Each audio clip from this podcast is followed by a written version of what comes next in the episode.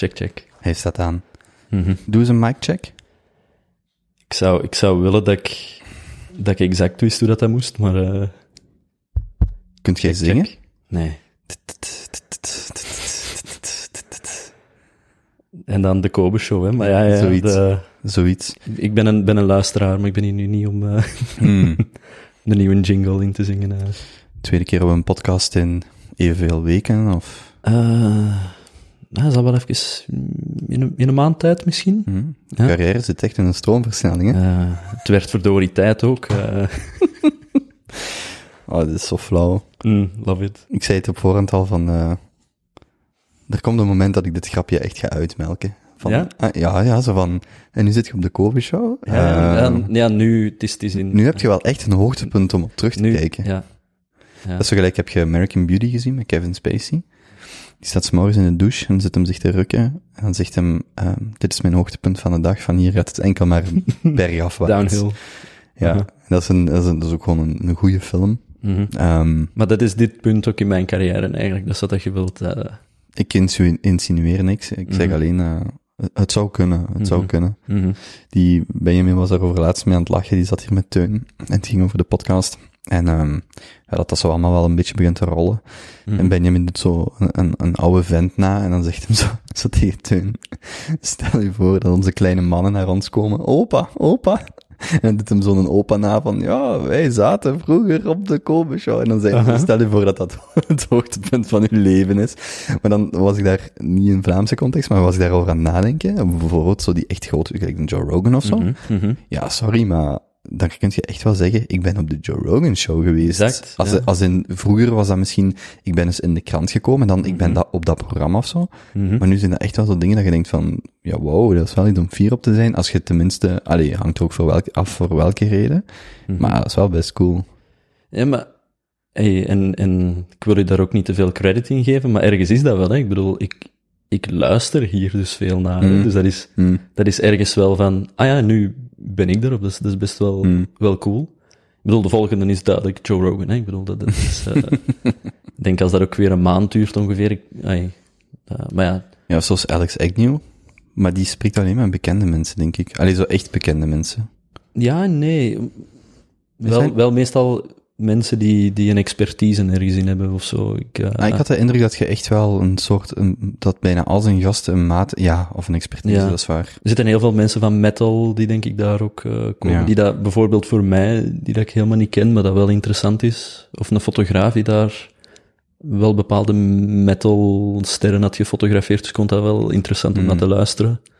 En ik, ken, ik had nog nooit van die fotograaf gehoord daarvoor. Dan, is, dan denk ik dat bij hem eerder is ofwel zijn directe leefwereld, Mhm. vandaar dan Mhm. die link met metal, of vrij bekende mensen. Want bijvoorbeeld ook een Geert Noels, wat dan ook een expert is, maar goed, dat is dan de bekendste Mhm. econoom of zo, denk ik. Dat zou de volgende stap kunnen zijn. Hm. Je hebt wel de, de podcast ook van dichtbij gevolgd. Ja. Want ik weet nog dat ik het tegen u had als Dries van Langenhoven kwam. Wat, wat, dit is 138. Eh, Dries van Langenhoven was 66. Wauw, Dus kijk, dat is 72 afleveringen geleden. Zot, hè? dat is absurd. Dat is echt zo als je Ja. daar zo over nadenkt. Want dat was... Ah, ik moet even denken. Eind september, oktober. Dat, dat is ergens die periode geweest. Eind september, midden Mhm. oktober. eh, Mhm. ergens in die periode. Want hoe lang kenden wij elkaar toen? Of... Ik zat toen pas eh, bij Peter. Mhm. Dat, dat is toen vrij recentelijk geweest. Want ik weet dat ik...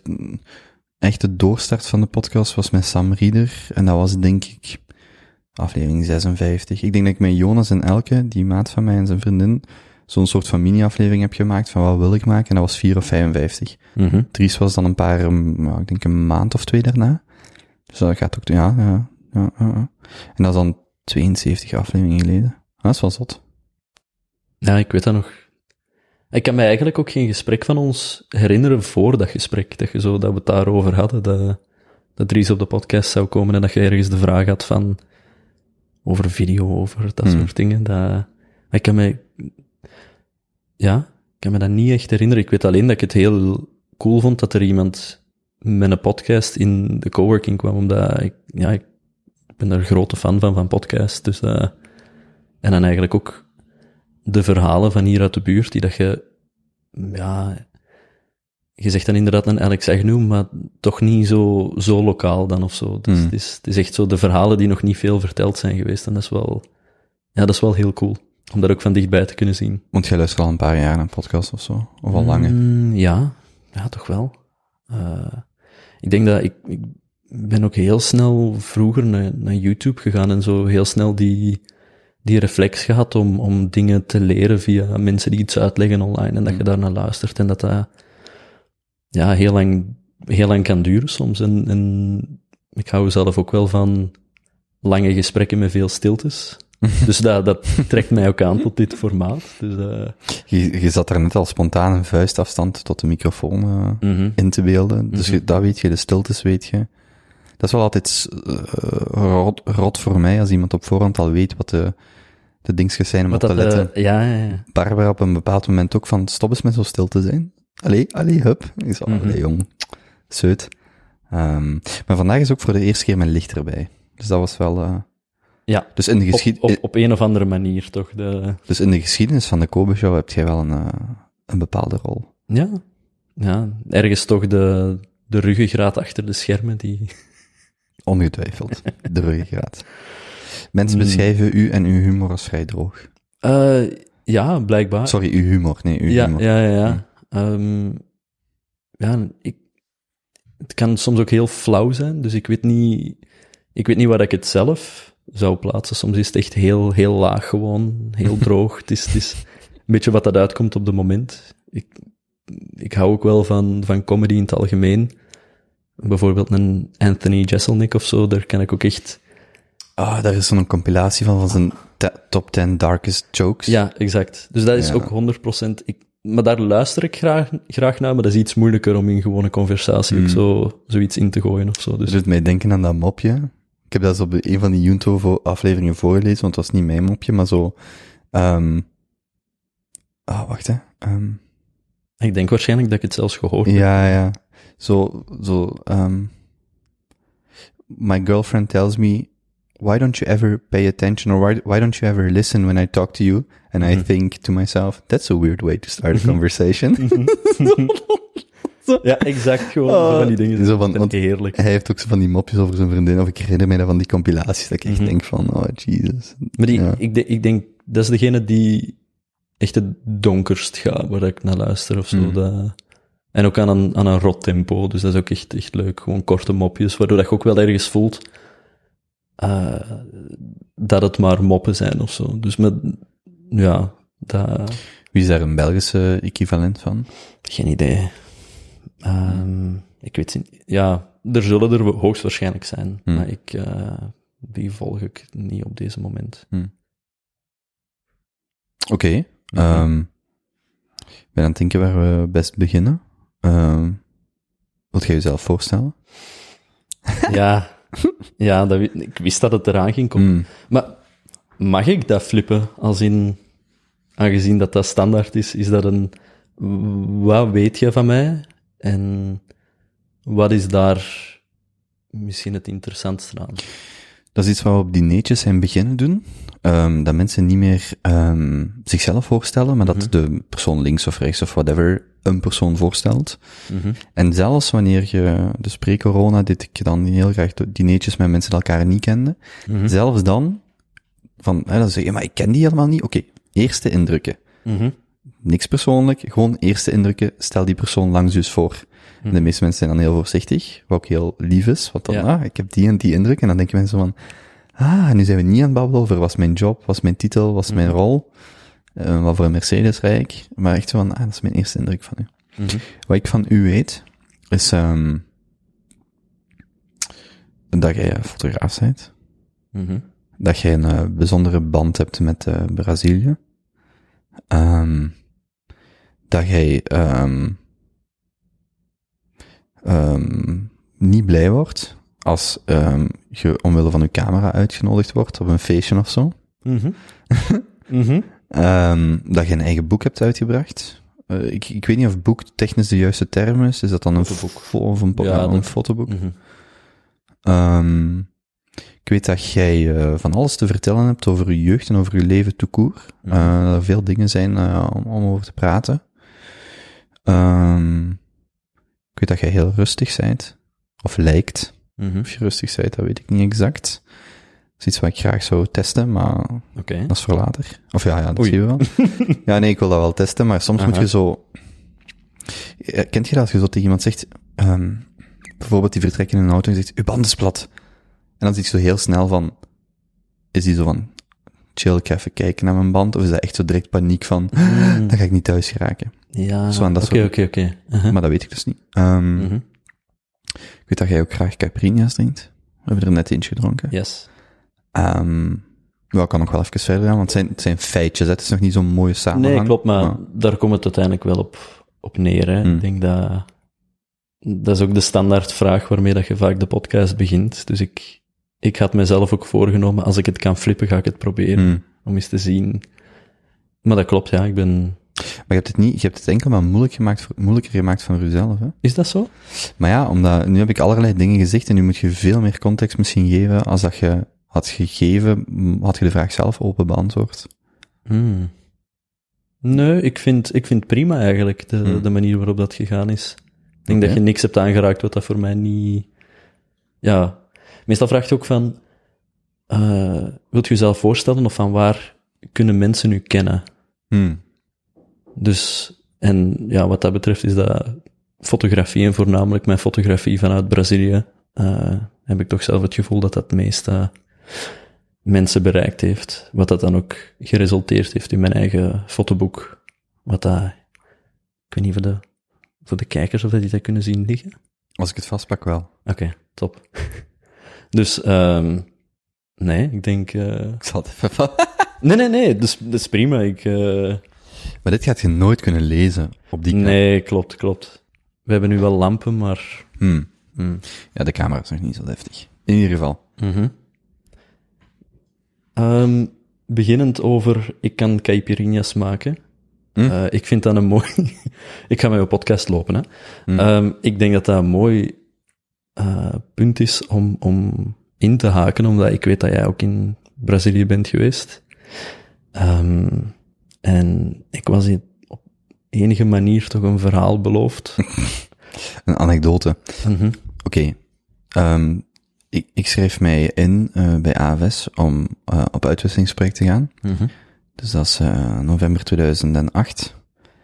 eh, laatste middelbaar. En je moet dan drie landen opgeven. En ik wou die Spaanstalige landen, want dat wordt dan eigenlijk vooral ingegeven door, ehm, eh, door de vrijwilligers die daar zijn. En wie is zo wat de coolste gast? Waar is die geweest? Dominicaanse Republiek, Mexico had ik Mhm. al twee opgegeven. Maar je moet drie landen opgeven, zodat soms zijn landen heel populair, maar ze hebben maar een aantal plaatsen, dus geef er drie op. Dus het derde land Mhm. waar ik opgeef is Brazilië. Natuurlijk, daar zijn veel meer plaatsen, dus als je Brazilië opgeeft, zit je vrij zeker dat je daar terecht Mhm. komt. Dus oké, dat gebeurt. Dat leek me ook wel vrij cool, zo een beetje dat contraire van iedereen Spaans, maar misschien toch Portugees, en achteraf Ja. ben ik daar heel blij mee. Mhm, mhm. En een, eh, twee weken voordat ik vertrek naar Brazilië, ehm zei ik tegen, tegen een vriend toen, eh, Frankie, van, eh, of die, die, die vroeg aan mij en we gingen nog iets drinken. Mhm. En ergens in een bar, in Hasselt, Hasselt Centrum, drinken wij twee caipirinhas ieder. Want hij was met de auto, dus we drinken er twee. Mhm.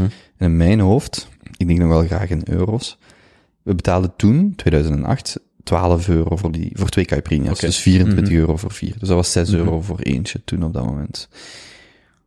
De, dus je moet dat je voorstellen, je bent 17, ik was 17 toen ik naar Brazilië vertrok. Ik ben, Ja. ik ben in ehm, augustus vertrokken en in, in oktober ben ik daar 18 geworden. Mhm.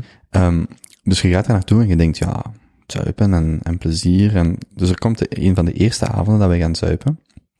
Zit ik dus letterlijk in een bar, had al wat bier gedronken. En mijn manier om in te schatten hoeveel ik kan drinken, is puur In een financiële. ja. Is puur een financiële. dus ik denk, ik heb een paar weken geleden twee caipirinhas voor 12 euro gedronken. Mhm. Hier kosten ze 2 euro, of 5 real toen op dat moment, 5 of 6 was Mhm. zoiets. Dus ik kan er 6 drinken.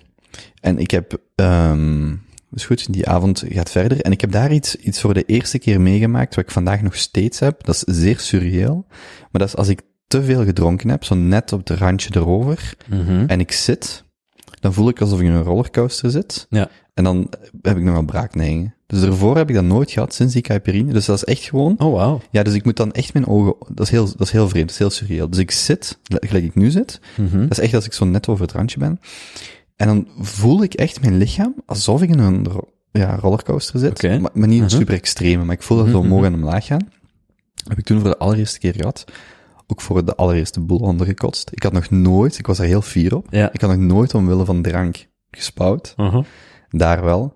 En ik heb dus letterlijk, denk ik, de laatste tien jaar sinds die avond, dus, dus je komt in Brazilië, je zit daar twee weken, je kotst de boel onder. Want je hebt zes caipirinhas en, en heel wat bier, Brahmas en zo gedronken. Mhm. En heel dat jaar vragen mensen nu, wilt je een caipirinha? Want jij als buitenlander. En ik kon die geur en, Ja. en, want zelfs vandaag, ik drink het graag, maar ik heb denk ik geen vijf caipirinha's de laatste tien jaar gedronken, sinds ik terug ben. Mhm. Dus dat was, ja, de laatste elf jaar. Ehm, dus ik drink het nog eens graag, maar dat was echt zo, wow. Laat uw alcoholconsumptie niet van, niet op dat systeem, eh, Nee, en ik, ik heb ook het gevoel dat, dat caipirinha's, ik weet niet hoe dat, dat is, maar dat die daar echt puur met cachaça worden gemaakt. En ik, Hmm. ik vind ze hier vaak iets meer verwaterd of zo. Dus ik denk dat dat ook, als je, als je ze van hier gewend bent en je gaat ze daar drinken, dan, dan kun je heel snel, en op het strand zijn er ook zo'n bekers, hè, die, Hmm. was dat bij mij toch, dus dat, dat gaat wel vooruit. Als je er zo twee of drie op hebt, dan voelt je dat echt wel. Dus, eh, maar ik ben, ik ben blij dat je hem toch gedronken hebt. Ik, eh, ja, merci ik, heb, je niet, maken. ik heb je niet slecht zien gaan, dus ik, eh, Maar dus dat zotte van die roller, dat is echt op die nacht begonnen, hè. Ik heb dat ervoor nooit gehad. En nu als ik te veel drink, is dat echt, wauw, ik ga kotsen en dat voelt zo. Dus, ehm oké, oké. hoe de dingen ontvormen. Mhm. Hm. Dan, dan was eigenlijk de anekdote. Oké. Ja. Het valt nog wel mee. moet- Het valt nou wel mee. Maar ik was daar wel, ik wil ook niet te, het, het, het, ehm, visueel maken, maar ja, als je eens een keer goed kotst, ziet je wat je ervoor gegeten hebt, hè. Ja, ja, ja. En dat was wel heel zichtbaar. Ja, oké. Boontjes en zo. Ja, ja, ja. Dat typisch Braziliaans. Een goede feijão, dat is. Ja, ja, ja, dat kwam. Ja, ja, ik ben er niet fier op. Mhm. Ja, dat ziet er sowieso al een beetje bedenkelijk uit, hè. Voordat je het eet. Voor Ik kan het kan mij inbeelden. eh, Ja. dat ziet er eigenlijk vrij gelijkaardig uit. Ja, ik, ik wou net zeggen van... Ja. Gewoon een stukje vet hier. Mhm. Ja. Mhm. Ehm, ja, jij wordt u aan het voorstellen. Juist. Ehm, dus ja, ik denk, ik denk inderdaad... ehm, mensen gaan mij voornamelijk kennen van mijn fotografie. Fotografie uit Brazilië. Misschien mijn modellenfotografie is ook... eh, Dat was vorige fotograaf waard. Eh, dat, dat hebben we al besproken, maar goed. Ehm, hoe, moet ik dat, hoe moet ik dat zeggen? Misschien ergens ja en ergens nee. Ik weet niet, als in... Er is een verschil tussen de moment dat je zegt, ik, ik, ik doe fotografie, en de moment dat je zegt, ik ben fotograaf. Hm. En ik denk dat, als je het zo bekijkt, misschien wel. Hoewel dat, er is nog wel zekere carry-over, omdat het feit dat ik in, in België al wat modelfotografie had gedaan, kwam wel heel goed uit toen ik naar Brazilië ging. Hoe weet je wanneer je fotograaf bent? Of hoe weet jij dat? Hmm, ik denk. Eh, ik, ben, ik ben ook opgevoed met het idee dat dat bijvoorbeeld. dat dat geen beroep is. Dat dat hoogstens een hobby is. En dat is ook heel lang. Ja, ik denk zoals heel veel mensen dat je dat gewoon herhaalt. Van, ah ja, dat, dat is zo en ik doe fotografie en dat is leuk. En op een gegeven moment beseft je wel dat dat, dat iets is wat dat je. Ja, waar dat je ehm je echt heel goed door voelt en dat je zegt van oké, ik wil hier eigenlijk wel een carrière uitmaken en dan wordt dat meer een levensstijl. Ehm, waarbij dat er heel veel rond die fotografie draait. En dat je daar...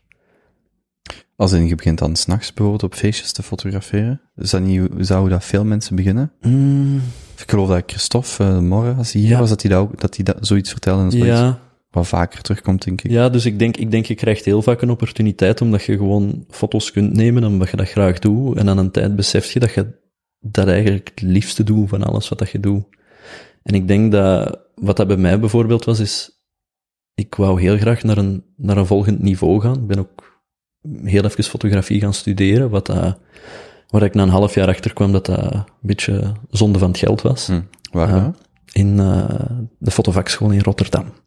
Hm. De Witte de Witstraat. Ja. Ik was daar de enige buitenlandse student. Dus uh, dat was... Uh, in, in Rotterdam? Ja, ja, ja daar in, uh, in die school toch. Dus een Belg dan nog wel, nota bene. Dus ja, de trots van de school. Maar ik, heb het, ik heb het maar zes maanden volgehouden, omdat ik... Ik, had, ik denk dat dat uit een onzekerheid was. Ik wou naar een volgend niveau gaan en ik dacht, als ik dat niet gestudeerd heb, dan mis ik heel veel kennis. Het kan niet zijn dat, dat ik alles al weet. Van, het kan niet zijn dat ik nu al actie moet gaan ondernemen, want het kan toch niet zijn dat ik alles al weet. En toen kwam ik daar en toen had ik zoiets van, oh ja, deze weet ik eigenlijk allemaal al. Waarom gaat je naar een fotografieschool? Wat hoopt je daar te leren? Mm. Wat je niet op jezelf kunt leren? Ik denk, fotografie is gedeeltelijk technisch. Um, maar wat dat ik heel graag wou leren was, wat is er nog meer? Want een goede foto leren nemen, ik heb dat eigenlijk via YouTube geleerd. En door te falen en dan uiteindelijk daar beter in te worden en goed werk te bekijken en te bestuderen. En eigenlijk is dat, is dat denk ik het makkelijkste deel aan fotografie. Uh, het is daarna... Technische. Ja. Hm. Uh, het, is, het is daarna er iets mee doen, waardoor dat je één... En dat is, nou wacht, dat is een quote die dat ik op een gegeven moment iets serieuzer ben gaan nemen van als je betere foto's wilt nemen, moet je voor interessantere dingen staan. Hm. Dus dat wil ook zeggen, automatisch, je moet een interessantere levensstijl hebben. Want, ja, ik ben uit, ik kom uit Oelichem. En... Is dat Oost-Vlaanderen? Nee, dat is, dat is Antwerpen, dat is Randst, eigenlijk niet zo heel ver. Hm. Uh, Lier, ik weet niet of dat je Lier weet zijn. Ja. Dus, daar, is dat ongeveer. deelgemeente of zo? Of? Dat is een deelgemeente van Randst, ja. Van Randst, ja, okay. ja, ja. En uh, ja, ik zat daar en ik was dingen aan het proberen, maar uh, je gaat daar heel moeilijk prijzen mee winnen of, of de volgende stap kunnen zetten. Dus een, een, een bepaald deel ervan was. Uh, dat is dan echt die commitment om te zeggen: ik ga nu de komende jaren investeren in, in interessantere dingen, in een interessanter leven te leiden, waardoor dat je eigenlijk um, betere beelden kunt maken ook. Maar is dat nu lens die je in een, interessant, in een interessantere leven brengt? Of moet je gewoon als mens dan bijvoorbeeld verhuizen naar de stad? Is dat dan Mm. iets wat, Ja. hoe, concreet wordt dat dan? Of, of wat, wat neemt prioriteit op het, op het ander? Ik denk dat dat elkaar versterkt. Hè? Dus waar dat je bent, maar ook het feit dat je een fotograaf bent, helpt wel om, om op interessante plekken te komen. Dat je jezelf ziet als fotograaf. Uh, ja, eerst ziet je jezelf zo en dan gaat je ook dingen opzoeken waar dat je anders nooit uh, misschien de intentie van zou hebben om dat te doen, want Hm. what's the point? Um, maar tegelijkertijd, of ja, ik wil zeggen, enerzijds ja, je moet naar plekken gaan en uh, dingen meemaken die interessant zijn. Mm, maar je wordt daar ook maar toegelaten soms omdat je een fotograaf bent. Denk, en dat is dan meer terug naar Brazilië. Ik ben, ben op heel veel plekken kunnen komen, puur omdat ik een camera bij had. Maar dat is dan toch al een, een keuze die je maakt in het werk dat je brengt. Het feit dat je ergens kunt komen enkel als fotograaf, is dan al een keuze voor wat voor fotografie je wilt maken. Hoe Als, in conflictgebieden, uh, conflictzones. Hmm. Um, want, iemand, Um. want iemand die natuur, uh, uh, Lommelse Heiden of zo, Mhm. of Lommelse Sahara, die, die, ik bedoel, die, iedereen kan daar komen. Wat ik wil zeggen is de keuze, Mhm. wanneer je zegt, ik kon daar enkel als fotograaf komen, dat is al een bepaalde stilistische keuze. Of keuze qua onderwerpen. Ja, dat kan zijn. Uh, enerzijds wel, maar ik denk ook, uh, ik denk een soort van buurman vroeger van, toen ik even in Schoten heb gewoond, die is natuurfotograaf, maar die gaat bijvoorbeeld wel, uh, ik denk twee maanden alleen naar Noorwegen om een bepaalde vogel te fotograferen of Hmm. zo. Dus die is ook, Is dat iets wat jij zou doen? Nee, nooit. ik, uh, ja, ik ben daar ook maar in begonnen en een beetje trial and error van, ik doe dit graag, maar één, waar ligt de waarde van waar ik doe? En twee, waar ben ik nu ook echt goed in? Als in, ik heb niet, zoals veel mensen zoiets hebben van, oké, dit is mijn één niche. Dus puur door te experimenteren, dat je eigenlijk zegt van, waar ligt mijn sterkte? En wat er heel vaak uit terugkwam, en wat dat je daar juist ook zei toen je door mijn boek ging, zijn mensen. Hmm. Uh, ik zal ook eerder naar een stad gaan dan naar een, dan naar een natuurgebied of zo. Omdat ik denk dat die verhalen die daar zijn, of dat dat nu een stad is van veraf, of mensen van dichtbij, dat dat het, uh, hetgeen is wat dat mij het meest interesseert. Samenlevingsvormen?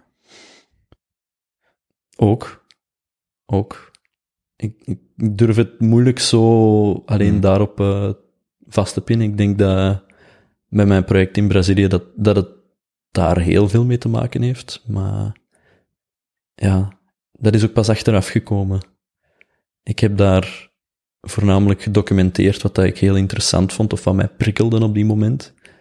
En ik denk dat achteraf zoiets was van, wacht eens, ik heb dit allemaal vastgelegd. En dat is eigenlijk de rode draad. Meer dan met een visie ergens naartoe te zijn geweest en te zeggen van, ik ga dit vastleggen. Eigenlijk bijna, ay, wat ik bij sommige mensen heb gezien, ongeacht of dat het ook echt bestaat. Hm. Hoe oud zit jij? Ik ben 27. Van 93. 93? Ja. Ik dacht dat je ouder werd. Dat hoor ik vaak. Hm. Ja, afgezien, hè. Dan, uh... Hoe, hoe oud werd je toen je naar Rotterdam ging? Mm, dat was in... Mm, 2014, 15. 15, 2015 dat ik daar naartoe ben gegaan. Ja. Wat Ik was, ik, Ja. was al, ik was al één keer naar Brazilië geweest, dus 2015. Wat deed je als je 18 werd? Uh, toen ik 18 was, uh, was ik eigenlijk, uh, ging ik marketing studeren aan de Hmm. Karel de Grote Hogeschool. Spannend. Ja, hè. dat is, er is nogal een switch gebeurd in, in tussentijd en ook weer niet. Heb je die studie afgemaakt? Ja, ja. Ik heb die na drieënhalf jaar afgerond. Ah, ik wist niet dat die daar drieënhalf jaar duurde. Nee, Hm. maar bij mij was dat. Ja, wel bij mij ook. Die, um, zit je toen, zit je in Antwerpen op kot gekomen? Nee. Altijd uh, gependeld? Ja. Mm -hmm. Ja. Ik, ja, ik denk dat ik, ik ben ergens opgegroeid ook met dat idee van een heel, hmm, misschien ambitieus zakenleven of zo te hebben van, als ik ga studeren, is dat ook echt om te studeren. Ik ben, ben ook niet zo heel veel uit geweest. Ik had ook een relatie toen, dus dat was eigenlijk redelijk, mm, ja, het, het, brave Belgenleven ergens een beetje van, uh, ik ben gewoon voor mijn toekomst aan het gaan en ik wil een goede job en ik weet niet wat. En, en dat was de focus. En ik denk ook, ergens zijn dat soort dingen pas beginnen veranderen nadat ik ben afgestudeerd. Van waar kwam die uh, zoektocht naar die focus of die structuur of dat planmatige misschien? Of zodat kunnen voorspellen wat dat uh, het leven zou brengen? Um, ik weet niet of dat, dat echt hetgeen was wat er aan de hand was. Maar ik denk dat er is een, er is een periode geweest dat, uh, voornamelijk in mijn jeugd, dat dingen vrij moeilijk werden. En ja, ik denk dat, dat er toen heel veel tegen mij gezegd is geweest van, je moet nu in deze moeilijke tijden voornamelijk doorbijten. En dan, en dan komt het, hè, dan, Hmm. het komt allemaal goed. En dit zijn de zeven, ja, hè, wat is de, van de, dat Bijbels verhaal, de magere koeien en de vette koeien. En dit Hmm. zijn de, de slechte jaren, maar daarna komen de heel goede jaren. Dus gewoon vertrouwen hebben in het, het systeem en, en wat er van u verwacht wordt. En gewoon zeker niet te veel achterstand oplopen in, in wat het optimale pad betekent. Ik was ook eigenlijk niet zo'n slechte student, dus dat ging redelijk vlot. En dan, ja. Uh, dus ik denk, ik denk niet dat er een plan was van wat daarna. Ik denk voornamelijk dat er heel veel vertrouwen was dat er een plan was. Dat er iets was uitgestippeld. Um, ja, nogal vast. Ja. Hm. Mm -hmm.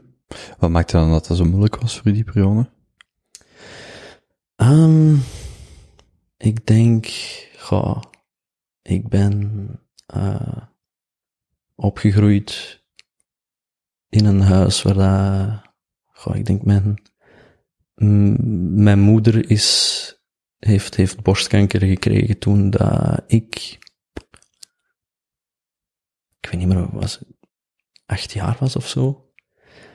En ja, dat, dat heeft uh, ervoor gezorgd dat er, ja, dat je enerzijds heel bewust moet zijn van uw, uw thuissituatie, van hoe dat je daar gedraagt. Um, omdat zij ging in, in zekere mate ieder jaar een beetje achteruit. En... Was het terminaal? Um, ja, ik denk, ik weet het niet. Ik ben, ik ben daar toen nog redelijk goed van uh, afgeschermd geweest, omdat ik hmm. nog zo jong was. Wacht, heb je broers en zussen? Ja, ik heb één broer. Een oudere broer. Een ouder? Ja. Veel ouder? Uh, die wordt dit jaar 31, dus mm. wel. Mm -hmm. uh, ik denk dat hij er misschien meer zicht op heeft gehad toen. Ik denk dat ik heel veel aanvoelde, maar niemand vertelde mij iets, wat, dat, wat, dat, ja, wat ik toen heel frustrerend vond, want mm. ik denk dat ergens zo het idee van, als we een heleboel realiteit verzwijgen, dan mm, is dan het bestaat het niet. Of zo, ja. Het enige wat je hebt is voornamelijk verwarring, want niemand praat met u mm. en zegt er is niks, hoewel je duidelijk ziet dat er iets is. Dus dat zijn zo van die, uh, van die situaties. Maar in ieder geval, mijn, mijn moeder was, uh, dus ja, vrij zwaar ziek. Um, en het is voornamelijk tegen het einde aan dat dat, dat, dat echt, echt pittig werd.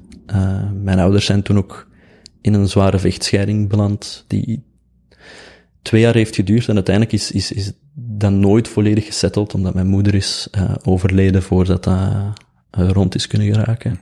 Um, en ik denk als je, als je in die situatie woonde alleen bij mijn moeder, met mijn broer, mijn grootmoeder. Um, en dat was ook een ja, moment in mijn leven dat, uh, dat er door heel die situatie van die vechtscheiding ook niet veel financiële middelen waren. Dus ik... Dus jij zit dan 12, 13? Ja. Hm. Mm -hmm. um, en dus ja, je gaat ook de eerste jaar naar het middelbaar en ik had voornamelijk nog kleren van de lagere school. en daar, daar waren mensen niet zo'n fan van, zo bleek. Mm. Dus ik had een soort van heel vreemde situatie waarin de, dat ik op school gepest werd. En thuis voornamelijk niet veel. Uh, ik denk dat iedereen thuis wist dat dat gebeurde. Maar ze zeiden van, zeg dat maar niet tegen mama, want ze heeft het al zwaar genoeg. Uh, waardoor dat dat ook iets is wat ik ja, voornamelijk toen alleen heb moeten dragen en waardoor ik Hmm. ook, ja, ik zou zeggen, mijn moeder was op die, op die moment ook niet altijd. En dat is, dat is heel verwarrend, want ergens deed hij voor zover wat dat ze nog kon, want die was fysiek echt ja, instuiken voor hey, waar we bij zaten. Maar die deed nog heel veel voor ons. Dus dat was eigenlijk een heel sterke vrouw die voor ons zorgde. Maar tegelijkertijd was er ook iets heel... Ik, ik, en ik weet niet goed waar dat ik dat soms moet plaatsen, maar die, um, ja, die kreeg chemotherapie en zoveel medicatie. En ja, die haar huid zag helemaal geel met je lever. Was gestopt met werken, dat oog draaide weg. Die, um, en ik denk misschien omdat hij ook bepaalde dingen heeft aangevoeld, dat, dat dingen niet goed zouden komen. Uh, ze heeft dat nooit gezegd, maar ze, ze probeerden een soort van verhaal te creëren waarin dat, dat er toch hoop was.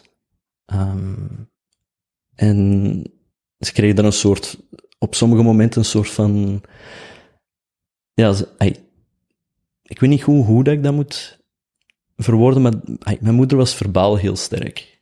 En gezien de vechtscheiding met mijn vader, had zij nogal een, uh, een probleem met mannen voor een tijd. Uh, maar dan zeker met mannen die uh, van de familiale kant van mijn vader kwamen. Nu, wat dat er ook bij hoort, is dat ik en mijn broer dat zijn. wij waren gedeeltelijk een, ja, een, een representatie in huis van, van iets wat dat slecht was. Hm. En in, ja, in zekere zin zorgt het ervoor dat je op school niet alleen niet welkom bent, maar thuis ook niet. En dat was, ja, dat was een, een heel bizarre twee jaar van toen ik 12 was tot 14. Uh, ik ben toen ook heel depressief geworden. Um, en ja, dat, dat is ook enkele jaren nog, nog, nog meegegaan in mijn leven, die depressie. Dat is, ik zal zeggen, er is, er is op twee jaar toen zoveel schade gedaan, dat, dat zijn dingen, en je hoort het ook, okay, dat, dat doet nog altijd pijn soms. Ja, hoeveel ruimte heb je gehad om kind te zijn? Niet heel veel. Uh,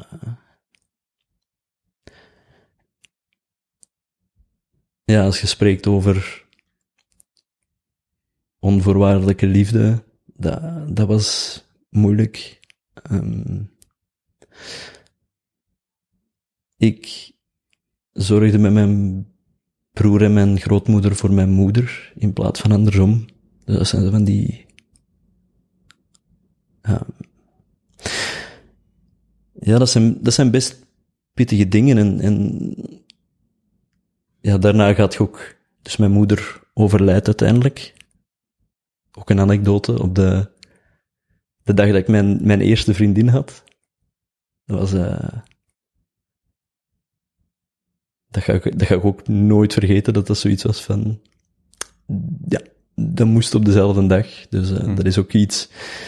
Ik weet niet of ik daar nog linken aan leg of zo, maar dat is ook iets wat dat nog altijd moeilijk ligt. Um, dus ja, die, die overlijdt en, en dan ben je veertien. En in alle eerlijkheid, de mensen rondom, rondom u weten gewoon niet hoe dat ze daarmee om moeten gaan. Hm. Mensen, mensen kunnen dat niet vatten. En ja, je, je vervreemdt daardoor een soort heel sterk van iedereen rondom u. Uh, omdat dat was zo intens. En, en ja, de, focus bleef eigenlijk gewoon van, oké, nu, nu moet je echt beginnen focussen dan op je school en zien dat je punten goed zijn en whatever, whatever. En ben daar dan, ja, zo goed als mogelijk in proberen te gaan, hoewel dat, die, die depressie nog heel, nog heel aanwezig was. Ik heb gelukkig wel heel snel de reflex gehad om, om in therapie te gaan. Dus dat hielp. Uh, Ook uh, psychiatrisch? In het begin, in het begin was het uh, psychiatrische hulp. Hm. Ja. ja. ben dan, ik heb dan ook antidepressiva gekregen. Die eerste ervaring daarmee was niet zo goed. Omdat ik, ik sliep daar heel slecht van, dus dat maakte dingen eigenlijk alleen maar erger. Maar um, misschien is dat wel iets, een, een, een, boodschap van algemeen nut, in hoeverre dat ik daar, dat ik daarvoor uh, in de juiste positie ben. Maar ik heb ondertussen al wel met verschillende soorten antidepressiva getest, eigenlijk. En er zijn, om te beginnen, heel veel verschillende vormen van depressie. En dus ook heel veel verschillende vormen van antidepressiva. En om een of andere reden raadt iedereen dat altijd af. Als in, je mocht dat niet doen. Mhm. En ik wil dan misschien wel een stem zijn die, die zegt van, mocht, mocht dat wel doen. En er is een tijd en plaats voor. Ja. Ik denk dat als je in bepaalde situaties gaat bekijken van, wat is de worst case? Want mensen maken echt, zeggen, nou ja, je mocht dat niet pakken, want je voelt dan niks niet meer. Nu, dat is, ja, stel dat je suicidaal bent en je denkt, iedere dag actief aan, aan, aan zelfmoord. Ja. Klinkt niet zo slecht, hè? Ja. Dat- wat, hey, er zijn, het alternatief is veel erger. En ook als de kostprijs van de afwezigheid van het negatieve ook de afwezigheid van het positieve is, zijn er scenario's waarin dat dan een heel aanvaardbare deal of Mhm. heel, heel aanvaardbare situatie is, omdat het negatieve gewoon eh, mogelijk veel groter is dan, dan het positieve. Mhm. Dus dat een beetje positief wat je opoffert, tijdelijk of, of zelfs Mhm. langer, ehm, he- heeft, een, heeft een grotere nut dan, hij heeft gewoon een grotere nut. Mhm. Ja, ik, ik, ik merk ook, ah, ik denk, de laatste keer dat ik nog eens antidepressiva nam was nu een jaar geleden, denk ik. Over inderdaad hoe, hoe mensen echt daar... En ik vind dat heel gek, want dat zijn mensen die vaak nooit een depressie hebben gehad, of nooit daarmee zijn omgegaan, die daar heel sterke meningen over hebben. Ik vind dat... Ik vind dat heel speciaal eigenlijk, hoe dat... Zoiets wat je natuurlijk vaker ziet in meerdere domeinen. Ja. Ofwel is het omdat je er absoluut geen achtergrond in hebt, Mhm. ofwel is het omdat het net zo dichtbij komt dat de enige verdediging een heel stevige mening is. Hmm. Dat is een goed punt. Ik weet, ik weet niet dat tweede bij antidepressiva, omdat ik daar heel weinig ervaring mee heb, maar ik merk soms dat hoe luider of hoe Hmm. luidruchtiger iemand op iets reageert, zo van, er zit vaak veel meer achter. Ja. Dat is zo gelijk, je kunt alleen maar met iemand ruzie maken als je er nog om geeft. Ja. Dat, ligt, dat is het omgekeerd, maar dat is hetzelfde. Mhm. Dat ligt in het verlengde daarvan, van, Mhm. er is iets wat u triggert, is dan het, het hedendaagse woord, maar er is iets wat in u daartegen vecht. Ehm ja, soms, inter- soms interessant dat het dan heel dichtbij komt en dat dat de reden is om het eh, zeer eh, zwart-wit Mhm. te bekijken. Ja, ik denk, ik denk dat enerzijds is het het idee van, oké, het doet blijkbaar iets met je brein en dat verandert iets aan hoe dat je je voelt. Hoewel dat die, die mensen op festivals wel allerlei dingen slikken. Hmm. En dan, dan kijk ik daarnaar en dan denk ik, ik, ik snap het niet zo goed wat dat het, eh, het probleem is.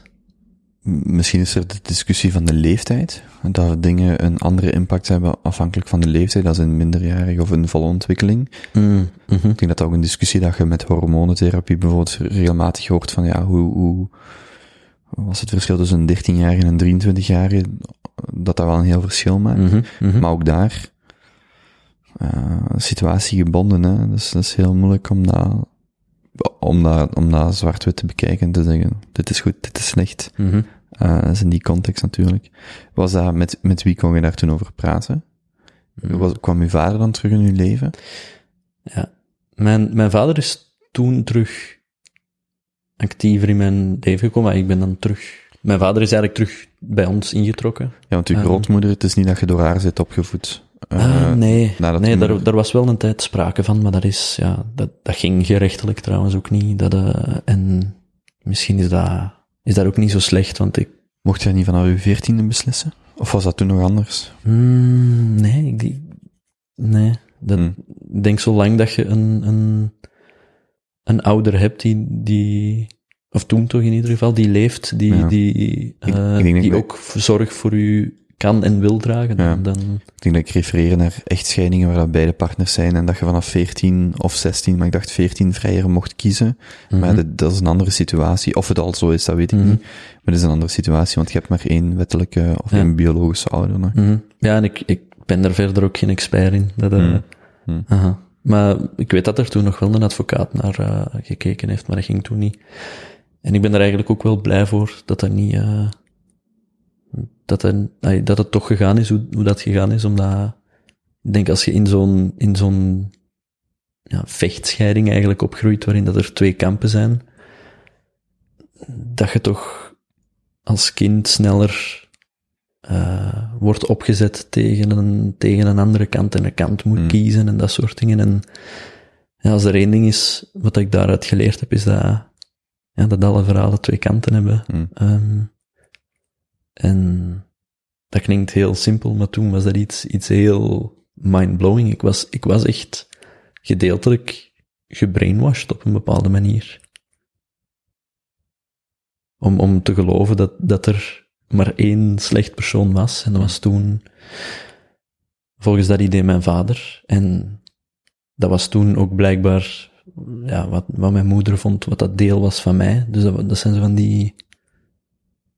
Ja, dat heeft, dat heeft heel veel impact op, op iemand van 12, 13 jaar. Kunt je daar met uw vader over spreken? Hmm, over sommige dingen, maar niet, niet alles. Ik kan ondertussen veel beter met mijn broer over een heleboel dingen spreken. Ehm, ja, en ik, ik ben ook heel trots op, op de vriendengroep die dat ik rondom mij heb gebouwd, waarbij dat ik, daarom ook dat ik zeg, ik, ik, ik hou van lange conversaties met, met stilte in, omdat je kunt zo'n dingen alleen op die manier bespreken, denk Hmm. ik. En, en als je heel, heel echte kwetsbare topics aanhaalt, dan, ja, dan, dus, dus op die manier met, met vrienden, met, met psychologen, met mijn broer. Is uw grootmoeder er nog? Ja. Zou je met haar nog over kunnen spreken? Over, over welk specifiek? Over heel die situatie? Ja. Maar ja, in, in zekere mate. Er zijn, er zijn, eh, er zijn punten waar dat je niet meer over kunt spreken of niet meer kunt, eh, die dat heel moeilijk zijn om, om, om nuance aan te brengen in bepaalde Hmm. vlakken, maar, maar nee, die, de, ja, mijn, mijn grootmoeder is echt, ja, was echt de beste vrouw op, op Hmm. deze aardbol. Dat, Dat is die van de voicemail? ja. Hm. Ja. Ook een van Nederlandse afkomst.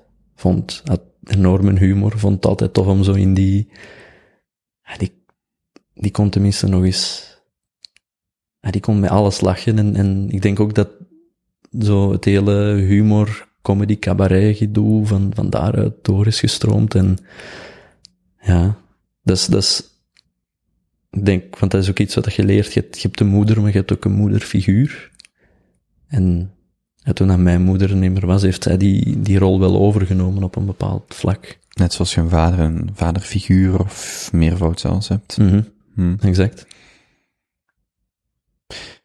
Je zit uw vader, je zit aan, dat, dit is allemaal in Oelegem Ja. gebeurd. Mhm. Waarom dan niet op kot gegaan? Ah, wacht eens, dit is gebeurd toen ik eh 14, 15 was. Mhm. Ik bedoel, als je dan naar Antwerpen kwam. Dus waar- Toen ik in Antwerpen kwam studeren. Ja. Ehm, omdat goh, wij woonden toen in Schoten. En dat was heel doenbaar. En ik weet niet, misschien was ik, want ik denk wie dat ik vandaag ben is, is helemaal anders dan wie dat ik was toen ik 18 was. Ik, ik was, ik denk dat het heel gevaarlijk voor mij geweest zou zijn ook om, om alleen, alleen ergens te zitten. Maar het was niet dat je daar afstand van moest nemen. Of voelde dat je daar afstand van moest nemen van die situatie door Oelegem letterlijk achter te laten. En, en, een, en een nieuw leven zo gezegd op te bouwen. Nee, ik denk, ik denk, ik, Of denk romantiseer ik dan te zeer die situatie? Mhm. Ik denk ook dat dat, dat een deel van het idee is van. Ik, ik vond het net heel moeilijk om, om daar te verhuizen, omdat. eh dat is waar ik met mijn, met mijn moeder gewoond had. Hm. Eh, en, en ja, dat was zo nog de, de, de fysieke plek vol, vol ja. Het, het voelde nergens bijna eh, als, als verraad om verder te gaan. Wie woont er vandaag in huis? Dat weet ik niet. Het is verkocht. Ja. Aha. Het is, eh, ik weet zelfs niet of dat er mensen wonen nu. We zijn, we zijn op een industrieterrein eh, opgegroeid, dus dat is een heel rare Oké. conciergewoningachtig ding. Dus misschien woont er iemand, misschien niet. Eh, dus eh, geen idee. Ik woon daar nu naast. Ah, ik wist niet dat jij in Schoten. Nee, in, in Woeligem terug. Er is nog een gebouw naast en daar woon ik nu. Dus Juist. ik zie op mijn ouderlijk huis als ik in mijn tuintje sta. In Oelegem, oké, en daarvoor kom je met de auto, want dat is dan ongeveer, ja, dat is langs Randst. Mhm. Ja. Oké. Die, waarom dan marketing? Je zegt er net omdat dat misschien een carrièreplanning gaf of Ah. nou vast. Ja, ik heb, ik heb, ik denk, ik weet niet, en daar ga ik misschien ook u voor nodig hebben, maar ik, het is niet dat ik zo'n duidelijke eh, richting had in mijn leven. Eh, en ik had ergens ook zoiets van, ik had economie moderne talen gestudeerd. En ik was redelijk goed in die economie en ik had ook zoiets, maar dat creatieve ontbrak. En ik dacht, ah ja, maar dan, als je campagnes en zo maakt, dat is marketing, dus dan Hmm. ik marketing studeren. Wat dat uiteindelijk geen slechte keuze is geweest, maar veel minder creatief was dan dat ik gehoopt had. Eh, en ja, ik, ik weet nog wel, want ik ben gaan kijken naar, eh, naar andere richtingen, zoals reclamevormgeving, denk ik. En, en toen was ik eigenlijk helemaal nog niet bezig met fotografie of zoiets, maar dat was... eh en ik denk ergens dat, dat zo de stille wens van, oh, ik zou toch graag iets expressiever, creatiever willen doen, maar zo het idee van, ja, maar dat is niet voor mij weggelegd, zo, dat. En dan zo maar, nog vlees, nog vis. Hmm. Oké, marketing. Ja, klinkt herkenbaar. Wanneer zit je aan foto's beginnen nemen? Was dat wel Ehm, tijdens die opleiding? Ja, ja. Ik, eh ik denk dat wanneer dat, dat echt begonnen is, ik, ik ben eigenlijk eerst beginnen photoshoppen, gewoon creaties beginnen maken. En na een tijd stoorde het mij dat ik, dat ik niet echt de beelden had waarmee dat ik wou werken. Dus ik had aan mijn broer gevraagd van, "Ah, ik wil eigenlijk een camera kopen. Ehm, dat bleek dan toch allemaal moeilijker te zijn dan ik gedacht had om zo snel even een foto te trekken. Eh, dus ik keek heel veel YouTube-video's toen. En is het in 2012, denk ik, dat ik... ehm, heb ik met vrienden van het middelbaar toen een reis naar Macedonië gedaan. En dat was de allereerste keer dat ik mijn eigen camera bij had op, op vakantie. Toen. En toen gebeurde er iets, waardoor ik zo van die momenten had dat ik zelf niet kon geloven van wat ik net had vastgelegd of zo. Als ik nu naar die foto's kijk, denk ik, moi. Hmm. Maar ik denk dat er, dat er toen echt iets geklikt is dat ik dacht van, wauw, maar deze is echt, deze is echt heel leuk. Eh, en daar is dat begonnen. Eh, en ik denk ook dat dat voornamelijk heel low level, zo de vakantiefoto's, maar wel eh, mezelf willen pushen om net iets meer dan gewoon een vakantiefoto te willen maken. Ehm, dat, is daar, dat is daar echt begonnen.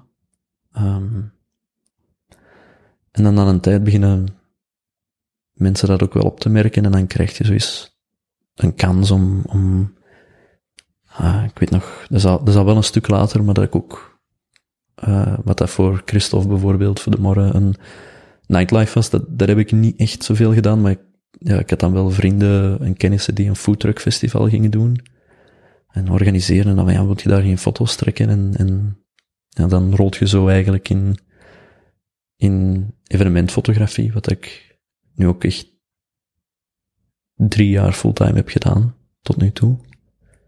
Dus dat is, dat is daar eigenlijk een klein beetje begonnen meer, echt als in fotografie tegen betaling.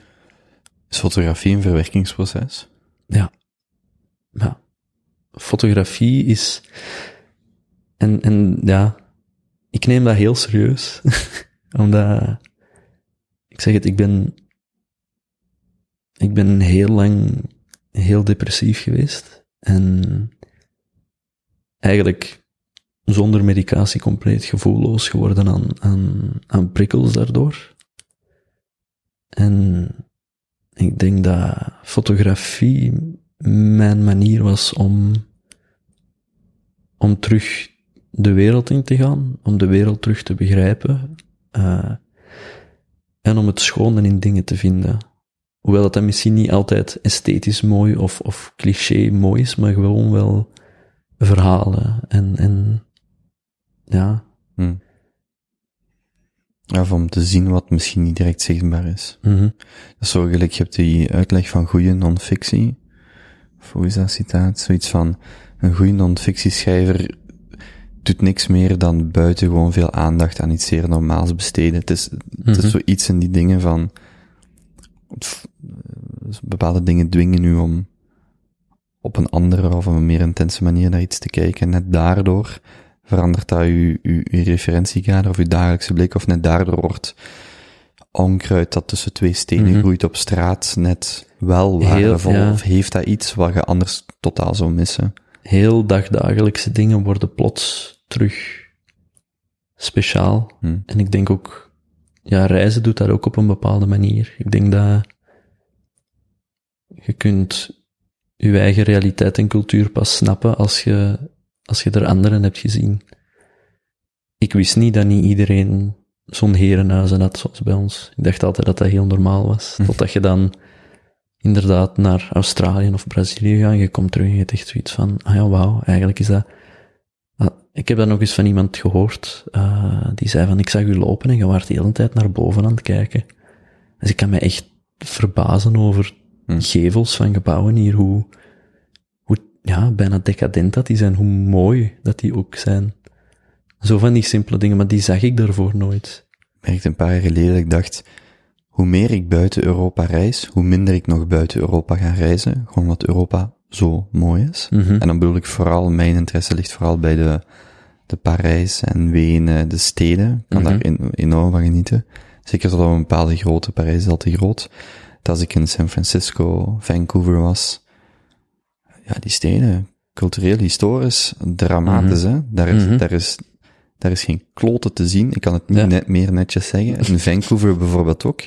Dat is ofwel skyscraper, of van die, van die mijlen of ja, kilometers lang van die two-story buildings, Mhm. dat ik echt denk, waar is hier, Allee, en Ja, begrijpen dat die steden gegroeid zijn, dus hoe meer ik buiten Europa ben, tenzij voor de natuur, en dan kunnen we Mhm. Brazilië over veel, veel over Brazilië praten, maar dat ik hier door, ehm, december twee jaar geleden, liep ik door Rome, ja, sorry, Rome, ik vind dat, ik zou er nooit willen wonen, want ik denk dat dat een heel ambetante stad is om te wonen, mhm. maar dat is echt letterlijk de meest prachtige stad dat ik ken. Ja. En dan loop je daar echt rond en denk je, ik begin dan zo wat te relativeren van natuur, dat is gewoon, ja, dat is gewoon geografisch bepaald. Steden Mhm. eigenlijk ook wel, maar dan denk ik echt, dit is allemaal gebouwd door mensen, en dat is gewoon zo, en oké, dat is ook een romantisering, want dat is Mhm. door tienduizenden en tienduizend mensen hebben daar, zijn daarvoor gestorven om dat te bouwen. Maar dan denk ik wel van, dat is zo prachtig. En Mhm. waar vind je dat buiten Europa, specifiek, wat die stijl en, Mhm. en die, wat dat, dat representeert? Ja, je mist een soort van charme of karakter of zo. Hè. Dat... Ik kan dat soms in Nederland al hebben. Je hebt bepaalde Hmm. van die wijken waar dat ieder huis bijna hetzelfde is in een straat. Ik... En ja, zoals dat, dat je die Facebookpagina hebt, eh, Ugly Belgian Houses, van als je te veel vrijheid hebt, kan er dit allemaal misgaan. Maar langs de Hmm. andere kant, als alles uniform, bijna industrieel uit de mold is geduwd, dat, dat, dat mist karakter. En ik denk ook dat, dat als je naar die grootsteden kijkt, die dat je, waar dat jij geweest bent, dat je misschien ook dat hebt. Ik had dat in Sydney ook zo van, ik weet niet, het doet mij niks. Hm. Ja, ik vind vooral zo de grandeur van veel van die oude statische gebouwen en wat dat daar representeert en Mhm. welke adellijke familie daar gewoond heeft of hoe dat dat... En ook zelfs de, de maatschappelijke opbouw van meerdere generaties die dan een, een pand bewoonden en allerlei dat soort dingen. En een goede vriend van mij, Alex, is architect. Mhm. Een, een Deen, of ja, eigenlijk een Rus, maar eh, een genaturaliseerde Deen. En die was hier op bezoek en we wandelen zo op het eh, waar je nog heel veel pakken, allee, oude gebouwen hebt, die Mhm. nu dan verbouwd worden. En we lopen zo voorbij een huis en die zo, dit was een paardenstal. En ik zo, hoe ziet jij dat? En dan zie je letterlijk zo nog in de beton, hoe dat de, eigenlijk nu de ramen geplaatst worden, ziet je dat die ramen niet, eh, sorry, in de, ik bedoel in de muur, de, de buitengevel, dat was baksteen. Je ziet dat daar een grotere opening was. En hij zo, dit is een paardenstal geweest. En dus je ziet letterlijk, door iemand, dat is dus de, de, de analogie met de lens, maar iemand met een bepaalde expertise in zijn geval ziet dus letterlijk, amai, dit is dit geweest. En dan loop je met zo iemand door de straat en denk je echt, ah, dat is zo cool, om Ja. gewoon eens letterlijk met een andere blik naar dingen te kijken, want mij zou dat nooit opvallen, want wat Mhm. weet ik. Maar zo, nee, hij zo, ah, dit hebben ze zo gedaan, en dat is om die reden zo gebleven, en dit is waarschijnlijk zo geweest, en hier gaan ze, ah, daar staan windmolens, dus hier komt waarschijnlijk een skyscraper of een hoog gebouw, want, en echt zo, ah ja, juist. En dat zo, al die dingen bieden nu zo een, een, een die verschillende mensen, of, of toestellen in dit geval, bieden nu zo'n andere kijk, uh, ja, op wat, je, op wat je anders niet ziet. Mhm, mhm. Ja. Ja, maar exact dat. Ik denk ook, uh, wat dat soms bij mij gebeurt, dan is dat je fotografeert iets, maar je, je weet daarom nog niet exact waar dat, wat dat dan nu waardevol maakt. Ik denk dat dat ook een beetje mijn pad in Brazilië was. Ik, ik deed dingen zonder echt goed en wel te beseffen wat ik deed. En daarna ging ik het opzoeken. Hmm. Bijvoorbeeld, ik ben voor 2000, in 2017 voor het eerst naar een favela gegaan. Um, ik, wist, ik wist eigenlijk niet wat dat was. Ja, ik, ik had er al wel van op mijn afstand gezien, want je, je, je kunt ze bijna niet zien in Rio de Janeiro. Maar om er daadwerkelijk naartoe te gaan, ik had daar een Airbnb geboekt en ik had zoiets van, oh, we zien wel. Hm. En uh, ik was bang, jongen. oh, dat, omdat ik, ik dacht, ik pak dan een Uber naartoe. En die Uber-chauffeur, die had zoveel schrik. Hm. Dat, ik heb dat overgenomen. Ik had zoiets van, ik, ik heb hier echt het domste ooit gedaan. En ben daar in mijn Airbnb ingetrokken. Die vrouw die had zoiets van, nou, het is hier allemaal keien. Het is hier in orde, je moet je geen zorgen maken. Maar ik ben toch niet buiten gekomen die nacht. Ik hoorde ook kei veel knallen daar en zo. was blijkbaar een of andere feestdag, maar ik wist dat niet. Dus dat was vuurwerk. Ik dacht dat ze daar aan het schieten waren. Mm. Mm. En dan, ja, je hebt die, uh, ik weet niet hoe dat deze exact heet, maar zo de, de militaire politie die, is dat de UPP of die, die daar in die favelas ook is.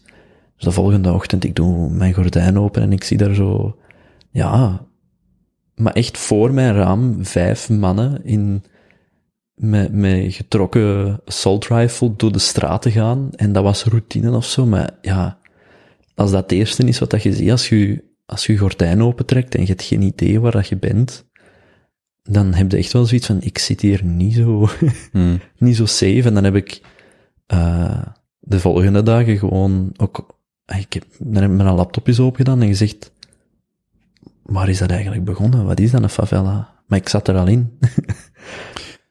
Dus het is niet zo dat je enkel knappe vrouwen fotografeert. De, ik, uh, van waar heb je die indruk gekregen, Koven? Is dat, uh...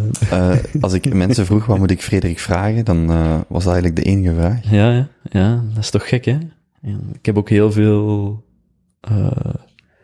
mensen die daar dakloos zijn en zo, en die daar in favelas wonen, maar dat blijft blijkbaar toch niet zo plakken. Mm. ja. ja. Ik heb, ik heb ik denk dat dat het ding was, omdat ik, ik was, ik was zo gevoelloos. En ik weet nog, toen ik in 2015 voor het eerst in Brazilië kwam, was het alsof dat er een soort van gigantisch gewicht van mijn borstkas uh, afging. En, en ik voelde terug dingen. Ik voelde heel veel prikkels ineens terug. En dat is ook de, de reden geweest waarom ik, ik moest terug. Ik wist niet, ik had dat nog nooit gehad met een land. Ik, ik, maar de eerste reis naar Brazilië was eerder toevallig. Dat was heel, ja, heel typisch. Uh, ik was aan mijn laatste examenperiode bezig en een goede vriend van mij die zei, hey Frederik, ik heb, uh, ik heb uh, tickets kunnen kopen voor Tomorrowland Brazil. we hebben er één over. Heb je zin om mee te gaan? En ik heb er niet heel lang over moeten nadenken. Mm. En dat was eigenlijk de reden dat ik dat naar daar ging. Ik was dan in Cuba geweest toen, dus ik dacht, wauw, ik ken dat wel een beetje. Hm. dus uh, vrij zwaar onderschat hoe dat land in elkaar zat en, en ja, hoe dat ik mij daar zou voelen. Maar dat... Hoe lang zit je daar gebleven, de eerste keer? Drie weken, denk ik. Dat is wel de moeite. Ja. Enkel in Sao Paulo? Want dat was er in Sao Paulo, hè? Ja, ja, net buiten Sao Paulo. We zijn eerst naar Rio gegaan. En mijn vriend die, die, die was in, met WK er al geweest, dus die had al connecties, wat dat, ja, wat dat heel veel deuren opent. Hè. Ik denk ook, wij waren daar wel samen, maar toch deden wij apart onze, wat dat wij wouden doen. Ik sprak geen woord Portugees. Ik kwam erachter dat ze daar ook niet heel veel Engels spraken. Dus dat, was, dat was best avontuurlijk en vaak frustrerend, maar je groeide daaruit. En um,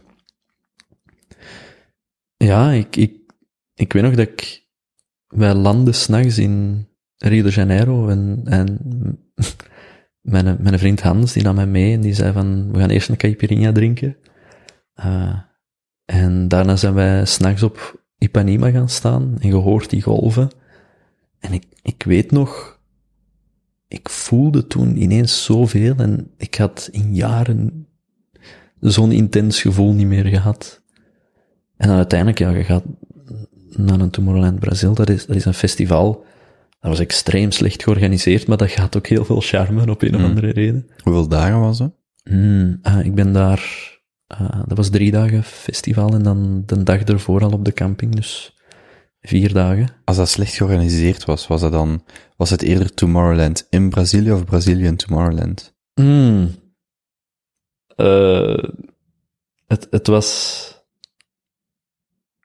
ik, ik, denk, ik denk dat het een heel typisch ding was van, uh, we hebben een concept en we gaan dat gewoon copy-pasten in een land dat helemaal anders in elkaar zit. Mm. Dus ik denk inderdaad, ja, hey, die, er, er liepen mensen rond met kartonnen dozen met drinken die dat gewoon verkochten. Hoeveel bonnetjes? Nee, nee, gewoon cash geld. Dus, hm, Mm. hoe bent je hier binnengekomen? Dan kwam je terug aan je tent en dan zat er iemand, een bewaker eigenlijk, tenten open te breken om daar dingen uit te pikken. Dus dat was, en dat, ja, dat, dat werkte voor geen meter. Ik, wat, wat dat voor mij ook zo mooi blijft, is dat wij kwamen eraan en wij, wij vroegen van, ja, um, wij moeten, weet ik veel, uh, we hebben plek, die, dat was aan een straat of zo, daar, en nummer B, waar is dat? En die man die zei echt een recht gezicht, een straight face van, ja, sorry, ik weet het niet, het is mijn eerste dag. En ik had zoiets van, ja, het is een festival, hè, man. Mm. Mm.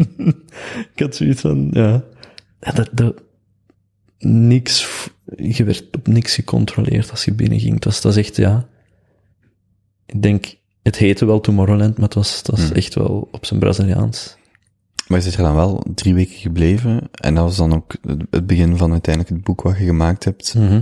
En die, want je zegt dat je drie jaar evenementfotografie gedaan hebt of nu nog steeds doet. Um, technisch gezien doe ik het nog, maar ja, sinds de quarantaine is er, is er niet zoveel van overgebleven. Ik werk intussen ook terug um, deeltijds in marketing, wat dat, uh, in het begin was ik daar twijfelachtig over, omdat ik zoiets had van, het is misschien niet zo leuk, maar het gaat wel stabieler zijn. Ik had eigenlijk vorig jaar een soort van financiële berekening gemaakt van, oké, hoeveel kan er misgaan?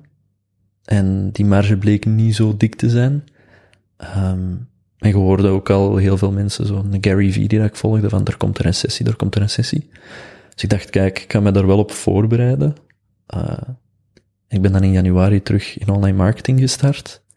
Met het idee van, oké, okay, ik combineer de twee, maar ja, vandaag doe ik voornamelijk online marketing eigenlijk Hmm. door... Uh, maar het is dus niet dat je die even, waar ik naartoe of Mhm. wil, is die, in welke mate dat die ervaring in Brazilië u als fotograaf uh, beïnvloed heeft. mm, Of dat u dat helpt om een bepaalde weg in te slaan binnen fotografie. mm, ik denk dat, Trouwens, een technisch vraagje. ja, Kan dat zijn dat dat licht uh, u vermoeider maakt? uh, dat licht. Ja, dus die lamp staat nu beneden op de grond.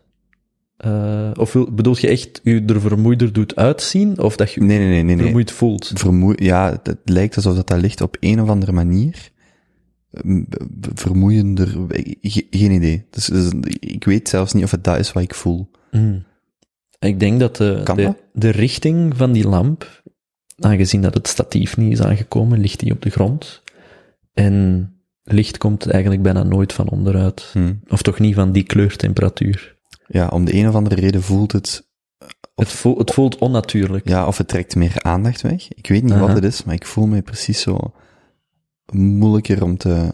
Ik weet niet. Heb je ook het gevoel dat je de hele tijd naar daar moet kijken? On, onbewust. Dat valt wel mee, maar het is, ofwel is het gewoon, zijn het de verschillende soorten licht. Ik, er is iets wat, mm -hmm. wat ik voel van, hmm, dit is nieuw, nieuwe informatie. Tuurlijk, ja. Dus, dus dat zou het kunnen zijn. Ja, dit is, dit is het daglicht. En dat is ook waarom dat, dat je nu op je schermen, zo, ik weet niet, dat je een instelling hebt dat die mee met de Ja. zon eigenlijk Mhm. donkerder en geler worden, dat licht. Dit is ook puur daglicht, dus dat, ja, dat breekt enorm in deze ruimte. En voor je ogen kan dat ook heel vermoeiend zijn, omdat je Ik denk dat dat is wat ik voel. heel de tijd, je ogen gaan vaak ook naar het, het meest lichte punt, Hm. heel de tijd teruggaan, of dat je dat nu wilt of niet. Ja. Oké, dan weet ik dat gewoon voor, eh, voor de Mhm. volgende keer. Naar Mhm. het plafond en misschien nog iets dimmen of net niet, maar dat zie, dat zie ik dan wel. Oké. Ja. De weg die uw fotografie, eh, in de, de, de maat waarin Brazilië uw fotografie beïnvloed heeft. Mhm. Want was dan, of misschien de vraag iets anders stellen, was dan eh, ehm, in de kern het type fotografie dat je wilt gaan doen, of waar je misschien om, om herinnerd wilt worden of zo? Is, is dat even, ik kan mij niet voorstellen dat dat evenementen, Nee. evenementfotografie is. Ik denk, ehm ik, ik heb, wacht, ik zal, ik, ga dit beginnen te beantwoorden met iets helemaal anders te vertellen.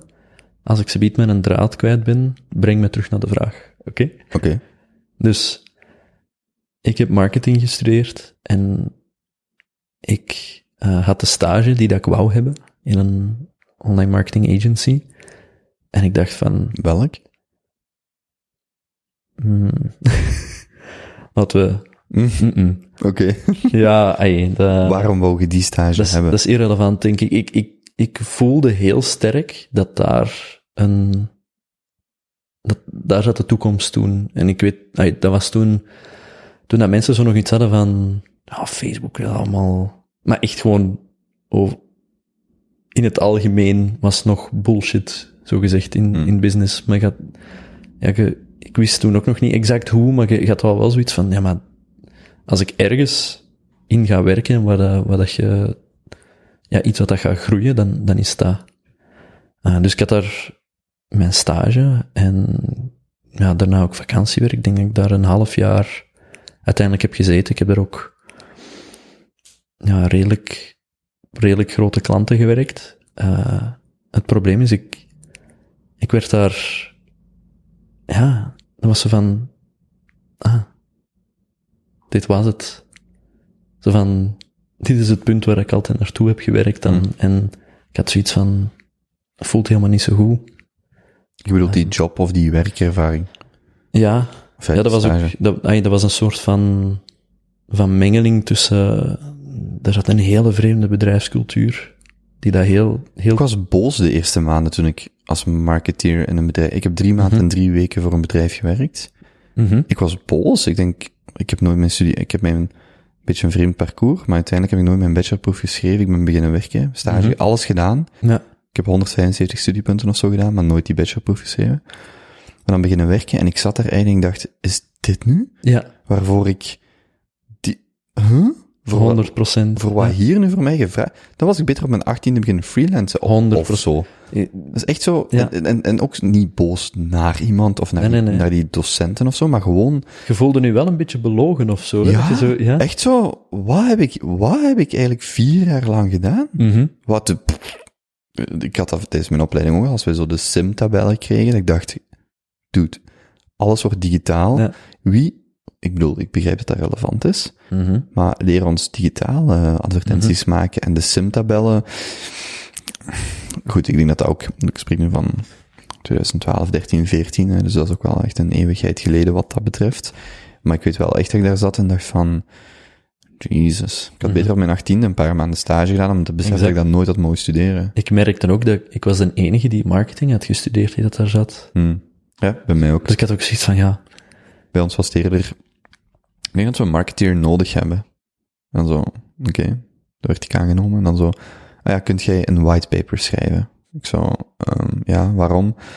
Ja, omdat ik gehoord heb om, ja, ik wil die gast niet, eh, maar omdat ik gehoord heb ergens dat we, dat we een whitepaper moeten hebben. En ik zo, maar, Ja. je zit in een B2B bedrijf, al je business komt van de vendor waarvan je de software implementeert. mhm, Waarom een whitepaper als dat toch door, ja, omdat dat moet. mhm. En dan zag ik daar echt in zo van, Kobe, maak dat dan gewoon, maar ja, zo werk, zo, zo werk, Ja. allee, wat mij betreft. Dus ik herken dat gevoel, denk ik.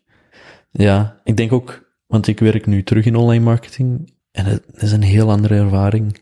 Dus het is ook heel sterk waar dat je dan Hmm. exact terechtkomt.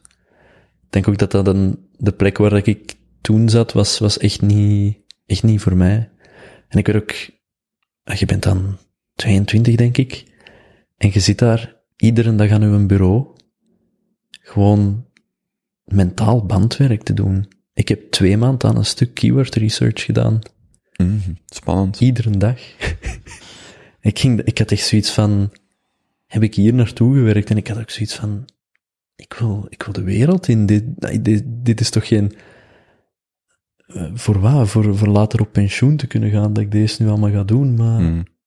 Mij ging het vooral om zo de complete willekeur Mhm. en, en nutteloosheid die ik dan voelde. Zo van, ja, we gaan dat doen omdat we dat denken dat we dat moeten doen. Maar dan zo, maar who cares? Ja, maakt niet uit, Mhm. we moeten dat gewoon doen. En dat is zo, dat is gelijk, ik denk dat ik vandaag veel op bots, zo van, ja, maar we hebben een of andere arbitraire, man nee, vaak is het niet arbitrair, statistisch gevalideerde manier, als in, ik zal het op de podcast houden, zo lang moet dat zijn, op die dagen moet je publiceren. Mhm, mhm. Want Ja. statistisch gezien is dat de beste, is dat het kwantificeren van het kwalitatieve. En dan is mijn vraagje, maar wat is dan het kwalitatieve?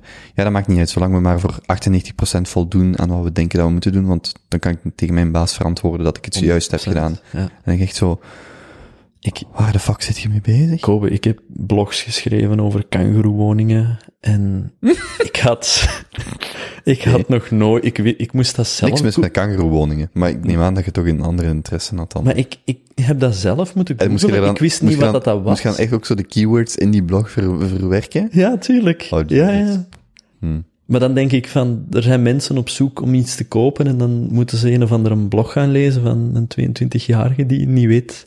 Hm. Ik had zo heel de tijd ook van, ja, alles wat ik creëer is gewoon, oké, ik lees drie blogs en ik haal er dingen uit en ik, ik steek dat in een andere volgorde en dan is dat mijn blog, want ik wist zelf niet waarover ik het had. Ik had niks toe te voegen en dat was, ja, dat deed ook zoveel pijn. Ik, ik voelde dat ik daar heel weinig aan toevoegen was. Dat ik voornamelijk, ja, een soort van radlied draaien, maar dat dat niet echt uitmaakte wie dat dan nu deed of wat dat... dat... Nu, want we zitten al op een zijspoor, maar laten we daar nog een zijspoor aan toevoegen. Ik heb, eh, toen ik 15 was, ben ik eh met spoed opgenomen in het ziekenhuis omdat ik een eh, volvulus had. Dat? ja, Een volvulus? ja. Dus dat is dat uw darm eigenlijk een soort van, doordat die draait, een soort van knoop geraakt, waardoor dat je een obstructie krijgt. Ehm, dat, dat gebeurt niet heel vaak. Eh, ze zeiden ook nog in het ziekenhuis tegen mij, ja, dat is voornamelijk iets wat dat vee en oude mensen hebben. Ik had zoiets van, oké, top. ik behoor, ik ben niet oud, dus ik weet niet exact in welke doelgroep ik dan eh, behoor, maar, eh, eh, maar dat is, dat is iets, Volvulus. uh, volvulus. Volvulus. Uh-huh. Oké. En eh ja, dat is iets dat extreem veel pijn doet. En ik heb daar, ook om, om het nu kort te houden voor, eh, voor, voor de rest van het verhaal, maar ik ben er toen ook bijna gestorven. Omdat er was iets misgegaan in het ziekenhuis. Ze wisten om te beginnen niet wat dat er was, maar ze hadden ook een nieuw systeem. En ze hadden mij aangevinkt als behandeld, maar ik was nog niet behandeld. Dus ik heb Hm. Echt, ik ben daar s'nachts binnengekomen. Ik heb tot de volgende middag niemand gezien. Nu, dat is iets heel, dat is iets tijdgevoelig. eh omdat, dat, be, ai, dat, dat zorgt ervoor, zowel voor een obstructie, waardoor dat uw darm uitzet, maar ook, eh ja, dat, dat snijdt uw, uw bloedstroom af. Hm. Eh, en het moment dat ik, want ik was altijd heel gehoorzaam, het moment dat ik echt iedereen in het ziekenhuis ben beginnen uitschelden, omdat ik dacht, ja, ik ben, ben toch subiet weg. Hm. dan zijn ze komen kijken en dan ben ik direct in operatie moeten gaan, omdat mijn, mijn darm stond eigenlijk op punt om, om open te barsten en dan sterft gaan in interne bloeding. Eh, dus ik ben daar toen redelijk snel aan geopereerd geweest. En ja, dat heeft wat complicaties gehad. Dus ik ben daar op heel, op een paar jaar tijd vijf keer voor terug in het ziekenhuis beland. Twee keer geopereerd geweest. Onverwacht. Eh, Of, of controle. nee, nee, als in dat die pijnen terugkwamen. Hm. Eh, en dat zijn echt van die pijnen van, ik kan niet meer staan. Ik ben een keer in shock gegaan, dat je echt zo de, begint te schuimbekken en zo van die, Hmm. van die dingen. Eh, Op de een of andere manier klinkt dat grappig, dat is maar tof, dat? Ja. dat is alles behalve grappig. Maar laten we het voornamelijk grappig houden, want Ja, ja. eh, anders is het alleen maar droevig. Eh, nee, ja. En, en dat is, dat is iets, ik heb daar nog altijd, ik heb daar nog altijd last van. En ik weet ook niet, ik denk niet dat dat ooit volledig terug, terug oké gaat zijn. Wou je de link maken tussen die buikpijn en wat je op dat werk voelde? Dus ik steek dat er even tussen de soep en de patatten bij, omdat ik kreeg daar terug heel veel van die buikpijnen. Hmm. En ik moest op een gegeven moment ook echt terug naar huis. Als En een fysiologisch pijn, dus niet Ja, ja, ja. mentaal, maar echt. Ja, ja, ja. Hmm. Als in niet meer kunnen rechtstaan, niet meer kunnen... eh, Maar van de stress dan? Of Yep. beide? Of, Yep. ja, het is altijd... Dus, eh, in het ziekenhuis hebben ze mij altijd verteld van oké, deze en dat, dat mocht je niet meer eten en whatever. En ja, dat heb ik ook... Ik volg daar bepaalde dingen nog wel altijd van op. Maar ik doe ook al wel vrij lang aan intermittent fasting. Dus ik had die dag eigenlijk nog niet gegeten. Dus voeding kon niet... Geen oorzaak van eh, obstructie zijn. En afwezigheid van voeding? Ook niet. Hm, Oké. Nee. Dus het is vrijwel stress ai, gerelateerd. Wat dat in ziekenhuizen, ai, dat is ook iets. Je komt daar binnen en, en eh, je moet met spoed in, in operatie, je komt eruit en ja, wat een volvulus. We hebben dat zo en zo gedaan. We hebben al uw, alles eruit gehaald en er terug ingestoken. En eh, het zou in orde moeten zijn. Het is nu vastgenaaid en je hebt gewoon zoiets van, sorry, wat? Hm. En wat? ik weet niet goed wat ik hiermee moet. Hoe, voorko hoe kan ik dat voorkomen? Hoe kan ik dat... Nu, ik zeg het, ey, zeker in, in combinatie met die depressie toen, was dat, was dat heel taai, omdat ik ook echt, echt heel aan geloofd heb dat, omdat ik zo vaak in het ziekenhuis lag, en omdat mijn moeder zo vaak in het ziekenhuis had gelegen, dat zo was van, oei, het ziet er naar uit, dat, ja, dat leek me een heel logisch ding van, ik, ik denk niet dat ik oud ga worden. Dus ik had gewoon zoiets van, ja, ik zie het nut niet van in, van hier aan een bureau te zitten en, en een soort van mentaal bandwerk te doen, dat blijkbaar ook gewoon, ja, of dat ik dat nu doe, of iemand anders, Of niemand? of niemand. Wie mist dat? Eh, en ik kreeg ook heel veel buikpijnen. En ik weet nog dat mijn, een van mijn twee bazen moest mij naar huis brengen. Eh, waardoor dat ik normaal gezien door zou gaan naar het ziekenhuis. En het enige wat hij vroeg was, hoe staat het nu eigenlijk met dat project? Hm. Ik ga dat nooit vergeten. Ik had zoiets van, is dat het enige waaraan dat je kunt denken nu? Maar hij wist dat je op weg was naar spoed. Ja. Oké. Want hij moest wel weten. hoe- En, en kijk, ik, ik neem niemand iets kwalijk, maar dat, dat was wel een heel duidelijk signaal. Zonder ook te, te, te veel op flessen te trekken, maar het feit, als dat de enige vraag is, wanneer iemand naar spoed aan het brengen zijt, ja, goed. Wel vrij pittig. Dus ja, ik, ik ben dan, ik heb dan ook echt ingezien van, mijn lichaam zegt hier, oké, hier is duidelijk een grens.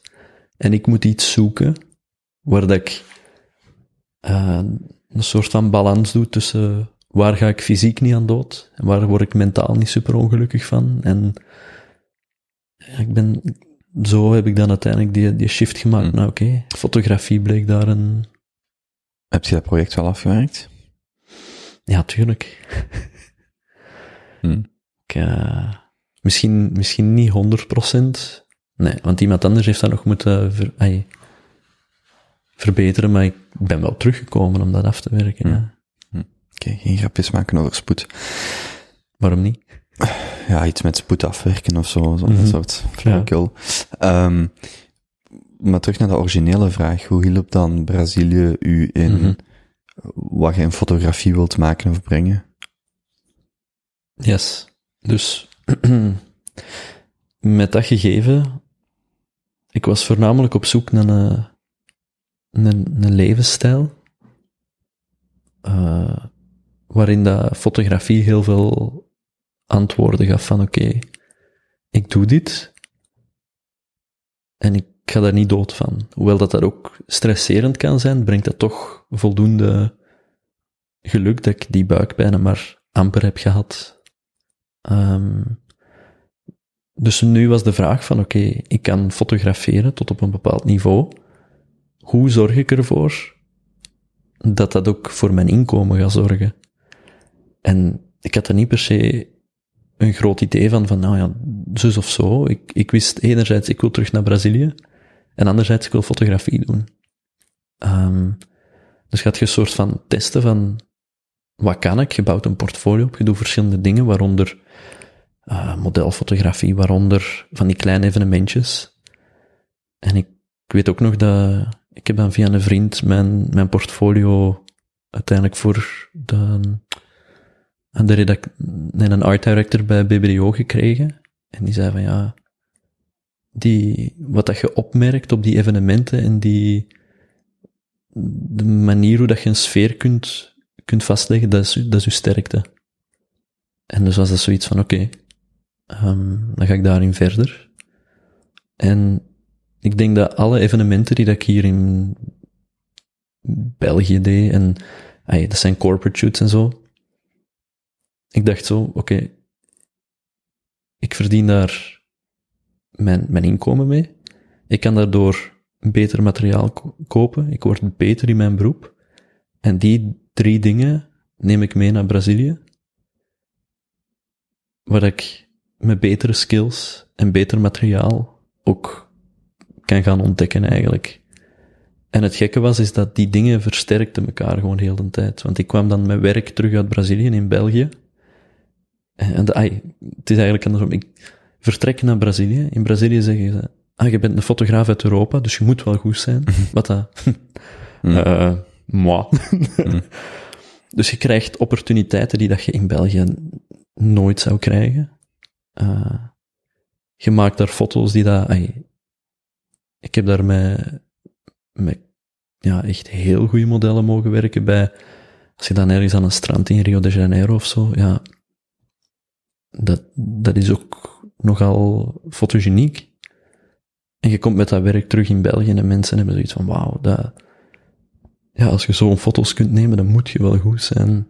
En dat was ergens iets omdat het idee was om een, om een systeem te creëren dat, uh, ja, zichzelf in stand hield op die manier. Dus als jij nu terug gaat naar Brazilië, nee, laten we zeggen Colombia mm bijvoorbeeld, dan zit jij die bekende fotograaf, Europese fotograaf, die ook al een werk, een boek over Brazilië, Braziliaanse cultuur, natuur, mm uh, gebracht heeft.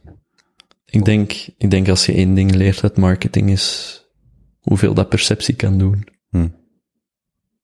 En het is vaak niet correct, de perceptie die dat mensen hebben. Maar als ze er dan toch is, kun je ze beter gebruiken, denk ik. Het werkt ook langs twee kanten, want ik zie, ik, ik denk vaak als wij babbelen, zie ik wel heel veel parallellen, ook al is het mhm. werk of de inhoud anders. Maar ik merk bijvoorbeeld, mensen attribueren iets aan u, een stijl, of, of mm -hmm. van, ah ja, als we Frederik iets vragen, of vragen voor een shoot, uh, hebben een bepaalde stijl, een bepaalde kwaliteit. Hoewel dat jij misschien zelf voelt van, die foto of, of die opdracht heb ik niet de kwaliteit geleverd dat ik mm -hmm. kon leveren. Maar tegelijkertijd, dwingt het u ook, alles maar onbewust, om net beter te presteren, omdat mensen een bepaalde kwaliteit van u verwachten. En bijvoorbeeld in, in de context van de podcast, mm zijn er soms babbels waarvan ik denk, ik weet niet of die kwalitatief zo goed waren, maar omdat mensen al een bepaalde kwaliteit, die laag of hoog kan zijn, mm daar spreek ik me niet over uit, aan u attribueren, kijken ze al doorheen een andere lens naar uw werk. En dus zelfs al denk je dat het minder goed is, mhm. dan nog denken ze van, ah, eigenlijk was dit wel, omdat het voldoet aan een beeld, aan een het raamwerk of de spelregels of het spelveld waarbinnen je werkt, mm dat is afgeleid. En jij kunt dan zeggen van, ah ja, maar ik vind wat ik heb gepresteerd op dat moment niet echt geweldig, mm maar omdat het herkenbaar is en omdat er toch een mate van consistentie in zit, of dat nu een stijl is of een, of een type gesprek in dit geval, die, die, er is wel, er valt echt wel iets te zeggen voor dat het niet gewoon show is of fake it till you make it, maar dat er wel een bepaalde, dat die consistentie wel zorgt dat er iets aan u geattribueerd wordt. En dat Mhm. is best wel, dat is best, dat kunt je dan cynischer interpreteren als van ik ben het hier aan het faken en het is niet zo. Maar de realiteit is wel dat je, ja, je ontwikkelt een stijl en, Mhm. en je staat ergens voor en je hebt een bepaalde kijk op de wereld en dat helpt u wel om, ik heb zo het gevoel dat dat u, u, u, ja, u, al is het maar dat het uw werk kanaliseert, Mhm. maar dat, dat per definitie is al een verhoging van de kwaliteit, denk Ja. ik. Ja. Ja, ik denk, ik, eh, ik herken wel wat dat je zegt. Ik denk inderdaad soms dat het, het verschil tussen, ik, ik, ik weet niet in hoeverre dat, ik kan moeilijk in het hoofd kruipen van wat dat mensen van mij dachten in, als, als je in, op die perceptie speelt van bepaalde kwaliteit of niet, maar ik weet in ieder geval dat ik er wel eh mee speelde. Hm. Hoe gaat dat dan verder? Is er een balans tussen bijvoorbeeld die corporate, ehm, of het leven van een fotograaf, maar dan in uw geval? Mhm. Is er dan een, is dat, is dat dan gewoon een, een soort van wetmatigheid dat je moet accepteren dat er werk is wat je niet graag doet, minder graag doet, dat er rekeningen betaalt, zodat je werk kunt doen waar het niet uitmaakt of je er überhaupt voor betaald wordt, maar wat je heel graag doet? Ja, ik denk om te beginnen, ik, ik had niet het gevoel dat ik die evenementen niet graag deed. Ik, ik, denk ook dat ik zo observationele fotografie, candid, ehm, ik vind dat ook leuk. Ik voel me daar ook ondertussen heel comfortabel in. Ehm, wat dat daar het minst leuke aan is, is dat dat voornamelijk, eh, ja, zoveel dat dat waard is voor mij, is dat soms voor anderen, ja, helemaal niks waard. En, en dat is een soort van strijd dat je, je probeert ervan te leven, maar dat was, dat was heel moeilijk. En ik wist ook van, oké, dat gaf mij de vrijheid om elf maanden te werken, bijna niet buiten te komen, heel weinig vrienden te zien, maar ik kon dan wel een maand weg. Op, ja, inderdaad, naar Brazilië, waarvan dat ik ook nog niet exact wist van,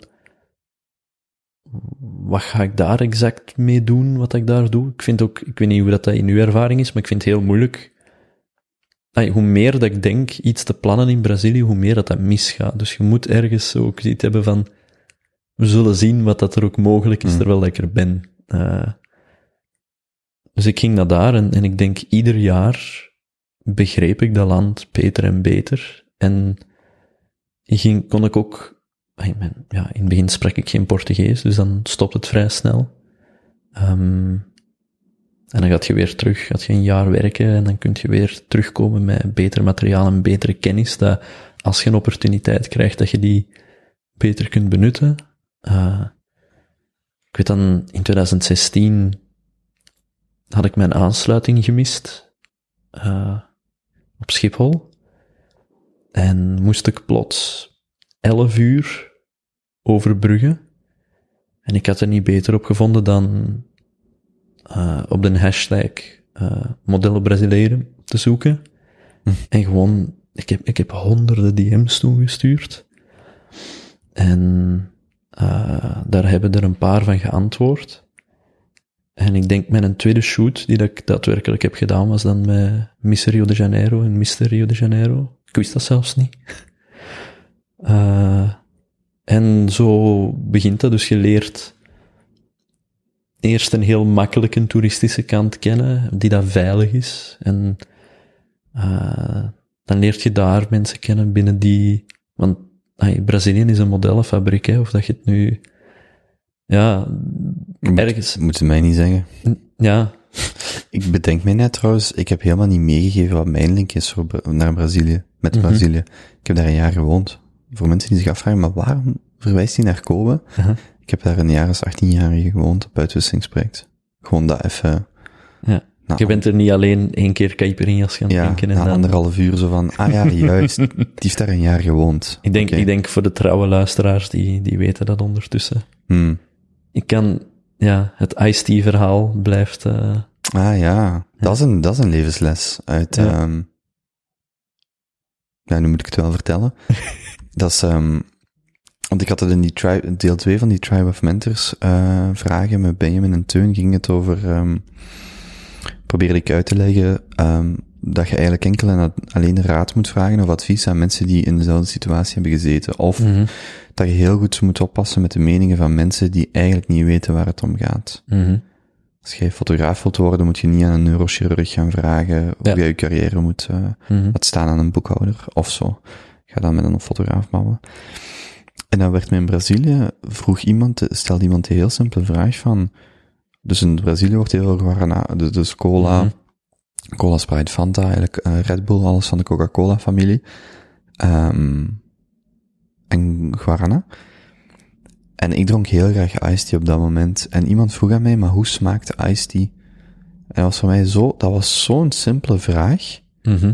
Want dat, dat was zo'n fundamenteel inzicht door die stomme vraag van sommige dingen moet je echt letterlijk geprobeerd hebben om Ja. te weten wat dat is. En je kunt Mhm. dat niet, je kunt dat niet uitleggen. En dat heeft mij sindsdien, dat is elf jaar geleden, op sommige vlakken zo'n rust gegeven van ik kan niet beter uitleggen of niet anders uitleggen dan wat, hoe dat ik het voel of gepercipieerd heb of wat mijn feiten Mhm. zijn. Je gaat dat voor jezelf moeten voelen. Ik kan dat Ja. niet beter uitleggen. Mhm. En ik, ik vind dat echt, eh, vind dat prachtig. Mhm. Mhm. Zo'n simpele vraag, hoe smaakt de iced tea? Dat je er echt zo naar keek, zo van, nice. Zo, ah, echt zo'n aha-moment, zo van, mm, just. Ja. De hoeveelste keer is het nu dat je dat, dat verhaal hebt moeten vertellen? Of? Van de iced tea? Ja? Zeer weinig. Ik, Echt? Ja, omdat, omdat dat voor, voor mij nu zo verworven is. Mhm. Maar soms, dat is zo'n, dat is gewoon, het is wel handig om soms de zo kort mogelijke ehm aha-momenten aan iemand te kunnen geven. Dus in plaats van een hele anekdote te vertellen, wat Mhm. ik ook veel te veel doe. Als je dan iemand vraagt, hoe leg je de smaak van iced tea uit? Dan Mhm. begrijpen ze meteen van, juist, ik kan dat niet uitleggen. Ja. Je moet dat voor jezelf proeven, zien, snuiven. Ja. Eh, wat dan ook de, waar het ook over gaat. Ehm, maar zelf als voorbeeld niet zo vaak. Oké. Maar misschien is het ook omdat je het eens verteld hebt in de cowork, dat, het zo... Ik heb het dan ook eens gehoord toen ik naar de podcast aan het luisteren was, dus ik... Het is maar dat je niet zo de... Het, het opa vertelt weer hetzelfde verhaal gevoel krijgt. Maar ik ben er wel naar op zoek, zo heel eenvoudig. Allee, op zoek, ik bedoel, ik, ik probeer dat heel snel, want er zijn nog zo dingen, natuurlijk valt dat mij nu niet te binnen. Mhm. Maar er zijn nog zo dingen waarvan ik denk, juist, zo van, dan klikt dat niet eens. En dat zijn vaak de stomste voorbeelden. Mhm. Je hebt ook zo die dingen van, ehm, do bears shit in woods? Als het antwoord heel duidelijk ja is, of pissen vissen in de zee, zo. Mhm. Van bij die, en dat is, dat is nu een ander voorbeeld, maar zo, juist, ja. En dat is meestal gewoon een domme vraag stelt waarop je weet dat het antwoord heel duidelijk ja is, of zo. Mhm. Ehm, ja, zwart. Ja. Ja. Goed, nu ben ik mijn draad wel kwijt. Het ging over, eh jij die Miss Rio de Janeiro, eh Juist. en Mr. Rio de Janeiro een berichtje stuurde. Mhm. Ja, waar ik dan eh, toch via via wel. ehm, mm, ik, heb, ik heb die mensen dan geshoot. Dat is heel grappig, want een, een van die, die, die man dan is daarna met Ex on the Beach gaan meedoen en heeft, eh Hm. zoals dat ik er straks gezegd heb, die, die is daar niet heel goed uitgekomen. Dus eh, als ik nu die foto aan Brazilianen laat zien van die, die gast die op zich, ik ben er zelfs tevreden van, die, die hebben direct walgneigingen. Dus, dus Hmm. in ieder geval, ehm, ja, ik, ik ben gewoon, dan ben ik in 2000, ik denk voornamelijk dat dat veel veranderd heeft. In 2017 ben ik voor het eerst in een favela geweest. En dan ben ik ook uh, naar een top geweest van Morro dos Irmãos. Dat is, dat, dat is die berg die dat je ziet op Ipanema, als je daar naar kijkt. En van daaruit kijkt je pal op uh, Rocinha, wat dat de grootste favela vanuit Brazilië zou moeten zijn, of toch die in één stuk aan elkaar hangt. En ja, je begint je gewoon meer en meer vragen te stellen, omdat je, je denkt dat je dat begrijpt, zo van, ah, ja, er is een favela, er zijn sloppenwijken. Mm, maar dan komen er toch heel veel vragen en hoe komt het dan eigenlijk dat dat niet opgelost geraakt? Of dat er En je gaat met mensen praten die vandaar zijn, die bijvoorbeeld daar zijn opgegroeid in een uh, ja, community. Ik weet niet, kunt je dat ook in het Nederlands zeggen? Want in, uh, ik weet dat in, in Brazilië zelf, dat ze niet altijd graag naar een favela verwijzen als een favela. Maar eerder als een comunidade. Dus ik weet niet. Ik denk dat de letterlijke vertaling een commune is, maar dat is een woord wat wij niet meer gebruiken. Mm. Of moeilijk gebruiken. Mhm. Dan zal ik het favela blijven noemen, maar in ieder geval van, oké, hoe geraak je daaruit? En ik, ik werd er ook enorm door geïnspireerd en ja, van die discussies aan een bar, wat dat dan misschien niet echt de wereld verandert, maar en ja, het idee was toch, oké, onderwijs, gelijke kansen. Uh, en dus toen ik in 2018 hier in Antwerpen ineens met Isaac aan de praat uh, geraakte over vrijwilligerswerk, vroeg ik ook van, ja, doen jullie eigenlijk ook iets in Brazilië? Ja, we hebben eigenlijk ook een soort van traject bij een NGO die de uh, kinderen uit de favela in Rio onderwijst. Dus ik dacht, aha. Uh, op dat punt had ik ook zoveel levenszin teruggekregen uit Brazilië, dat ergens zoiets was van, ik denk wel dat ik iets terug kan doen. Uh, en ik geloofde daar ook in, dus ik dacht, oké, ik ga me daarvoor inschrijven. Dat is twee maanden, januari, februari, en een beetje een stukje in maart. En dan ben ik in 2018 naar daar gegaan, en toen, toen zijn dingen echt wel in een stroomversnelling geraakt, want ervoor was het van, oké, okay, ik ga daar naartoe, maar ik weet niet voor wat. Ik had ook niet, ja, het, het blijft een beetje een op reis gaan en je doet wel activiteiten, maar... Hoe lang was die stage? Of sorry, dat vrijwilligerswerk? Uh, twee maanden. Hm. Ja. En je, je, gaat dan met het idee van, ik ga daar gewoon vrijwilligerswerk doen. En Ja. we zien wel. Ja. Het, het, het, natuurlijk, ik kende de stad al, dus ik wist al, ik kon mij wel navigeren en ik kon eten bestellen en ik kon mm, voldoende voor mezelf zorgen. Ik had ondertussen al vrienden in Rio de Janeiro. Of ja, eh, in zoverre dat dat kan. Vriendinnen, vriendinnen. Mm, onder andere. In ieder geval, ik, ik, ik ging niet naar onbekend terrein. Uh, maar dat was, dat was een heel, dat was een heel moeilijk traject. Toen dat vrijwilligerswerk. Uh, omdat ze hadden, je hebt dan Isaac als soort van, die koppelt, uh, meestal studenten, maar vrijwilligers die dan, die koppelen die aan een VZW, een NGO. Um, en hoewel dat er eigenlijk veel meer verwacht werd, werden een heleboel dingen niet gedaan, zoals een verblijfplaats is er voor mij nooit gevonden geweest Hmm. toen. Uh, dus ik moest dan met de, degene die ons project, die daarvoor verantwoordelijk was, onze verantwoordelijke, ik moest daar mee een appartement trekken, omdat ze hadden niemand gevonden, zo gezegd. Uh, en uh, toen kwam ik er ook achter dat degene die verantwoordelijk was voor ons project 18 was. Hm.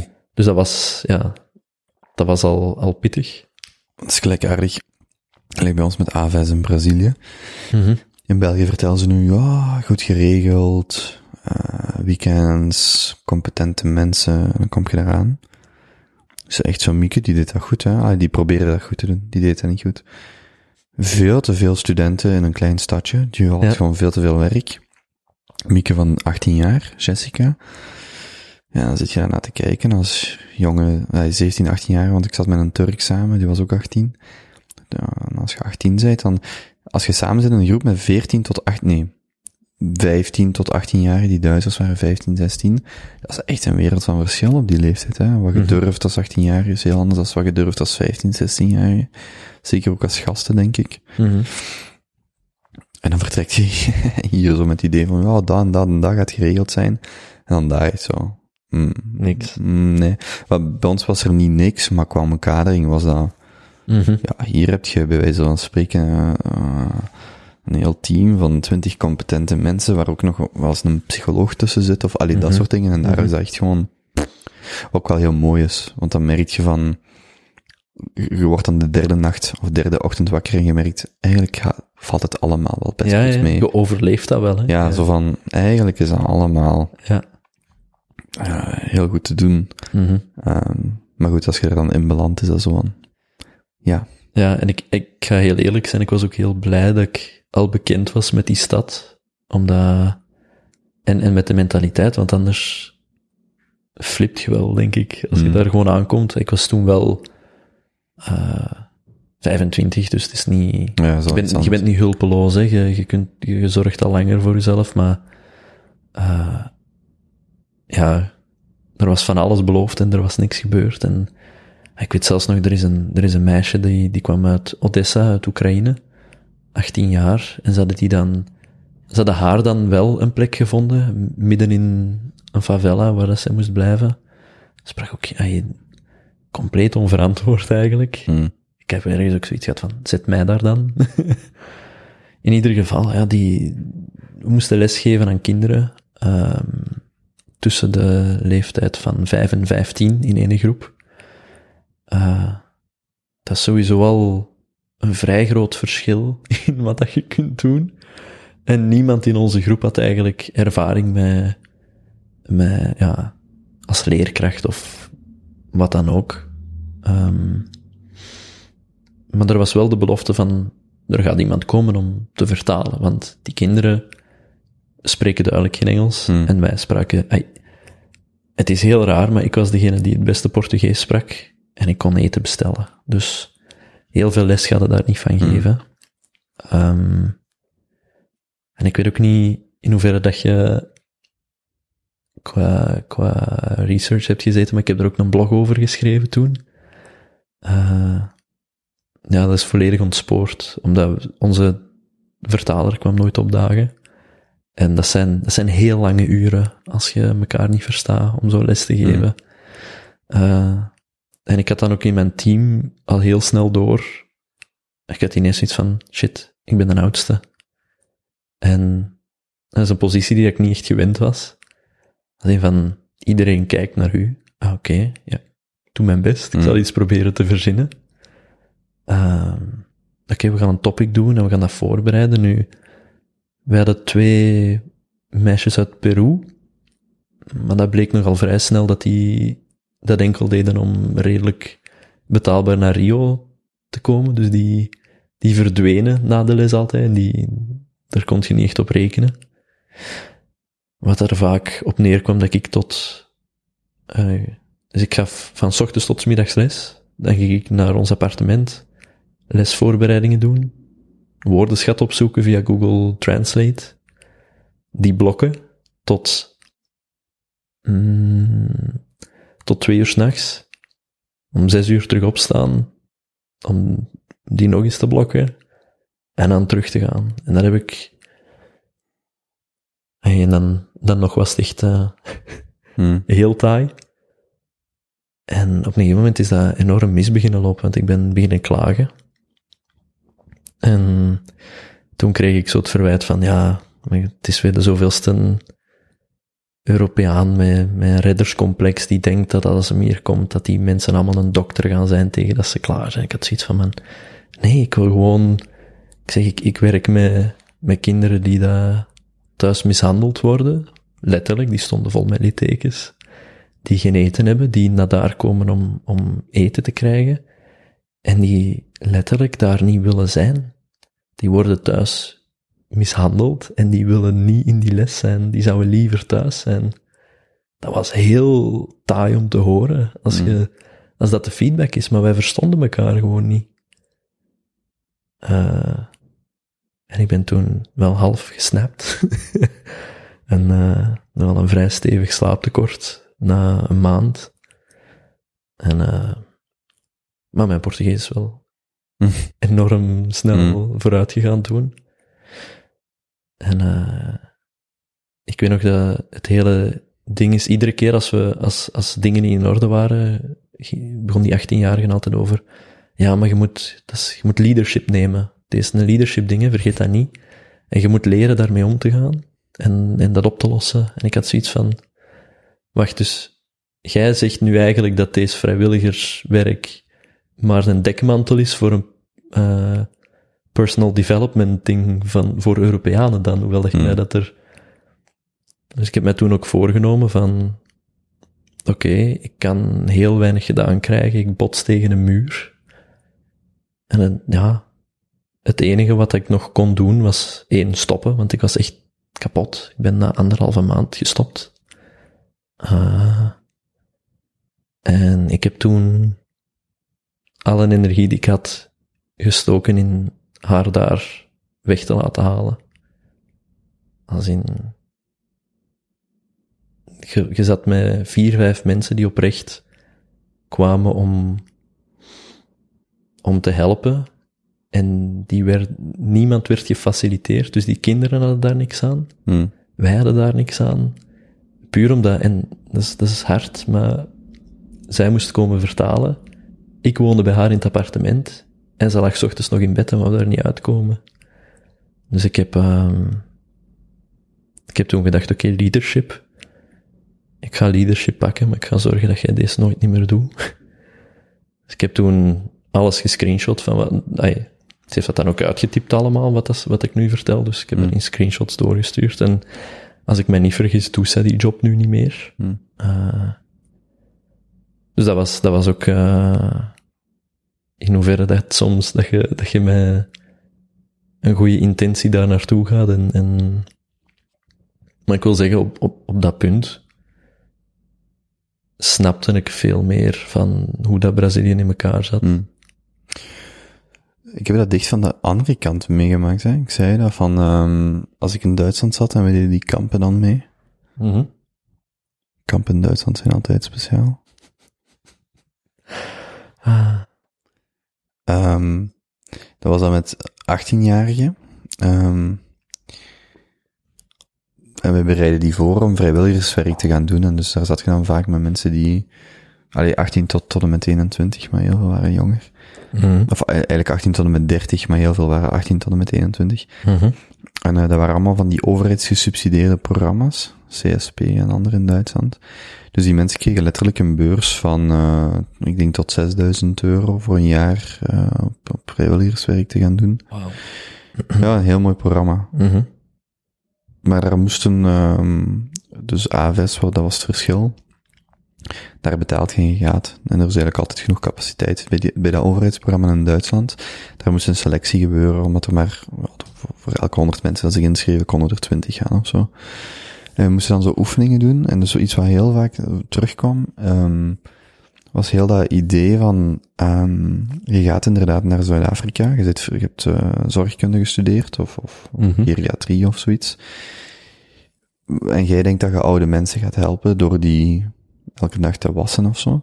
Mm -hmm. Maar als de realiteit is dat er, uh, zelfs, dat er eigenlijk eerst een riool getrokken moet worden, of dat er geen stromend water is, mm -hmm. Dan is dat een heel delicate balans tussen jij die denkt dat je zorgkundige diensten of hulp gaat leveren, een lokale bevolking die eigenlijk veel meer heeft, heeft aan jij die een schub pakt en begint een riool uit te schuppen, mm -hmm. zoiets. -hmm. En er was één specifieke oefening dat wij deden. Ik vond dat heel cool. Ah, er waren eigenlijk twee dat ik heel cool vond. En ene was, um, je kreeg acht citaten en je moest die ordenen van, um, ja, naar moraliteit, naar wat moreel oké was, naar wat moreel niet oké was. En dat waren zo citaten van, um, er zaten er een aantal braven tussen, zoals, um, een gezin verhuist naar het buitenland en laat zijn hond, laat de hond inslapen. Uh, ander was een vrouw pleegt abortus nadat ze verkracht is. Uh, en dan één, en dat vond ik altijd de straf, allee, daar kwamen de strafste resultaten uit, was, er wordt een kassei, een kassei, geen steentje, een kassei gegooid naar een, um, een, een, een, toegelaten demonstratie van extreemrechts. Of van extreme, maar ik denk dat het extreem mm -hmm. was. En dat was heel zot, heel zot om te zien, dat dus die specifieke uitspraak stond bijna altijd, dus ze moesten dat ordenen, waar, ordenen van wat is oké okay naar wat is niet oké. Okay. Mm -hmm. En heel vaak waren het dan zo de typische dingen als, uw hond inslapen is het minst oké. Okay. Mm -hmm. En een, stij, een, een kassei gooien Mhm. mm -hmm. naar bij de demonstranten, dat is oké, okay, want het zijn, het zijn nazi's. Ja. En dus heel, dat stond niet in de vraag, maar dus heel die oefening ging erom dat je als trainer zat je daarbij. Het gaat niet om wat juist is of niet, want er is geen juist of fout, maar het gaat erom wat is de redenering achter die mensen, Mhm. mm -hmm. achter die hun, was die hun culturele lens. Want ik weet heel goed dat ik zat in een stadje in Brazilië van 20.000 mensen, in een superklein stadje. En na een week of zo, ik liep daar rond en ik zag daar op een, op een muur een hakenkruis, Mhm. een graffiti geschoten. dat ik, ja, ik, ik weet nog, ik ben, hè, je zit 17 op dat moment, je ziet daar een hakenkruis en dan denk je echt, ja, één, de persoon dat dat gedaan heeft, heeft geen idee wat dat daar representeert. Helemaal niet. En wij liepen Mhm. daar dus ook, we waren met zes mensen daar, drie Duitsers en dan, en ik, en dan ook nog een Italiaans en een, en een eh, Turk. Dus één, de persoon, die weet al helemaal niet, wa- waarschijnlijk weet hij dat niet, en zag gewoon Mhm. voor aandacht of gewoon om stoerdoenerij als kinderen samen, hoe gebeurt zoiets. Maar als je dan jaren later die oefeningen deed, dan merkte je zo toch hoe, hoe belangrijk het is om, om je bewust te zijn van de omgeving waar je naartoe gaat. Mhm. En dat dat niet allemaal eh, slecht is of tegen u is, of dat je inderdaad een verpleegkundige bent. Maar ja, goed, als daar geen nood aan is, dan moet jij je daarbij bij, bij, Mhm. bij, le- bij neerleggen en, en niet andersom. Ik vond het wel heel spannend, omdat je zo, eh, uit die oefeningen zagen wij heel duidelijk wat zo, het, dat is dan Duits, maar die cultuur is, is pak West-Europees, van, van waar hecht de gemiddelde 18-jarige daar belang aan. Hè? En dat was Mhm. heel veel zo het sociale en het, het eerder abstracte. En bijvoorbeeld een dier laten inslapen is erger als een steen naar iemand zijn hoofd gooien. Allee, zo, Mhm.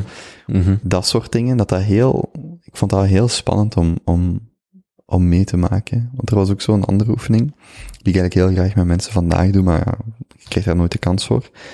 En je maakt dan een groep mensen twee groepen. Mhm. Dus je deelt die op, dus dat zijn ah, pak 20, 18 jaar. Je deelt die op in twee groepen. En die krijgen ieder een citaat mee. En die moeten dan, eh, die krijgen dan een oefening van ze moeten uiteindelijk komen presenteren waarom heeft die persoon dat gezegd, wat zou de achtergrond zijn enzovoort enzovoort. Dus groep 1 krijgt een citaat mee en het is iets, ik heb het letterlijk ergens opgeschreven, maar het is zoiets van, eh, het is van Gandhi.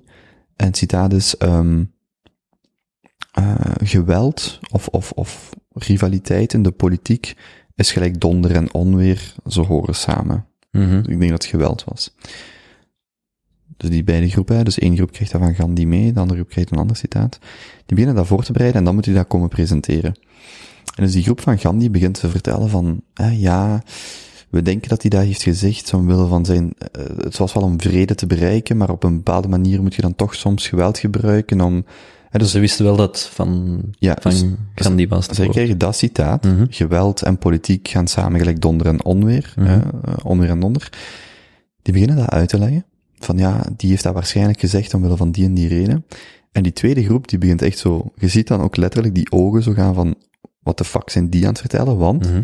die hebben exact hetzelfde citaat meegekregen, maar getekend Adolf Hitler. Ja. Mhm. En heel de oefening gaat erom dat je beseft van hoezeer uw lens bepaalt wat dat daar staat. Dus, Mhm. dus eigenlijk is, maar dat weet ze niet op voorhand, ze krijgen hetzelfde citaat mee. En de ene groep hoort het van Gandhi, waar je een culturele waarde Ja. aan Mhm. hecht. Mhm. En de andere aan Adolf Hitler, waar je een andere culturele waarde aan, heft, aan hecht. En dan zie je meteen zo iedereen zo, dat is zo het, het van, hoe smaakt iced tea? Je ziet dan na drie seconden van, juist, dit is de oefening, of dit is wat we willen beseffen van, neem niet zo alles zo oppervlakkig aan van, oké, wacht, wat is de context, waaruit bestaat Mhm. dit? En dat zijn zo van, die, Mhm. van die kleine oefeningen, je doet dat dan met die 18 jaar, of je kunt dat met de energie doen. Mhm. En dat is echt zo, ja, ik vind dat echt uh, geniaal. Zo dat op scholen bijvoorbeeld ook, dacht ik, op school zou je dat ook moeten doen, om dat Ja, aan te tonen van, dat is zo cool om dat, om je eigen bias uh, bloot te leggen. Mhm. 100 procent. Ja, ik denk ook, en, en ik weet dat niet helemaal, want als je zegt van, ik heb een hakenkruis gezien in Brazilië, ik ben, ik ben op straat vorig jaar een keer aangesproken geweest in Copacabana, door een man en die vroeg, en die zag mij, eh, blauwe ogen, vol gezond blond haar, daar kunnen we over discussiëren, Mm. maar goed. En die, eh, die zei van, ja, die vroeg eerst of ik een Jood was, dus ik had zoiets van, wat een vreemde vraag, maar ik zeg nee. Hm. En die heeft daar een antisemitistisch, antisemitisch, hoe zegt hij dat? Een antisemitisch. ja, manifesto afgestoken tegen mij en gezegd van, die Adolf Hitler had het allemaal zo verkeerd niet. Hm. En ik sta daar en ik heb zoiets van, oei, maar jij denkt omdat ik uit Europa kom, Hm. omdat ik omdat ik er op een bepaalde manier uitzie, dat ik nu ga klappen of zo, maar ik heb zoiets van, nee. Hm. En dat, er is daar soms wel iets, een, een heel vreemde misconceptie van, van wat die dingen zijn en wat dat die voor ons zijn ook. ik weet ook niet, is dat gebrek aan, aan kwalitatief onderwijs dat die man heeft gehad of zo? Of dat die... Wel, dat, Tibor, dat was een Duitse maat en ik, wij stonden in een kerk in Brazilië. Ik ga dat nooit vergeten, dus ook in dat jaar, we zijn 18. En dat is zo, dat is een typische Braziliaanse mis, dus daar wordt gezongen, gedanst, je staat met 300, 400 man in die kerk, heel energetisch. En die mensen gaan zo wat mee in die, in die energie, uiteraard. En uh, ik stond daar met mijn gastvader, die was erbij, met ons twee. Ik deed dat heel graag. Al die verschillende kerkjes, want alleen dat is niet gelijk hier, dat is een kleinere gemeenschap, maar ik vond dat heel spannend om die allemaal te bezoeken. En die beginnen te zingen, uh, fijn, ik voel me wel ongemakkelijk, want ja, ik ben dat niet gewend, maar dat is een heel, heel leuke ervaring. En op een bepaald moment schreeuwt hij, uh, die, die priester is wel aan het zingen, aan het roepen, en die roept zo van, ja, en alle Europeanen denken dat Brazilië het land is van de gemakkelijke seks en de vrouwen. En die hebben totaal geen respect voor ons. Maar, maar echt, ja, zo hè. Daar staat 400 man mee te klappen en te dansen van ja. En ik keek zo naar Tibor en die, ik zo, what the fuck gebeurt hier? Van, huh? Uh-huh. En je kunt er heel veel dingen aan breien. Ik denk, ik denk wat daar fundamenteel gebeurt is, dat is gewoon, je wilt een groep mensen verenigen. En dat doet je het makkelijkste door een gemeenschappelijke vijand of een verhaal Ja. te vertellen. Oh, Ja. en, want je zou dan kunnen zeggen dat is racistisch. Ik vind dat niet het beste voorbeeld van racisme. Ik dat gewoon, nee, nee. je wilt cohesie binnen een groep. En dan kijk je gewoon naar buiten en zeg je, die zijn, dat zijn onnozelaars en wij zijn beter. Maar dat was wel heel, dat was vrij surreëel, hè. En ook dat ze tegen ons zeggen, ja, gewoon omdat jullie blank zijn, niet naar die wijk in de stad gaan. Allee, blank, Brazilianen zijn ook blank, hè, maar dat was Ja, dan zo van, gewoon, jij ziet er Europees uit, iedereen weet dat jij Europeaan bent, dat weten ze, dat zien ze gewoon aan de manier waarop je wandelt al, bij wijze van spreken, de schoenen dat Klopt je draagt. wel. Ja. Echt zo, je ziet dat, Je ziet dat, ja. Mhm. en dan zo, ja, gewoon omdat jij, en dan zo, ja, maar waarom mag je dat niet? Nee, gewoon niet doen. En effectief, er is er een, een van onze uitrustingstudenten een fles op zijn, op zijn kop geslaan, naar spoed moeten gaan. En dat is gewoon, maar ook dat, Holy shit. ja, voor mij is dat niet per se racistisch, dat is gewoon, je weet dat daar een, een, een, een dynamiek hangt die anders is dan wat Ja. jij gewend bent. En dat is gelijk dat, als een vrouw in Brussel of eender waar wordt nagefloten, is dat per se seksistisch. Dat is een discussie die je kunt voeren, Mhm. maar heel vaak, dat was mijn gevoel als ik het zelf onderging, gi- ging dat veel meer tussen die mensen tussen, onderling, Mhm. als dat, dat op, want ik had evengoed de volgende Duitser of Belg kunnen zijn, dus ik voelde mijzelf zo persoonlijk aangevallen. Dat was Ja. gewoon, was de Ja. dynamiek die tussen hen gebeur- gebeurt. En dat is wel, ik vind wel spannend. Ik heb, ik heb een heleboel, nee, geen heleboel. Ik heb een paar Braziliaanse vrienden en die zeiden van, ik dacht echt, toen ik u eerst zag, dat je zo'n Europese snop waart. En dat ze van, maar je valt wel mee. Zo. Mm.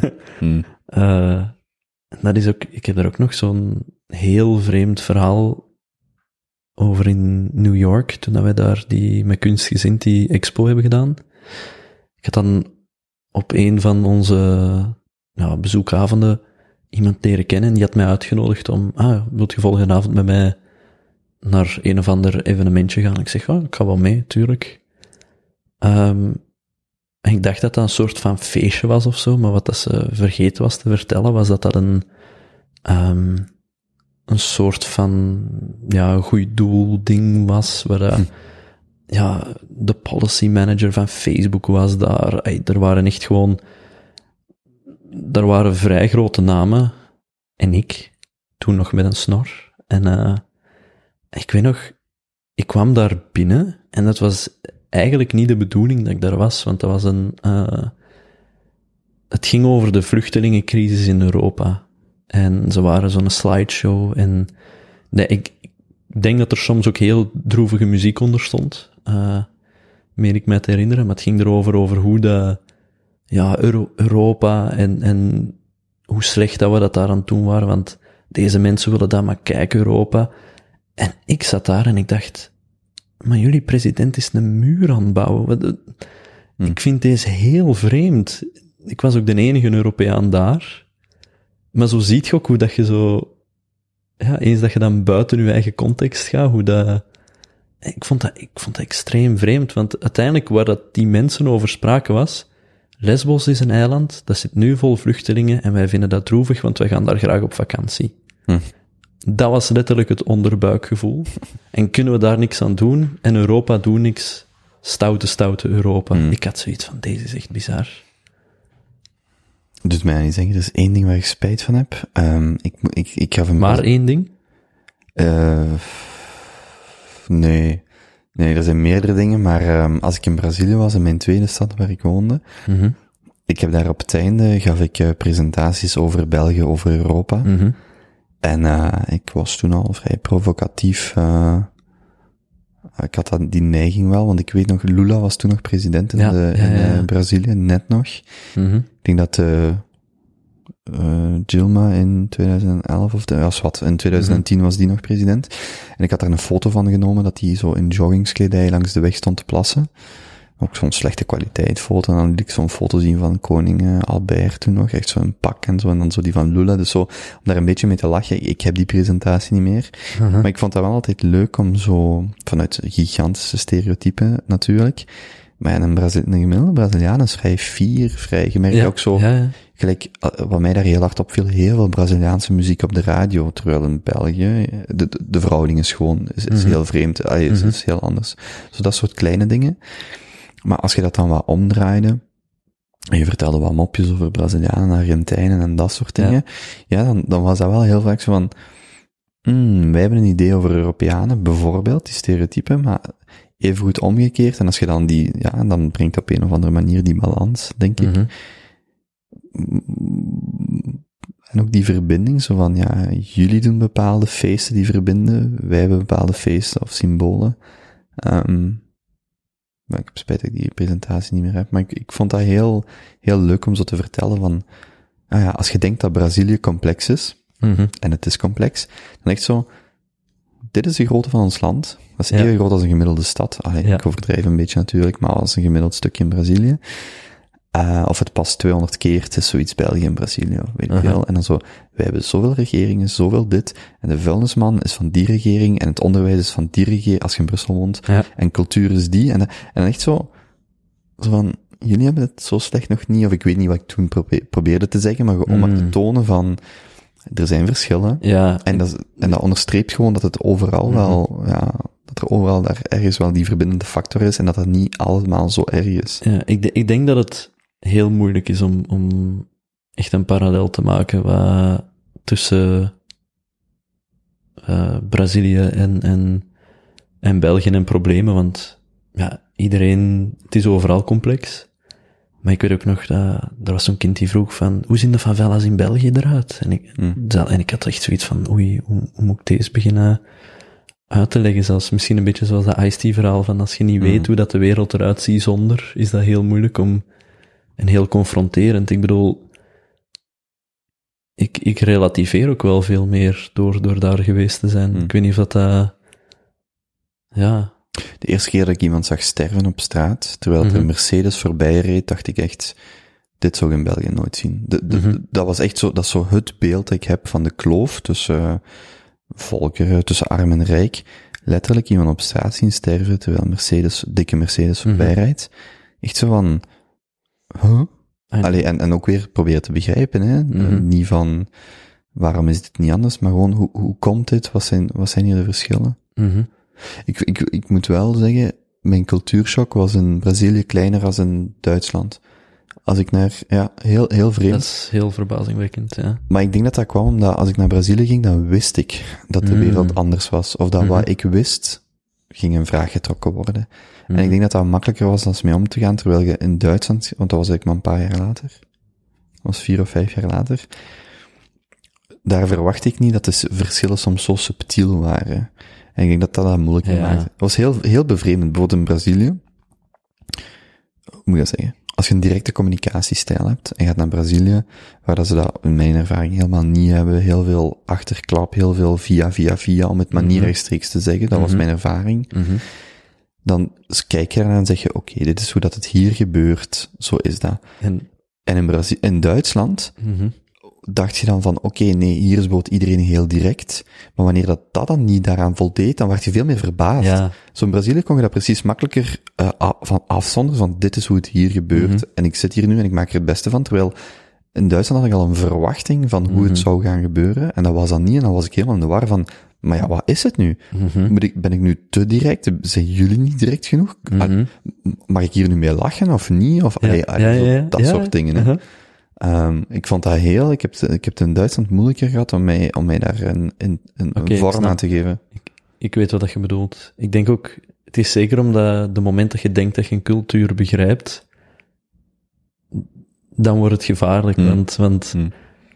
ja, ik, ik, denk dat ik nog naar een podcast van u aan het luisteren was over het verschil tussen, tussen waar dat jij bent opgegroeid en Antwerpen.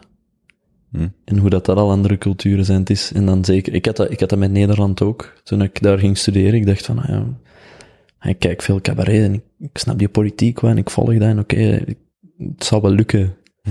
Hmm. Mm, mm, maar je betrapt jezelf erop op hoeveel verschillen er toch nog zijn. En, en ja, ik ga nu niet zeggen dat ik daar een cultuurshock heb gehad, maar... Mm, maar ja, het is, het is als ik er naartoe ging met het idee van ik snap het al, het is dan dat, dat Hmm. des te harder dat het binnenkomt, hè, dat je, ja. Ik denk ook de, die cultuurshock, als we het daar dan toch over hebben, is, is iets wat dat, ja, wat ik, en dat maakte Rio voor mij zo speciaal. Ik heb die cultuurshock in een stad gehad.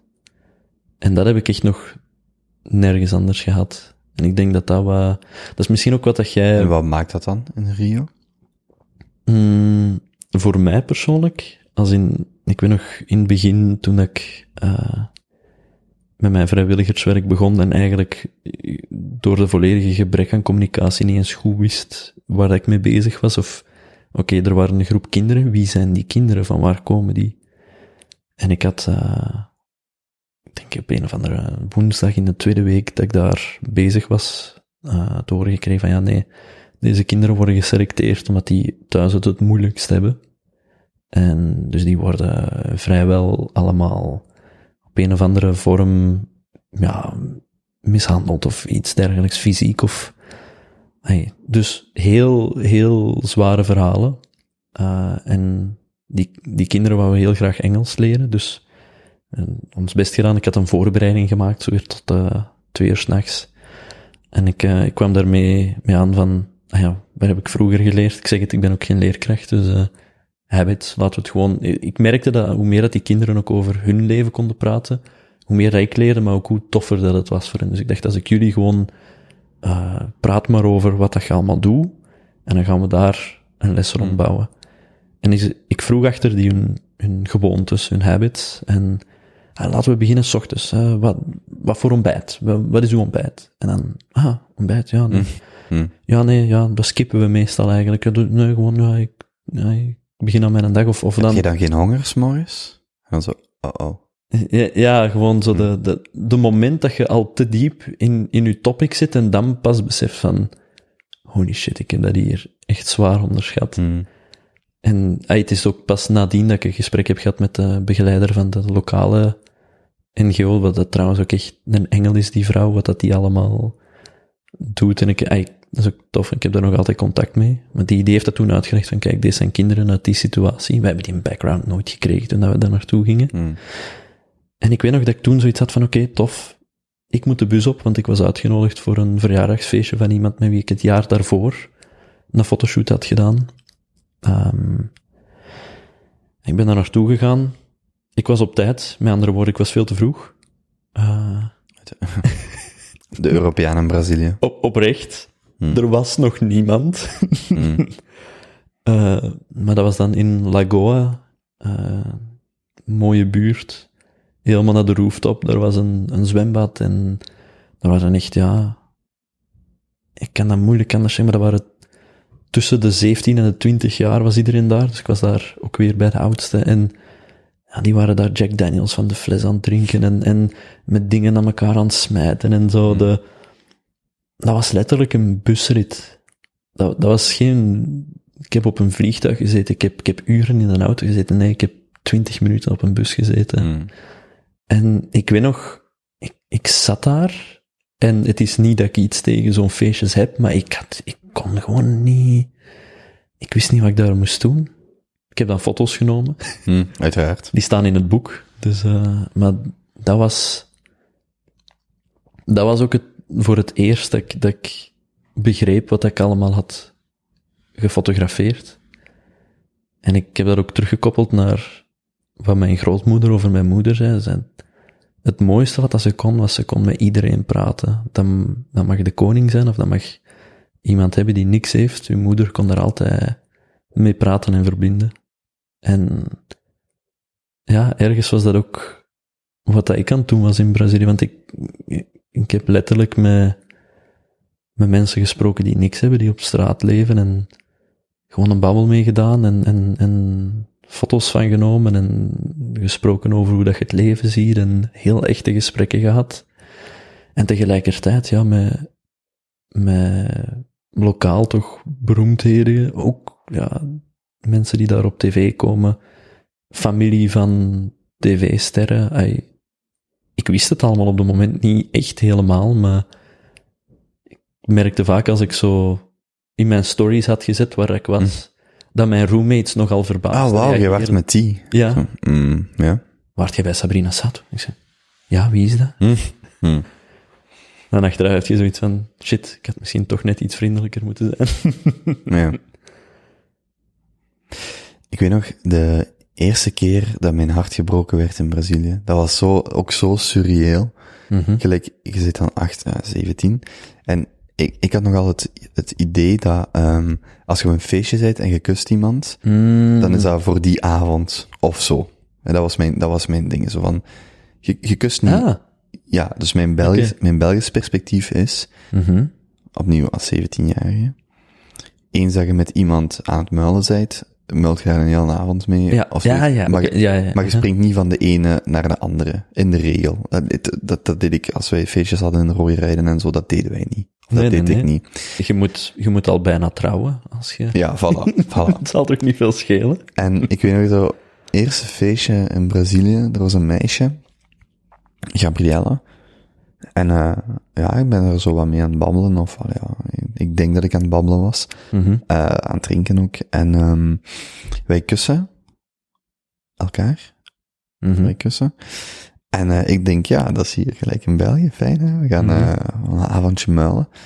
En echt een kwartier later kom ik zo, ik, zit zo ingeprent in mijn hoofd. Ik kom de trap naar beneden en ik zie die zo een andere gast even passioneel muilen Mhm. als ik. Mhm. En ik ben echt op dat moment, ja, gedegoûteerd, maar deels, maar ook zo van, huh? Ja. En ik ga naar haar toe. En de, ook zo de, de, heel charmant eigenlijk, maar het gemak waarmee zij dat ook zei was zo van, maar Kobe was het probleem. En ik zo, ja, maar wij waren toch net, wij hadden toch net samen iets. Ja. En nu zit Mhm. zij, en zij zo, maar Kobe, dat is geen probleem, dat is gewoon een ficaar. Dat is Ja. gewoon, Mhm. dat is gewoon, dat is gewoon Brazilië, jeito Brazilië. En dan dacht ik zo, dat was echt zo in mijn hoofd van, nee, dat bestaat niet. Waar is Mhm. jullie respect? Dat denk je, zo, hè, dus, Oh, en, en- maar... en dan ja, denk ik zo van, nee, ik ben een buitenlander in een gastland. Mhm. Dit is hier, dat is niet goed, dat is niet slecht, maar Mhm. dat, dat deed echt pijn. I know. En dan zo, ja, nee, dus als je dat doorhebt, oké, dan wordt dat, dan wordt het op een andere manier Ja. leuk. Maar ik vond dat echt eh, heel, heel vreemd zo. Van, nee, maar jij fladdert gewoon van Ja. de ene naar de andere, Ja, ja. zonder daar ook een, een waardeoordeel aan te hechten. We've all been there. Dat is echt... eh, ja, ik vind dat, ik vond ik weet nog dat leuk. iemand tegen mij zei van... Die zei daarvoor dat ik daar mee afsprak van... Ja, ik wil u echt kussen. en ik kom daaraan. En ik zie die ineens met iemand anders gezegd. Iets van... Ja, maar wacht. Hey, ik ben speciaal naar hier gekomen. daarvoor. Mm. En die zei letterlijk... Ja, Hij deze, ook. deze avond zal niet lukken, want ik kus maar één persoon per avond. Maar mijn nicht is hier. en die wil dat wel. En dan spreken wij eens een andere keer af. En ik had echt zoiets van, wat zeg jij nu? Mm. Ja. Ja, het lijkt allemaal heel makkelijk, maar er is heel veel verwarring. eh. Ja. ja, dat zijn van die kleine dingen, dan merk je zo van, Mhm. dit, dit is zo vreemd, tegelijkertijd ook wel heel leuk. Tuurlijk. Ja. Het lijkt me wel. Ik denk dat Brazilië is een, is een heel leuk land om jong te zijn. Maar ik denk dat dan aan een tijd. Het is daar, voor zover dat ik gehoord heb, heel moeilijk om stabiele relaties Hmm. op te bouwen. Dat is ook waar dat wij in verschillen. Ik herinner mij zeer goed dat 2007, 8, 9, voorbereiding van dat jaar, toen had je echt, uh, moest je de oude krantenkoppen lezen, gevoeld dat je hard, was zo de, het moment of de periode dat er heel hoge verwachtingen van Brazilië waren. Mhm. Dat was het land van de toekomst, een van de BRICS-landen, hè? de. BRICS-landen. Mhm. En, en nieuwe wereldleider, al het goede wat je wilt van de wereld, geografie, eh, Mhm. natuurlijke eh, mineralen, grondstoffen, alles wat je wilt. Want ik weet dat dat ook, ook bij mij ehm, gezegd werd, want ik heb later, twee of drie jaar nadat ik terug was bij VOCA, nog een cursus gevolgd. Dat ging dan internationaal onderhandelen, of dat was zoiets, Mhm. met specifiek Brazilië, omdat ik op een of andere manier er ook professioneel mee wil bezig zijn Mhm. waar nooit iets van gekomen is, maar dat zat er echt wel in. Zo dat idee van Portugees spreken, ehm, en proberen vanuit marketing dan, vanuit die opleiding, of een Mhm. of andere rol, vertegenwoordiger, whatever. Mhm. En dan 14 waren de, was het WK, 16 de Olympische Spelen. En zo vanaf 13, 14 is dat volledig beginnen ontsporen. Hè? Ja. Allee, Mhm. ontsporen hangt van uw perspectief af.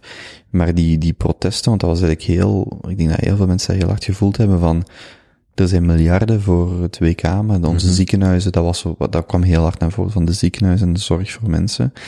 En als je dan, ik herinner mij dat ik, eh, op het duurste was dat 1 euro 2,5 real was. En het goedkoopste 3,5. hè, Mhm. Dus, dat, dus 3,5. Maar dat, dat dan ineens schoot dat naar 3,5, 4, 4,5. En dan dacht Mhm. ik zo, amai, maar voor mijn vrienden, allee, voor de mensen dat ik toen daar had, dat wordt ineens, dat leven wordt daar gewoon 30% ineens duurder. Ja. Dat, dat, dat land staat op, ah, niet op instorten, maar dan heel de dingen met Lula afgezet, Tilma Mhm. dan ook weer afgezet. Dat is zo, dat is zo een, een, een surreëel land. Op zo, dat is ook een heel groot land. Dus wanneer je spreekt over Brazilië, dat is sowieso al... Dat is, dat is een continent aan zich, hè? Dat is, ja, want, want in Zuid-Brazilië val ik niet op. Als Europeaan in Noord-Brazilië, ja, Ja. Dat, dat- daar valt je direct op. Ik Ah, heb, ik heb in Rio mensen gehad die aan mij de weg vroegen. Dat ik Ja. had van, van iedereen op deze straat, hoe komt je dat nu Hmm. echt aan mij vragen? We hebben, zijn, de laatste keer dat ik in Brazilië ben geweest, in 14 denk ik, Mhm. ja, in 2014, heb ik, zijn wij naar eh, Sao Paulo gevlogen met het idee om een roadtrip naar Porto Alegre te doen en Mhm. terug op 16 dagen. 4000 kilometer, 16 dagen. Vier- 3000, 3, 3000, 3,5 denk ik dat we gedaan hebben. Maar ook typisch Europeaans idee Mhm. van 100 kilometer is 1 uur rijden op een snelweg. ja, ja, Dan rijd je in Brazilië 300 kilometer, doet je daar 7 uur over en denk je, maar dat is echt gewoon straatje, stadje in, straat. Alleen Ja, straat ja, is een baan, gewestweg. Uh-huh. Maar wij, wij hadden een auto gehuurd in Sao Paulo en we reden naar het zuiden. Over Curitiba en zo. Eerst nog Mhm. naar Sao Paulo binnenland en dan Curitiba en verder. Florianopolis en zo verder. En wij kregen vaak vreemde blikken op de snelweg. Heel vreemd. Want in het Mhm. begin heb je dat niet door, maar echt zo mensen die je voorbij steken en zo naar je kijken van... Wat is hier aan de hand? Ja. We hadden gewoon zo'n wit golfje, een oude golf gehuurd. Na een week zegt iemand tegen ons van jullie nummerplaat. Mhm. Dat was Natal of Salvador, dat was een of andere noordelijke stad. Ergens een noordelijke stad Ja. waar dat je veel grotere Afrikaanse invloed hebt. eh, Mhm. of veel meer Af- Afro-Brazilianen. Mhm. En daar was die, dat bedrijf ingeschreven. Dus dat wil zeggen dat op die nummerplaat stond dus, eh, of Recife of, of weet ik veel. Dus iemand komt er voorbij gestoken, die, die aan de nummerplaat denken die dat, een, een- ja, dat, je, dat er twee Afrikaan, Braz- Afrikaanse Brazilianen in gaan zitten. En dan zien die zo de twee blankste, maar echt De meest De- blanke ja, die dat je u kunt inbeelden. Ja. Gianni die bij mij was, ook zo, zo'n gigantische bleekscheet, eh, inclu- eh, als ook ikzelf. En dat was, na een tijdje hadden wij dat door, dus echt iemand komt aan, en die denkt, ah, want, want wij reden naar het zuiden, ik bedoel, dat is, ik, ik, ik zou het moeten opzoeken, maar misschien 5000, nee, was ik, 3, 4000 kilometer zuidwaarts van waar dat die auto was ingeschreven naar Porto Alegre, Mhm. dat was echt, dat was echt ver. Dus je moet je dat ook voorstellen, je zit in, in zogezegd in Texas, Ja. in de VS, waar het allemaal knalblank is, knal, en er komt ineens een auto voorbij waarvan je denkt dat er twee Afro-Amerikanen in zitten. En we zagen, we zagen dan zo die mensen naar ons kijken, gewoon zo aan te wuiven. En dat zijn gewoon van die, van die situaties om maar te onderstrepen, ja, Brazilië, dat is een land, maar dat is, elke staat daar op zich is, is, Mhm. is een, is een mini-land op zich. Mhm. En, en daar ben ik er straks ook zei, ik denk dat Colombia voor u ook een heel interessant land kan zijn. Zo dat surreëel en dat menselijke en wat toch Mhm. nog een, op bepaalde vlakken homogeen, veel homogener land is dan Ja. Brazilië, wat echt eh, zo verscheiden is. In Brazilië heb je zowel woestijn als, eh, eh, ik denk dat er ook, valt er sneeuw? Ja, ja. Chi- Chili sowieso, maar ja, dat is al, ja, is wat. Maar dat land is zo verscheiden dat je het zelfs... Ja, mhm. Ja, dat is zoiets wat je eigenlijk moet checken op voorhand. ja voordat je dat... Nu, Hmm. laten we, mocht het, mocht het niet zijn, ik weet ook wel dat, ik denk in 99% kans van het land dat het niet valt, maar, Mm, ja. Die ene berg, of ja, daar. ja, Ja. het is dat. ja. Want wilt je er nu nog terug gaan? Mm, dat, is een, dat is een heel goede vraag. Ik,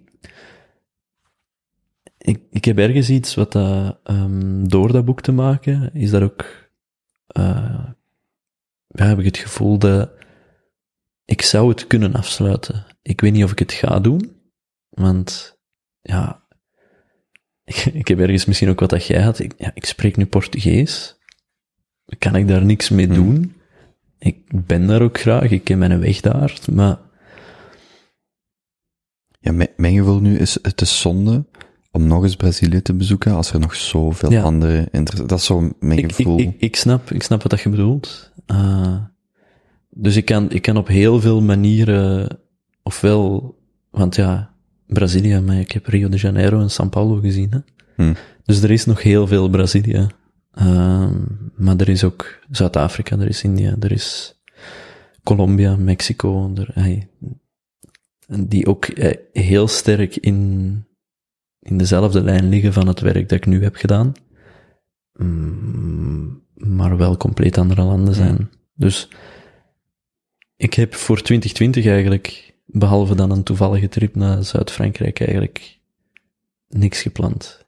Ik heb niks gepland, maar ik heb ook nooit iets gepland. Dus dat boek is ook niet gepland. Die vijf reizen zijn niet gepland geweest. Ik heb gehoord dat je in Zuid-Frankrijk wel je camera kunt meepakken en gewoon Aha, ik, ik heb dat gehoord. je hartelieve lust geven. Mhm. Mhm. Ik ben enorm, eh, ik sta open voor de enorme sociale contrasten die ik ga zien om daar Mhm. eh, ook vast te leggen. Extra batterijen meepakken.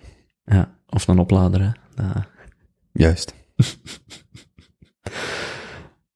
Ik, ik, ben, ik heb al heel lang niet meer zo'n reis gedaan, dus ik ben heel benieuwd hoe dat ik ga functioneren in zoiets. Ik, ik heb echt, denk ja, toen ik naar Brazilië ben gegaan, ook gedacht van, als ik ooit zo'n reizen wil doen waarin dat ik inderdaad alleen favelas intrek, dan moet ik het nu doen. Ik moet er niet mee wachten. Hm. Ik zeg, ik kan op mijn 50, 60 echt nog naar Frankrijk. Dat, dat kan dan nog wel. Waar, dat- waar dat de grootste struggle een croissant bestellen is, dat... Wie zijn de fotograaf waar je naar opkijkt? Hmm. Er zijn er heel veel. Ik heb er ook gezegd, hè, ik heb, eh, ik heb een kast vol met fotoboeken. Zoals dat jij... Uw kast is wel groter. Met, met uw boeken heb ik heel veel fotoboeken. Maar ik denk, Steve McCurry heeft mij heel erg... Dat was de eerste fotoboek die ik gekocht heb, denk ik. Ook omdat die foto's mij zoveel deden. Die waren zo kleurrijk. Die toonden een cultuur die dat ik... Ja, dat, is, dat was op reis gaan vanuit, vanuit mijn zetel. Dat was eh de Mario Testino. Eh, als in zeker dat vroeger werk. Ik ben niet zo'n goede, hij heeft niet zo aangetrokken tot fashion fotografie, maar ik heb dan ook eh, Mario de Janeiro, die, dat boek waarin dat zijn eerste werk, ook in Rio, met heel spontane momenten, heel, ja, bijna dat, ja, dat candid fotografie van, van wat ik ook heb met modellen, zowel als gewoon met, met misschien een meer elite van die stad. Ehm, ja, João Pine, die dat ik, dat werk ook heb, eh, heb laten zien, heb ik echt pas, heb ik nog maar anderhalf jaar geleden ontdekt. Vind ik verbazingwekkend mooi. Of ja, mooi op, op, gewoon hard. Het is hard werk, maar als je weet hoeveel werk dat daarin kruipt om, om daar te geraken, die, die, de manier hoe dat die samen met, met Boppe in, in de favelas is gegaan, in het midden van, van die shootouts. Ik heb zelf ook half in een shootout gezeten tussen de favelas, toen ik heel koppig toch alleen de favela ben ingegaan met mijn camera. Dat is, dat is absurd. Dat, en ik heb daar geen één foto van om dat te bewijzen. Ik, Hmm. ik heb wel een soort van vage vlog op mijn, op mijn YouTube-kanaal, waar dat je nog wel wat knallen hoort toen ik weg aan het wandelen was. Ik heb daar, ik heb daar vijf maanden een tik van gehad. Iedere keer als ik een knal hoorde, dat ik mijn, mijn hoofd introk. Gewoon dat, als je weet dat die, dat die fotograaf daar gewoon, wat is het, negen, tien jaar heeft gezeten en keer op keer daarin is gaan zitten, zonder dat je, die moet dat niet doen. Maar dat is wat dat, ja, ik vind dat, ik vind dat absurd. Ik heb ook, ik heb ook inspiratie uit andere dingen. Als je uh, Vice News had rond uh, de oorlog in Oekraïne, hebben die ook heel sterke reportages uitgebracht met Simon Ostrovsky of zo. Dat is een Amerikaan die daar zowel Russisch als Oekraïens sprak. Die is dan echt naar die frontlinie gegaan. Ik, ik zag die beelden, ik had zoiets van, ik vind dat wel, ja, enorm intrigerend ergens. Um, dus, ik denk je leert van allerlei kanten verschillende dingen en, en je brengt dat samen in je eigen stijl. Hm. Gooit je foto's op iets zoals Unsplash? Nee. Nee. Ik, uh, vanwaar de vraag? Omdat ik dat zelf gebruik en ik vind dat een aangename manier om nieuwe fotografen te ontdekken, gegeven dat zij zelf weten wat de voor- en nadelen daarvan zijn. Uiteindelijk is dat gewoon een rechtenvrije Mhm. databank. Ja. Maar omdat je daar soms, ik, ik vroeg me daar net spontaan af, omdat je zo, omdat dat een manier kan zijn om mensen om hun werk te ontdekken, Mhm. met de foto's waarvan je misschien zegt, die zijn goed genoeg, Mhm. eh, waar ik mijn copyright wel van wil vrijgeven. Ik denk dat, en dat is ergens koppigheid, maar dat is ook, ik heb zoveel van mezelf daarin gestoken. En je wordt, pas op, in galerijen, je wordt benaderd door allerlei mensen die, die je zoveel exposure beloven. Als je gewoon maar weer afstand toe van, van het werk en de investering die dat je ervoor gedaan hebt, dat, dat is ook, ik heb, ik heb mijn boek voor verschillende redenen ook zelf uitgegeven, als in zonder uitgever eigenlijk gewoon. Uh, het is sowieso heel moeilijk om er een te vinden, maar als je er een vindt, weet ik niet. Ik ken toevallig ook een vriendin die, die zelf een boek heeft geschreven wel. En wat dat hij daaraan verdient is, is betroevend weinig. Hmm. En ik denk niet dat ze het geld al ontvangen heeft ondertussen. Mhm. En dat was redelijk succesvol, dus ik vind dat heel moeilijk, want uiteindelijk, zeker met, met, met die foto's, Maar foto's die er liggen, die zijn toch al gemaakt? Voor Unsplash bedoel ik, hè? Of, of zoiets. mhm. Wat heb je dan te releasen? Mm. Ja, het is, om te beginnen, de vraag is, wat, wat, wat is de commerciële meerwaarde van mijn werk in Brazilië? Bij bepaalde dingen heb je daar ook forms voor nodig. Releases, model releases, property release. Wat dat misschien ook heel veel mensen niet hebben die dat erop zetten. Uh, en ja, aangezien dat heel veel foto's van mij wel mensen bevatten, zou dat complex kunnen worden. Hmm. En ik geloof ook dat er andere manieren zijn om, om uw werk onder ogen te krijgen. Hmm. Wat heb ik te verliezen? Uh, eens dat je je rechten afgeeft, is dat voor altijd. Uh, eens dat iemand dat dan overneemt. En ik denk dat, zoals ik al voor, voor de opname heb gezegd, foto's worden meer waard met de tijd. En hoe vanzelfsprekend dat die nu mogen lijken, of afhankelijk van wat dat er met, met de persoon gebeurt die dat je gefotografeerd hebt. Hetzelfde geldt doen, ik zeg het, worden dat, ik heb, zoals ik zei, mijn modellen gefotografeerd die dan nu voltijds in Milaan werken. Als ik die foto's een jaar geleden, voordat ik dat wist, uh, free of use online had gezet, Hmm. ja, ik ben, ik ben daar nog heel beschermend over. Uh, en de foto's die dat ik zo zou willen aanbieden, zouden mij ook niet zo goed verkopen, denk ik. Hmm.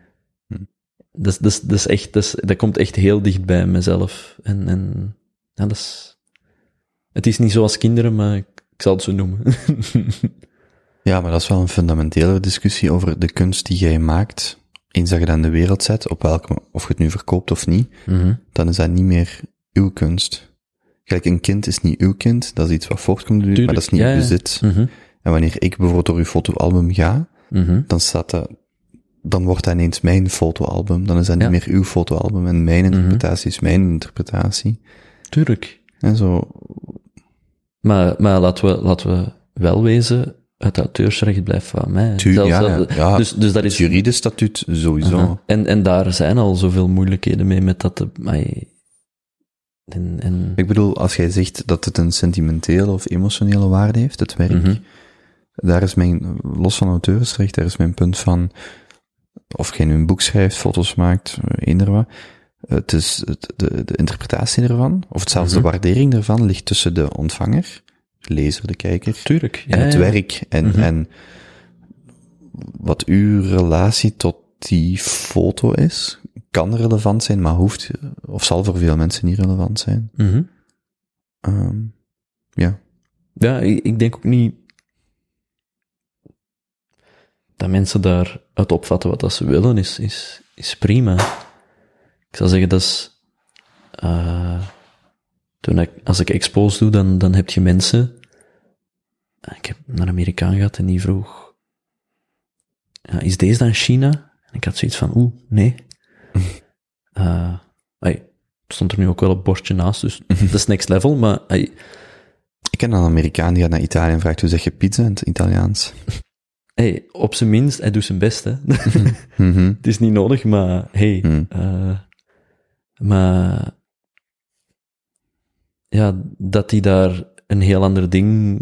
eh, Je hebt mensen die, die bijvoorbeeld die coverfoto zien van Hosseini en die zeggen van, ja, dat werk gaat duidelijk over overbevolking. En ah, dat maakt mij eigenlijk niet uit. Als, als dat is wat dat die daarin zien, dan, Hmm. of in voelen, dan is dat zo. Wat dat, waar dat ik niet mee akkoord ben, is dat mensen iets hebben van, dat is een tof foto, die is van mij. Ik ga daar nu iets mee doen voor mijn, ik ga met die foto eh, iets commercieel doen, waardoor dat ik daaraan ga verdienen. Dat, dat vind ik iets heel anders. Ja, ja. Begrijp Het, het verhaal is aan de interpretatie van de kijker, sowieso. Mm, Maar daar inderdaad om dat te zeggen van, nu mocht je daarmee doen wat dat je wilt. Ik denk, ik denk dat het ex- exposure, eh, want daar gaat het uiteindelijk over. Exposure is sowieso een, een, een nevenproduct van, van goed werk. En ik vind niet dat dat puur als een, als een, als een ding is van, zoveel mensen gaan uw werk zien, dus geef het maar gratis. Ik vind, en hoewel dat, dat ergens wel de vorm is van de economie, en ik snap het ook wel, doet dat wel pijn. En dat is ergens van, als het niet moet, liever niet. Want ik, ik weet niet, ik heb heel veel op die manier mijn portfolio gebouwd, maar Hmm. ik weet niet of dat, dat eigenlijk ooit echt wel ergens naartoe gaat. Ja, de vraag is ook, waar werkt je naartoe, hè? Is Mhm. het, gelijk opnieuw vanuit mijn standpunt, is maak heel veel gratis, want, of publiceer veel gratis, Mhm. en kijk wat het businessmodel daaruit is, maar niet het primaire, de, de gesprekken bijvoorbeeld. Dat is heel moeilijk om daar rechtstreeks een business uit te halen. Mhm. Eh, wat het equivalent voor u zou kunnen zijn, ik geef een aantal foto's, oh, of, of, of ik doe gratis shoots, of wat het ook is, maar het doel is zodat ik een portfolio kan bouwen en dan meer Mhm. corporate cliënten of Mhm. whatever het doel er ook achter is. Maar als je zegt, nee, het primaire, de foto's is waar ik het van wil hebben, ja, dan, dan moet je inderdaad niks, Mhm. waarom zou je dan ooit iets gratis weggeven of je rechten afstaan? Want ja, inderdaad, je kunt op voorhand niet, weet je niet welke foto eh, over 10, 20, 50 jaar relevant gaat zijn. Mhm. Ehm, dus waarom zou je daar risico pakken om de, misschien iets meer exposure te hebben, mm, als dat niet het doel is? Mhm. Ik denk dat dat ergens ook bijdraagt bij het idee dat dat, dat, dat iets is wat dan niet vergoed moet worden. Eh, ik, ik ben eens gaan kijken, zelfs gewone stockwebsites, er zijn een paar van de meest populaire, is 90% van de transactie gaat naar het platform. Hm. 10% naar de fotograaf. En eigenlijk, als dat een correcte fotograaf is, heeft hij ook zijn personen in beeld vergoed. Nu, die vergoeding die moet je geven, want die foto gaat je verkopen. En laten we ervan uitgaan dat dat gebeurt. Of dat je die verkoopt, die foto is nog iets helemaal anders. Dat is een gok. Eh, En dan, als je verkoopt, gaat 90% naar de tussenpartij. Hmm. En, en je merkt dat gewoon in heel veel businessmodellen, dat, eh, dat is een commodity geworden, dat is echt gewoon niet, en, en ik snap het. Ik vind trouwens ook, uh, ik zie heel veel mensen die, die altijd tegen mij zeiden van Frederik, fotograaf, ik koop gewoon een stokfoto. En dan krijg je een quarantaine. En dan krijg je de kooplokaal post. En ja, ik weet ook niet goed wat ik daar soms van moet vinden. Hmm. Hmm. Ik vind daar ook een bepaalde hypocrisie in zitten. Dat, ja. Het, het, het idee dat, en ik, ik snap van waar dat komt, maar ik denk dat er, ja, als je wilt dat dat, dat, dat blijft bestaan, dan moet je iets veranderen. Ik denk ook, als je naar media kijkt, heel veel, ik bedoel, we betalen niet zo graag voor, voor verhalen. Uh, dus verdienen heel veel media, is, is het verhaal niet meer het hoofdding, maar de aandacht of, of de, de, de sterke koppen die, die polariseren, waardoor dat je veel kliks krijgt. En, ay, het is een bedrijf met, die net zoals uh, een, een blogger of een whatever content moet maken waar dat veel mensen naar kijken om advertenties te verkopen. Uh, maar dan, dan verandert uw integriteit ergens ook. Dus de vraag is van, oké, je kunt daarin schuiven, maar, maar nou, waar gaat je naartoe? En ik pas op, ik, ik weet het ook niet, hè. Ik, mm. maar ik, dat zijn wel denkoefeningen die dat ik soms maak. Ja, ik zou zeggen, uw integriteit verandert mogelijk als nogal ad hoc, of in het beste geval of opportunistisch, in het slechtste geval is van, ik ga gewoon mee met een stroming en, mm -hmm. uh, maar het hoeft niet opportunistisch te zijn als het deel uitmaakt van een idee van, op deze of die manier ga ik mijzelf of mijn werk positioneren of, of mm. uh, er proberen een model in te krijgen.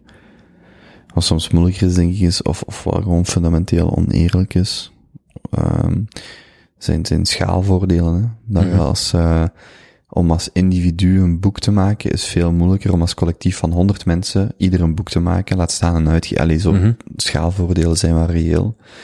Ik denk dat daar wel heel, heel wat moeilijkheden ontstaan. Mm -hmm.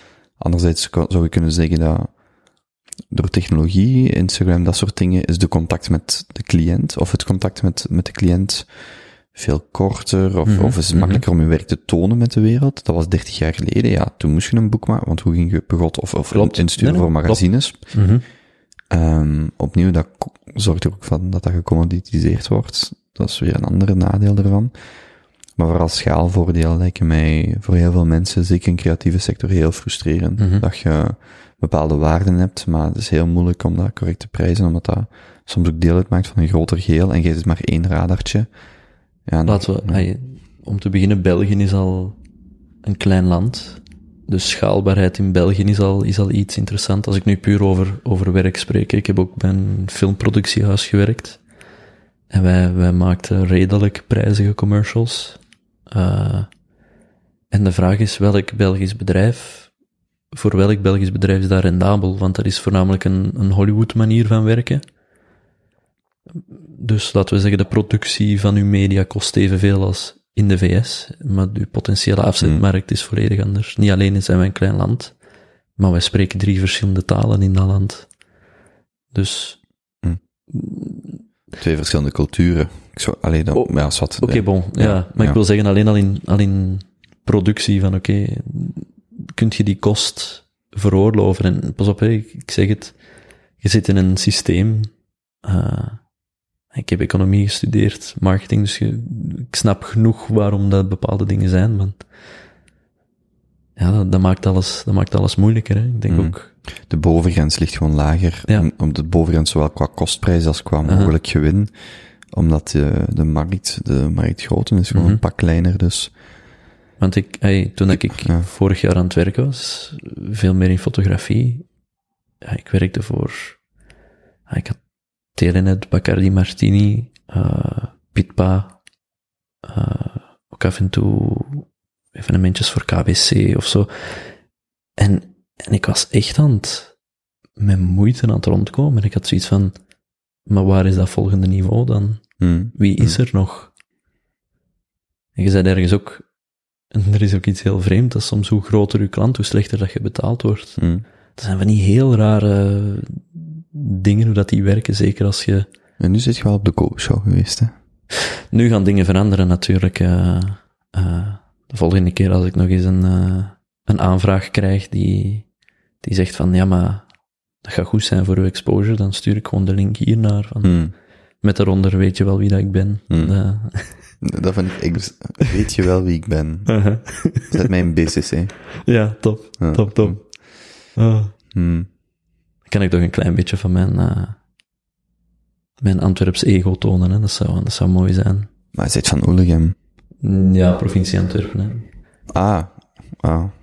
Om, om eerlijk te zijn, binnen Antwerpen telt dat niet, maar zodra dat je buiten de provincie Antwerpen bent, bent je dan van Antwerpen.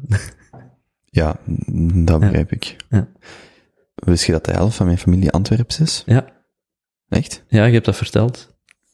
De, de achternaam van uw grootvader of zoiets was, daar was een link mee. hè. De La Faye en Mertens. Ja, voilà. De twee grootouders. Ja. Toevallig gewoon in Limburg opgegroeid. Nou ja, nee, nee, niet toevallig. Verhuisd, hè, voor de fabriek, of wat was het? Mijn grootvader. Ja. Voor Fort Genk is die... Mijn grootvader en grootmoeder zijn de Antwerpenaren. Mhm. Ehm, en die zijn in... Even denken. 55 of zo? 1955 naar eh, Limburg verhuisd. Eh dat zijn twee Antwerpenaren. Jij bent, jij bent een van de grootste, eh ja, hoe, moet ik dat zeggen? De, jij, dat is ook een van de topics die heel vaak terugkomt, is, is eh, jij spreekt met een bepaalde, jij zou een ambassadeur voor Antwerpen kunnen zijn, bijna. Als ik zo naar uw gesprekken luister over... Maar bedoelt je dan inhoudelijk? Eh, als in, dat is iets dat heel vaak terugkomt van, dat, en toen bent je naar Antwerpen gekomen en, en zo het hele van, Hm. wat dat daar rond, ja, Ik denk wel met veel in het buitenland te zitten. Ehm in Hamburg heb ik dat heel hard gehad. In Wenen ook, maar in Hamburg nog, nog, is, dat, is die zaad, is dat de kiem daarvan, denk ik. Zo het gevoel dat je fier moet zijn op je stad. En, en niet, Mm. niet enkel fier op je stad, maar mhm, dat, is, daar heb ik vorig jaar heel veel over nagedacht. En dat is wel iets wat ik ook graag eh, mensen meegeef. Of, of letterlijk afprint en mensen geef. Eh is een essay over cities and ambition.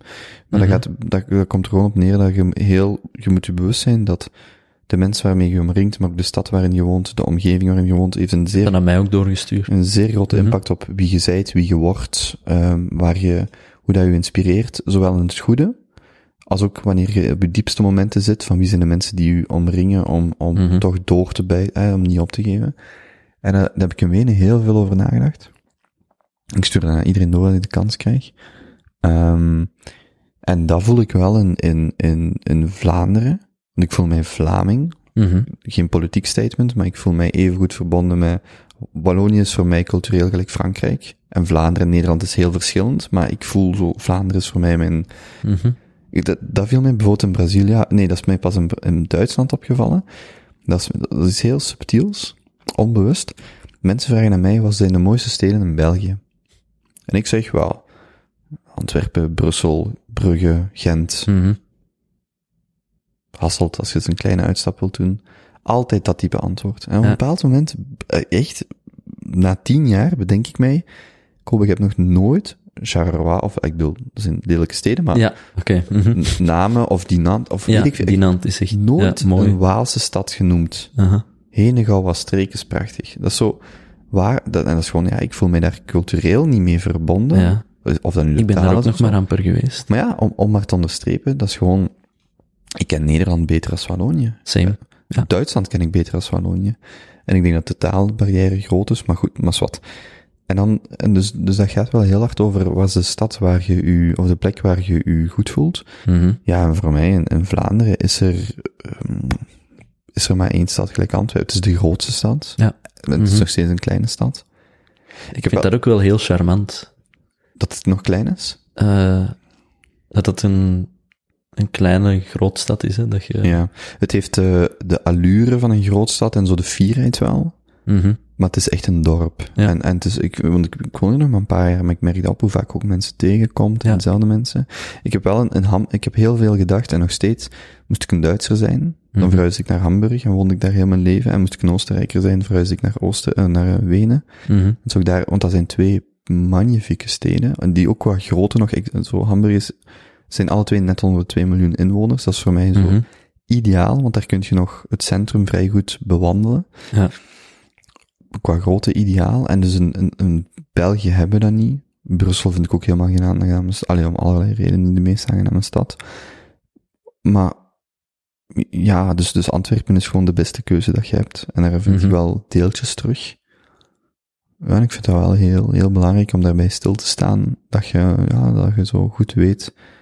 Ik vind dat heel leuk als de dingen elkaar versterken.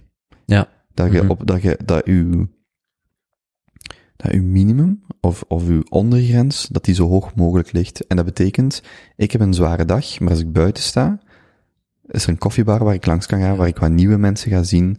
Of ik heb, of ik weet dat ik hier gewoon de tram moet pakken en 15 minuten erin zitten en ik in een of ander park sta, of zo, hè. Dat, dat je niet zo, ja, als je in een vrijstaand huis woont, maar dat is niet wat je per se wilt, in een wijk waar je iedereen kent, Mhm. waar dus zo ben ik opgegroeid.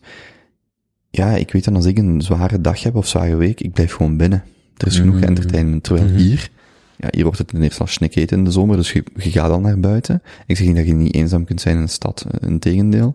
Maar ik heb zo dat, die energie, dat doet mij heel veel. Of het feit dat je nu nog om 12 uur s'nachts buiten kunt gaan en nog ergens een pint kunt gaan Ja. drinken of zo. Dat is zo, maar ik vind dat belangrijk, op dit Mhm. moment. Ja, Oh. dat snap ik. Ik heb dat... Het is ook wie dat je... Maar ja, dat zal... Lijkt mij logisch dat je dat inderdaad ook weet, maar wie dat je toevallig kunt tegenkomen. Ik weet dat ik in, in Rio, en dat is een van de dingen als ik naar een... Ja, naar een stad aan de kust ga, dan ga ik altijd kijken van... Is er ergens iemand die beachvolleybal speelt? Ik heb vroeger tien jaar volleybal gespeeld. Hm. Dat is zo een heel makkelijke manier om in een community te komen. Ik vind dat ook enorm leuk om te doen. Eh, en ik was, ik was vroeger niet zo slecht. Ehm, dus wat dat je altijd krijgt is, je gaat iemand benaderen en je gaat zeggen, ja, hey, kan ik eens meespelen? En in het begin mag dat niet. Dan moet je gewoon wachten. En dan gaat iemand u testen. En dan, ah, kom, zullen we wel wat sparren? En dan, oké, je Hmm. test wat.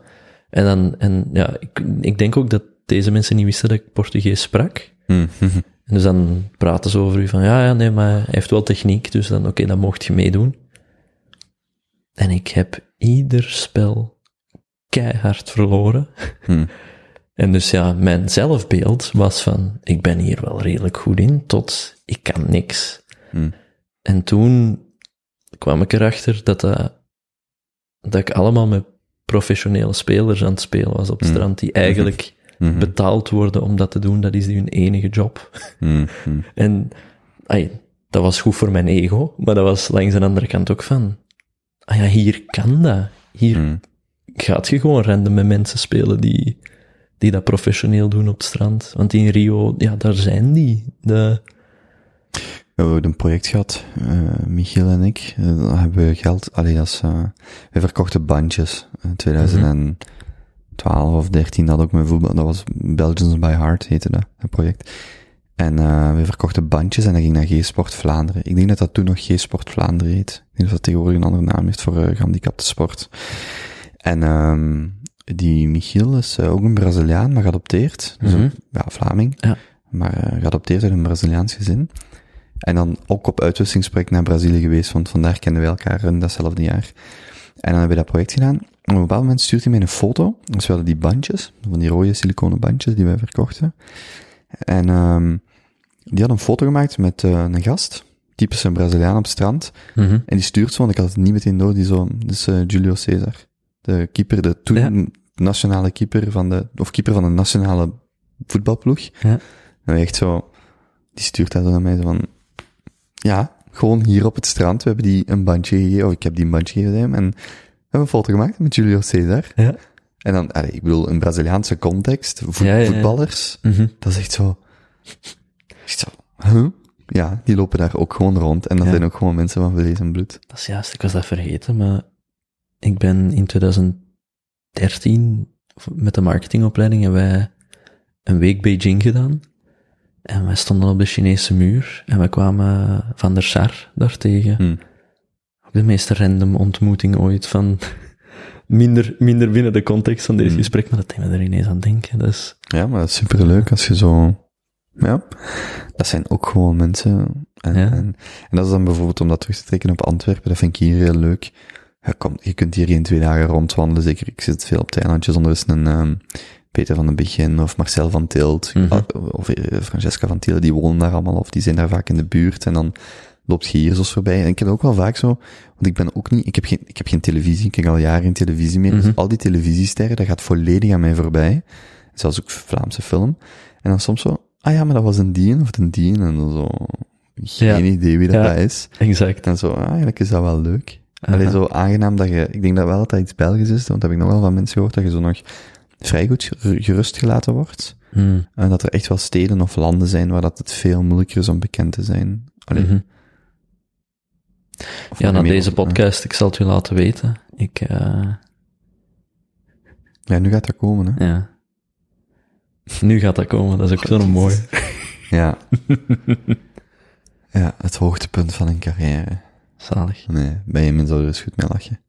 Ik, eh, ik heb trouwens wel een toiletbreak nodig.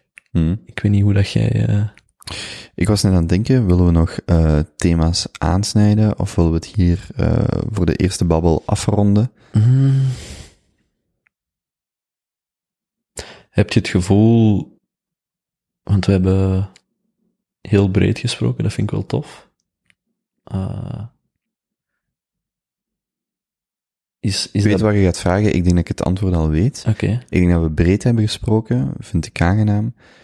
Er zijn onderwerpen waar dat we veel meer in de diepte kunnen gaan, Mhm. die we weinig of niet hebben besproken. Ehm, maar dan, dat is mijn aanvoelen. Mhm. Allee, weinig of niet, is misschien veel gezegd. Ehm, maar ik heb zo het gevoel van, ehm, de mogelijkheid is er om meerdere gesprekken te voeren. In, plaats van nog zo, zoiets ertussen te Oké, maar, dan, maar dan, dan vind ik het... Mhm. Als dat iets is wat dat jij zou zien zitten, want ik vind dat eigenlijk wel Ja. tof. Ja, komt eens langs en een beetje Mhm. babbelen, want ook daar, want we hebben het daarvoor of ernaast, naast deze opname ook veel over zo van, je, maakt, een- je gaat een gesprek aan, Mhm. en achteraf denk je misschien, ah, we hadden dit kunnen bespreken, of dat, Mhm. of dat, of dat. Mhm. En dan zeg ik altijd, soms heb ik dan nog mijn gasten, die zeggen, ah, maar ik had dat moeten zeggen. Ik zeg, oké, hou een lijstje bij je. Kom volgende week, volgende maand, volgend jaar terug. En we babbelen daarover. Dat is niet zo one-off. En dat soms, Mhm. Om dan niet zo van, ah, nu moeten we nog dit of dit gezegd hebben. En dan een kwartier later op de klok staan kijken of zo. Zo, nee. Als er dingen zijn waarvan je denkt, ah ja, dat vind ik... Het belangrijkste is, kun je een gesprek voeren. En het antwoord Mhm. is ja. Dus oké, als er dan dingen zijn waarvan je denkt, eh, maar eigenlijk wil ik daar nog wel eens wat meer over eh, vertellen of, of praten. Dan doe je dat. Tof. Oké. Prima. Ja. Als het een nummer twee is, dat is wel niet hier, want mijn wc-papier is op. Nee, nee, nee. Het is, eh het is eh de caipirinha. Ah. Eh, er is trouwens nog wc-papier. Oké, ja. oké. In ieder geval. Nee, eh, Dat doe ik ook, dus dat komt wel in orde. wat vond jij ervan? Eh, ja, het, het was misschien wel zoals dat ik het verwacht had. Ik heb van alles aangeraakt. En niet chronologisch, dus ik hoop dat mensen het ergens nog kunnen volgen, maar ik vond het wel heel, heel fijn. Ja. Ik, eh, het is ook veel chiller om in het Nederlands te podcasten dan in het Engels. Hm. Het eh, neemt een bepaalde druk weg van taal, dat je zo de, nog, nog je zin juist moet vormen. Dus ik, ik vond het heel aangenaam. Er is ook de, omge de parallel die jij maakte met je fotografie, is ook de parallel hier. Mhm, Je weet soms op het moment niet hoe waardevol iets is, mhm. totdat je er tijd over laat gaan. Exact, ja, ja, ja. Aha. En ja, ja, ja daar is het eigenlijk mee gezegd. Maar zo, dat is soms ook niet helemaal duidelijk van, misschien beseft je morgen hoe waardevol iets is, misschien pas over tien jaar of zo bij wijze van spreken. Oh, ja, ja. Dat is, dat is, dat is ook zalig, omdat En dat is, ik weet niet of dat je dat met gesprekken kunt doen, maar de moment dat je losse foto's gaat bundelen in een boek en nog eens met je meest, uh, ja, met, bijvoorbeeld vorig jaar toen ik het meeste kennis tot dan toe had over Brazilië, teruggaan naar dingen die ik gewoon gedocumenteerd had zonder er meer over te weten. Hmm. Hoe dat u de prioriteit van beelden shiften van dat vond ik vroeger een goede foto en nu vind ik die vrij leeg en die andere zoals die, die man die daar lag met Avila mee in Venezuela ja, ik kon die zin niet lezen in 2015 Hmm. en plots heeft dat wel iets leuk of zo en dan maar ik weet niet, ku- kunt je naar podcasts, zeker als die longform zijn, zo terugkijken en zeggen voor bijvoorbeeld uzelf? Als je zo een rode draad door je eigen ding van, zo, zo vind ik nieuwe waarden in oude gesprekken, of, of hangt dat dan af van de mens met wie dat je gesproken hebt? Bedoelt je of het voor mij afhangt of voor die mens? Ah, voor u bijvoorbeeld, want jij Hmm. creëert ook, hè. Jij vertelt andere mensen hun verhaal op een bepaalde manier, wel op, met uw saus, maar dat is wat dat ik doe ook, hè. Lens. Doorheen mijn lens. Ja. Ehm, anders ga ik commentaar krijgen. Ehm, ja, maar dat is altijd een moeilijke discussie om met elke individuele... dat- nee, jij gaat dat begrijpen. Als, als jij een foto van iemand hebt gemaakt en die vraagt aan u, is dit de beste foto die je ooit hebt gemaakt? Bijvoorbeeld, of zet je, te- zelfs, zet je tevreden van die foto? Mhm. Dat is soms heel moeilijk om te zeggen, want waarin kadert dat? Waar maakt dat deel Mhm. van uit? Wat is Mhm. het verhaal? En dat is misschien technisch een heel goede foto, maar hij past misschien niet binnen wat je wou maken. Mhm. En soms misschien omgekeerd. Het is een verschrikkelijke foto technisch gezien, maar die representeert exact wat het Ja. gevoel is. Mhm. Wat mij betreft hier gaat het er vooral om, maakt je een reeks van, ja, maakt je een reeks, in dit Mhm. geval van gesprekken. Zit er een bepaalde lijn in? Zit er een bepaalde kwaliteit in? Zijn het een type gesprek? Hoe- Wat zijn de, de randvoorwaarden? Is er altijd ruimte geweest? Zijt je begripvol geweest? En die dingen, als geheel vind ik belangrijker. Je wilt, parallel met, het, met de persoon voor je lens, je wilt niet zeggen van, jij doet er niet toe, maar er is een geheel, er is een context die je ook Mhm. moet kunnen zien. En dus Mhm. daarom, wanneer bijvoorbeeld iemand tegen mij zegt, ja, in die aflevering heb je die vraag verkeerd gesteld, of dat dus of zo, mij doet dat heel weinig, omdat dat voor mij een, is dat een, een reeks van gesprekken dat je maakt, en sommige, eigenlijk zou je nog blij moeten worden dat één heel goed is, zo gezegd, en Mhm. nog ontevreden dat één niet goed is. Dat is gewoon, Mhm.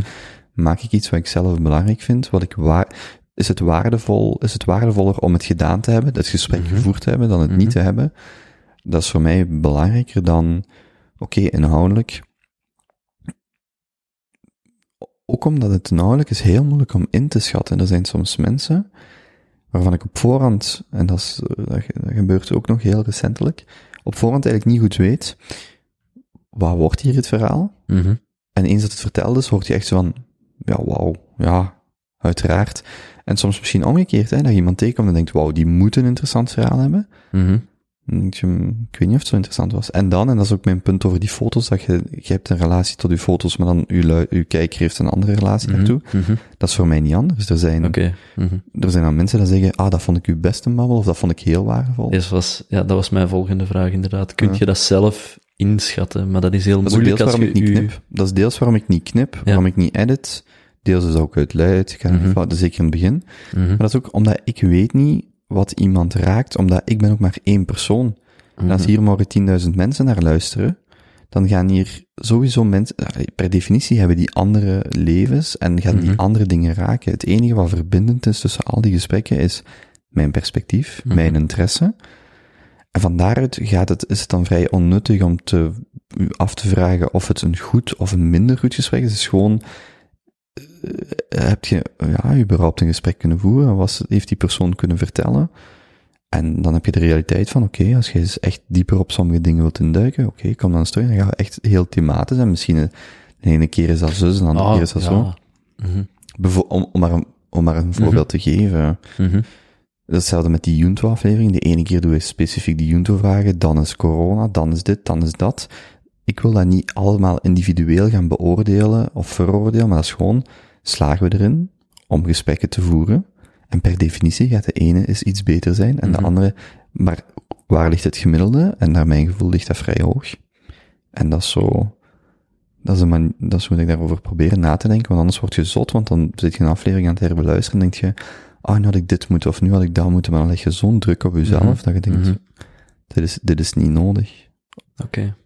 En je leert van elke keer bij, zoals die lamp, ik merk dan nu dat dat vermoeiend is om daar een lichtpunt te hebben. Mhm. Maar dat heb ik dan weer voor volgende keer. Ja. En zo bouwt je gewoon verder. En, want dat is ook zo, en dan kun je naar het toilet gaan, want anders eh, zijn mijn stoeltjes zelfs vettig. Maar dat is wat mensen, inclusief ikzelf, je mocht dat niet onderschatten. Ik luister naar een Joe Rogan vandaag, maar die gast is al tien jaar bezig. Als die bij elke aflevering zich had afgevraagd, is dit mijn beste werk ooit? Mhm. dan doet je niet verder, want daar word je knettergek van. En hoe bekender je wordt, hoe moeilijker, want iedereen heeft een Mm. mening. Iedereen Mhm. heeft, en je hoort vaak nog enkel de negatieve. Allee, m, vooral de negatieve, niet enkel. Of zo, of die blijven nu het meest Ja. bij. Sorry, nee, ik, ik, ik krijg veel meer positieve reacties, maar de negatieve doen nu precies Ja. altijd zo iets meer.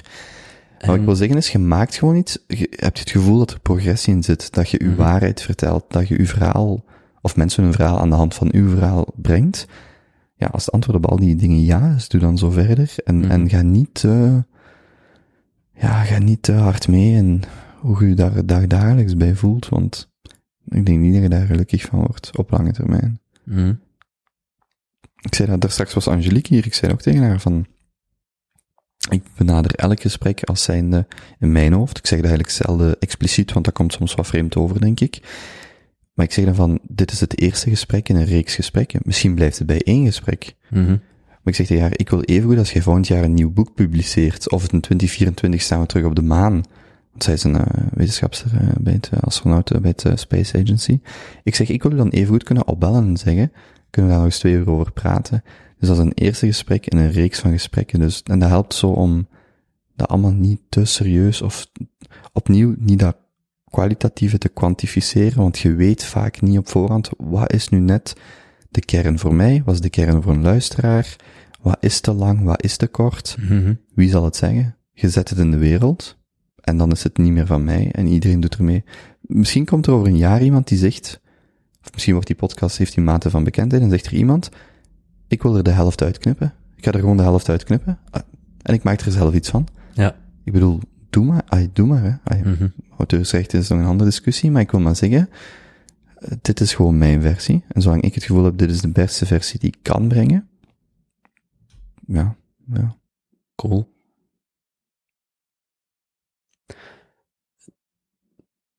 Over zo'n dingen kan ik lang doordrammen, Mhm. Nee, eh, het is, het is inderdaad interessant omdat ik denk dat, hoewel dat dat niet hoeft te zijn, maar het verschil tussen een foto nemen in Brazilië en die bijvoorbeeld aan de muur in New York te hebben hangen, daar zit heel veel tijd tussen.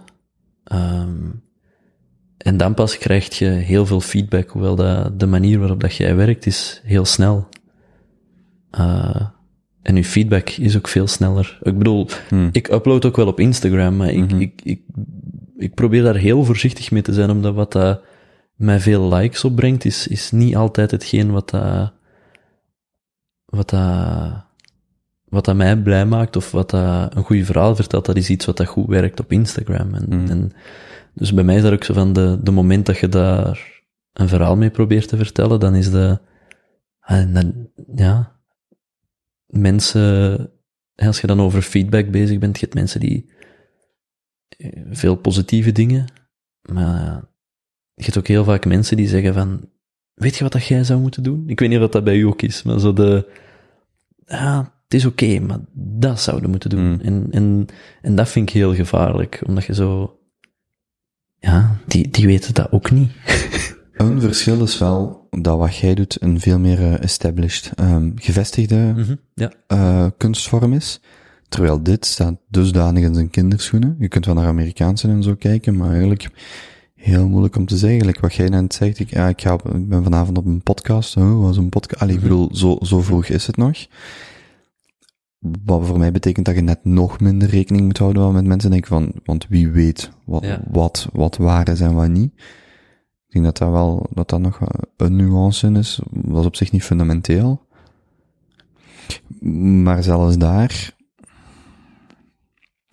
feedback is sneller, maar de, de, de, de consumptie ervan, of de waarde ervan, is zo verschillend. Wat ik, eender welke serie die wij als kinderen keken, Mhm. thuis, of, Euros, of zelfs films, of whatever, je ging voor je televisie zitten, dat was een familiemoment, en je keek dat. Dat had, een, dat had voor quasi één ieder dezelfde rol. Mhm. Na het avondeten kijken we samen thuis, en dan gaan we slapen. Dat was de rol van dat programma. En dat was veel homogener. Als je dan vroeg aan je, aan uw kijkers, wat vind je ervan? Ja, dat was een vrij homogene groep dat daar naar keek.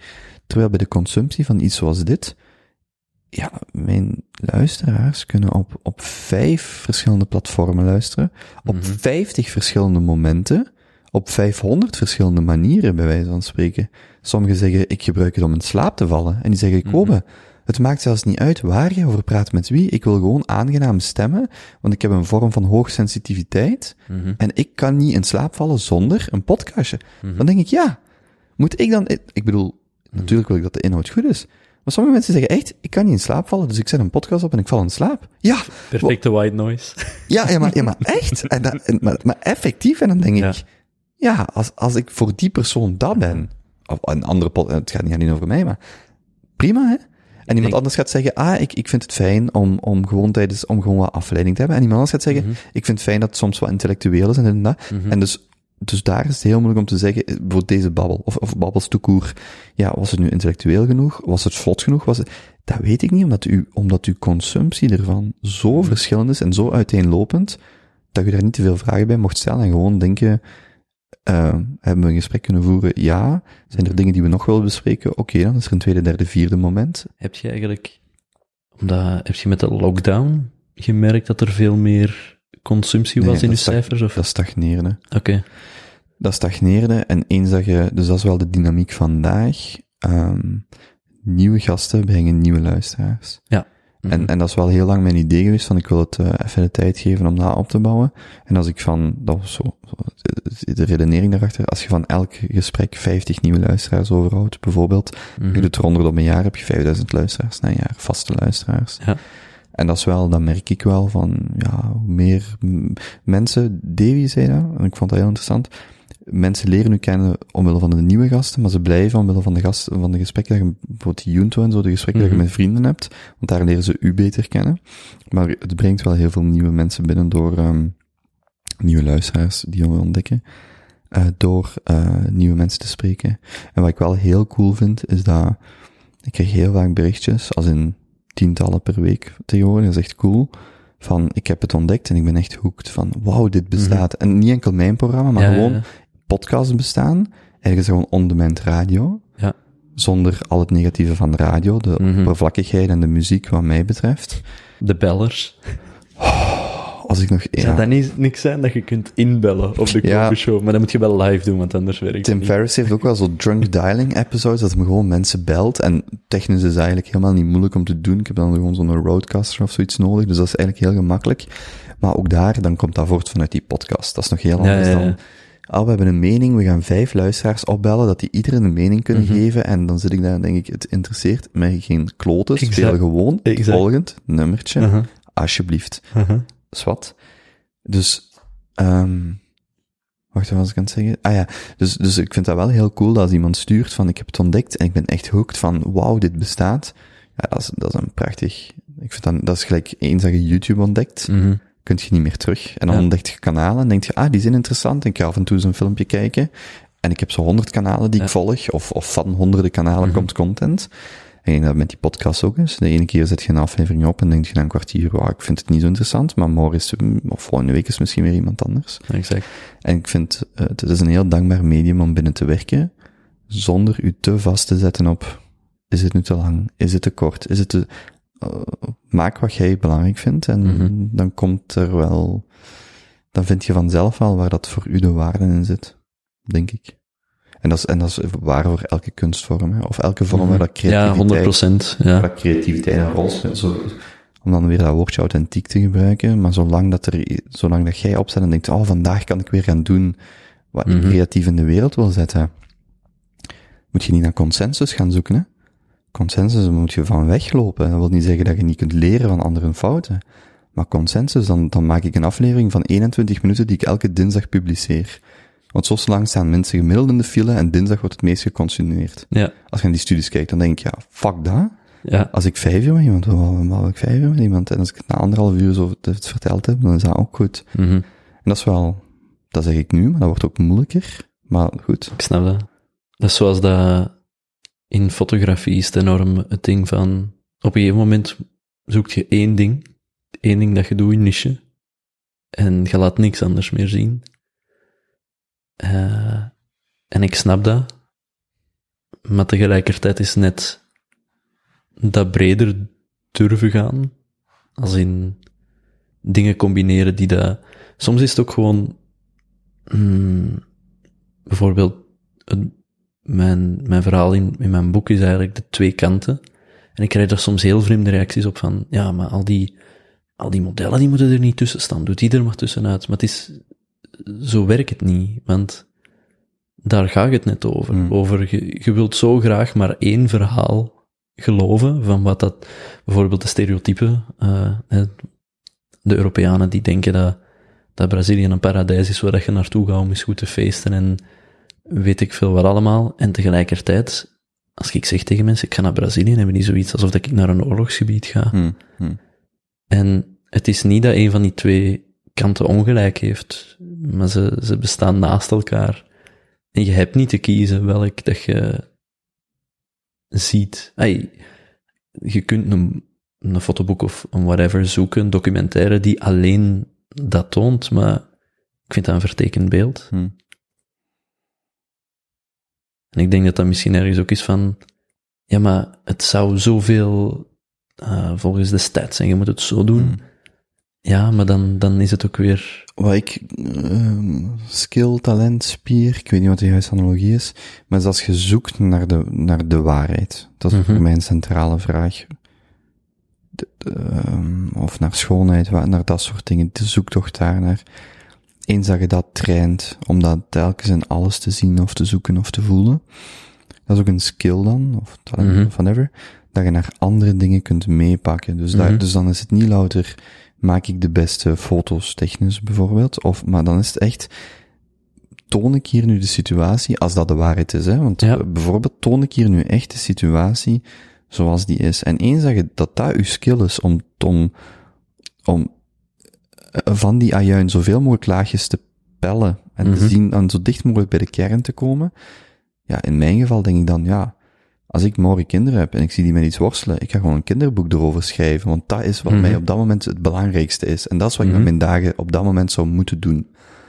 Weet ik veel, hè. Ehm, en dat denk ik wel dat belangrijk is, als je zelf probeert ehm, inspireren, motiveren om telkens zo, zoveel mogelijk na te denken of, of aan te voelen van wat is nu de kern van wat ik probeer te doen, dat dat wel een heel, eh, een heel waardevolle manier is om naar dingen te kijken, een beetje de bullshit erbuiten, erbuiten te laten, los nog van wat uw creatieve eh, outlet, eh, uitlaatklep is mhm, dat die dingen heel makkelijk transporteerbaar zijn. De vorige Mhm. keer dat je in een meeting zit, zit je daar en zeg je, jongens, was de kern? mhm. Oké, goed, door. Allee, dat is dan, dat is dan voor mij, dat, dat, dat is gewoon meeneembaar naar verschillende domeinen en dat vind ik wel, ja, ik vind dat waardevol. Mhm. Ja. Je leert heel veel met deze te doen, hè? Zelfs over dingen die er niks mee te maken hebben. Ja, je leert, want ik, ben nu, ik ben die aflevering aan het herbeluisteren van Mar- uh, Mark Maron, heel bekende, of vrij bekende Amerikaanse podcaster. Die heeft zo een duizendste aflevering gemaakt, na tien jaar ook. Mhm. Eh, tien jaar podcasten, twee afleveringen per week. Ik ben hem nu aan het herbeluisteren. Die heeft zo Barack Obama in 2014, 15 gesproken. Dat was echt wel de doorbraak van podcasting in Mhm. de VS. Eh, gigantisch evenement. En die vertelt daarover. En die zegt ook, ja, die podcast, dat is ook zo een beetje mijn audiodagboek. Want aan de hand van de vragen die ik stelde, weet ik in welke periode van mijn leven ik zat. Ja. En dat, dat hoor ik zelf ook. Mhm. Mhm. Ik hoor heel goed, daar was ik toen mee bezig, daar was ik toen mee bezig. Toen is, toen is Sorel, mijn petekindje, geboren en Ja. toen heb ik daar veel over gepraat. Allee, je Mhm. dat gewoon, dat Mhm. is heel cool. En dan, ja, je, je praat met mensen. Ik zeg dat soms zo, van mijn, mijn job is eigenlijk om uh, aan iedereen te vragen wie is de interessantste mens dat je kent. En ik ga ermee Mhm. babbelen, zonder verwachtingen of zonder... Ja, super cool. Dus op meerdere vlakken is dat wel is dat, is dat spannend. De vraag is natuurlijk, oké, hoe, hoe ziet de toekomst eruit? Hè? Hoe wilt je dat? Wat, wat, wat is uw ambitie daarmee? Maar gisteren was dan Sammy uh, Medi hier. Um, en zei ik ook, ja, hoe langer je zoiets doet, hoe meer je ook begint te denken over dingen zoals, oké, okay, wat is mijn maatschappelijke rol bijvoorbeeld? Als dit, als dit groter wordt, Mm -hmm. wat, wat, wat wil ik? ik? Ik maak bijvoorbeeld de keuze om wel met politici te spreken. Ja. Oké, okay, denk daar eens goed over na. Wie wel, wie niet, waarom wel, waarom niet, waar leg je de grens? Waarom wel Dries van Langenhoven, of een, waarom dan ook een Raoul Hedebouw, waarom niet? Waar, waar als iemand veroordeeld is, of waar trek je die, zo al dat soort dingen. Mm -hmm.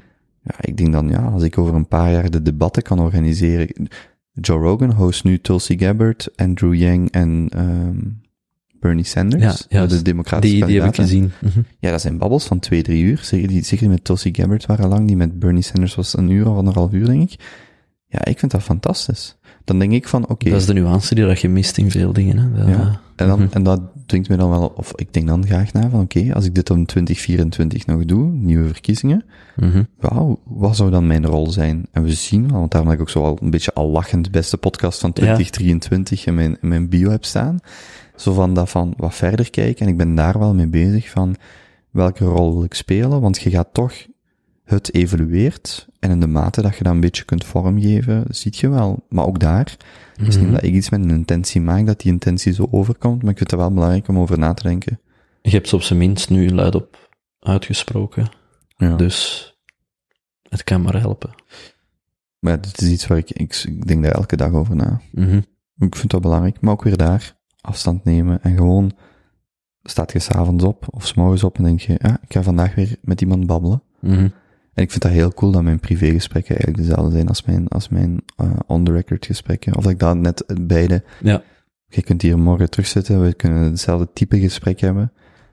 Um, dat is niet dat ik dan denk, ah, nu ben ik in podcastmodus en nu niet. Nee, dat is Mhm. gewoon, ik ben gewoon geïnteresseerd. En Mm -hmm. net zoals ik u, als wij hiervoor hebben gegeten, dan stel ik me ook niet de vraag, oei, is dit nu wel interessant waar wij over babbelen? Nee, je zit gewoon aan het babbelen. Mm -hmm. Allee, en mm -hmm. ik vind dat, ik denk dat dat de sterkte is van dit medium. En dat is wel zoeken, vallen en opstaan. Maar uh, al bij al dankbaar uh, om mee bezig te zijn. Dus ja. Er zal trouwens ook nog wel eens een, um, een Portugees en Duitse aflevering volgen. Ik zit al langer in mijn hoofd om toch misschien eens terug naar Brazilië te gaan. Een Mhm. paar weken rond te trekken, een soort van mini-af. Ja. Ik, weet nog niet exact wat. Ik ben aan het Ik heb babbelen. dat eens gezegd. Ik Ja, ben ook aan het je- babbelen met een Duits topjournalist van Die Welt. En, hij- Mhm. en die tweet heel wel in het Engels. Echt zo Oké. 120.000 volgers of zo. En ik stuur die een bericht. Ik zou, ja, ik zou graag met u willen babbelen. Van, vanuit het Belgisch perspectief, omdat wij heel veel, zeker wel politiek en, en, en maatschappij, toch naar Duitsland kijken. En zeker politieke richting. Ik zeg, ik zou heel graag vanuit mijn Belgisch-Vlaams perspectief met u komen praten. En die zegt zo, ik wil het wel doen, twee uur, maar in Duits. Mijn Engels is niet genoeg om twee uur lang Engels te Mhm. praten. Nu ben ik zo'n beetje aan het twijfelen van, ja, ik wil het vooral doen voor mensen, luisteraars van hier, Mhm. voor dat Duits perspectief. Maar ja, als ik het in Duits doe, hoeveel mensen gaan kunnen luisteren? Ja, ik niet. Maar tegelijkertijd denk ik dan, hoe cool is dat? Dat, dat, dat, dat interesseert mij dan wel. Zie, ik zie mij echt al naar, want het zou niet de eerste keer zijn, naar Berlijn tafelen Ja. en gewoon twee uur lang met een Duitser gaan babbelen in Doe dat, doe dat toch gewoon. Dat is, Ja, maar dat ik ga dat ook doen. ja, jong. Daarmee is het ook de Kobe-show. Ik Mhm. wil, ik doe, ik doe wat ik wil. Maar dat is zo, dat zijn allemaal kleine dingen waar ik aan denk. En als ik nu een mini-reeksje in Brazilië wil maken, of met Duitsers wil gaan babbelen, er zijn ook al Engelstalige mensen gekomen, Ja, als dan je- doe ik dat gewoon. Als je zou kunnen, het zou een heel interessant moment zijn om een reeks te maken in Brazilië ook. Ik weet niet Hmm. in hoeverre dat, dat verantwoord is nu. Maar eh, er zijn daar heel serieuze verhalen te vertellen nu, Hmm. denk ik. Het is ook omdat... Ik heb ook geen tv en ik volg het nieuws momenteel... Het, nu terug iets meer, maar echt in, in de, de piek van, van lockdown heb ik, ben ik echt gestopt met te volgen, omdat ik merkte dat dat...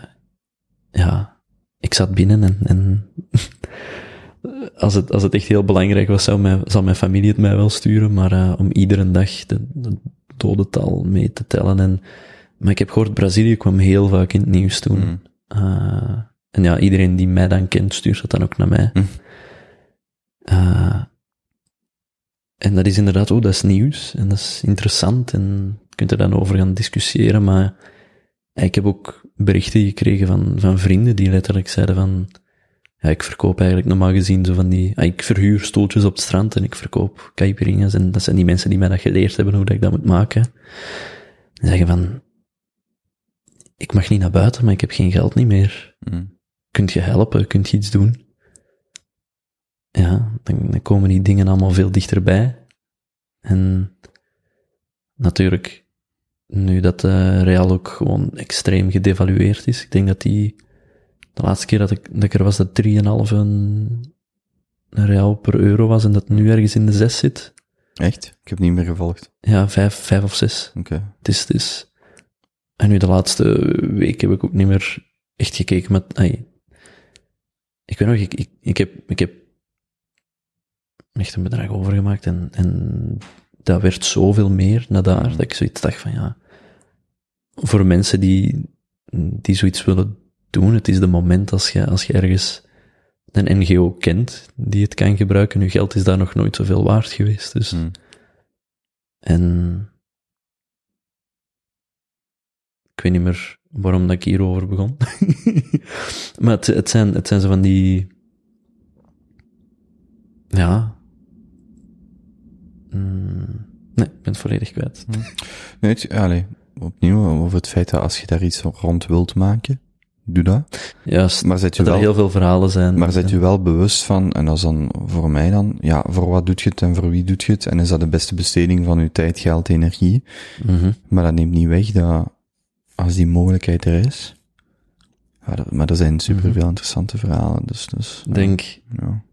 net zoals dat ik in São Paulo toen een favela ben ingegaan om daar een realiteit te documenteren. Die mensen snapten, ah, waren in het begin heel wantrouwig. Ik heb daar ook iemand die mij vergezelde 20 minuten moeten laten discussiëren om mij daar binnen te krijgen. Ehm, nu, ik heb die foto's genomen. Welke toegevoegde waarde heeft dat voor die mensen gehad? Eh, vrij weinig. Op die moment, behalve dat ze eh, voor het eerst iemand hadden die, die geïnteresseerd was in, in, in hun realiteit. Eh, en uiteindelijk worden die beelden, ik heb met drie NGO's samengewerkt, omdat iedere keer als ik ergens naartoe ga waar het ook moeilijker is, is het makkelijker om samen met een NGO favela in te gaan. En die beelden worden nu nog allemaal gebruikt om daar eh, geld voor, voor op te halen en om, om, en dat is dan mijn medium en, maar je kunt ook een verhaal opnemen wat dan misschien de eerste drie maanden geen, geen nut lijkt te hebben. Hm. En dat dan gebruikt kan worden om wel te communiceren voor, voor iets groter. Ik denk dat, ik heb nu ook een samenwerking met een galerij in Rio de Janeiro. En die verkopen mijn werk en, mijn percentage gaan, gaan naar die NGO's waar ik mee, mee heb samengewerkt.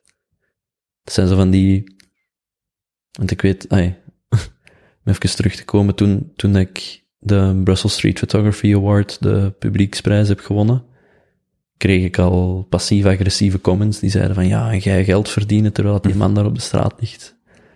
Dat is een harde realiteit, want ik kreeg daar helemaal geen geld voor. Dus, Mm, maar tegelijkertijd, ja, je probeert ook aan iets te bouwen dat hopelijk self-sustaining wordt, dat je, dat je iets kunt, kunt maken dat, oké, ik heb daar een foto getrokken en je kunt die mens geld geven, maar hoeveel cooler is het dat, dat daar misschien een ecosysteem ontstaat, waar dat u, uw werk, waar dat je inderdaad ooit iets, iets moeilijk hebt vastgelegd, dat dat ja, een soort van, van filter kan zijn, dat dat toch wel terug naar die communities gaat, maar niet gewoon op korte termijn.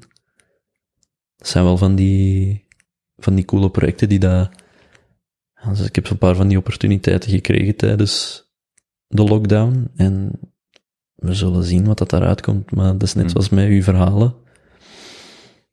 Op het moment zelf is het van, ja, maar wat hebben die mensen daaraan als ik daar een interview ga doen, maar dat kan, dat kan iets veranderen, dat weet je niet. Oh, en ik heb ook wel twee heel concrete voorbeelden. Eh, ehm, mijn neef was er straks hier, die heeft eh, dat Freakonomics boek meegenomen.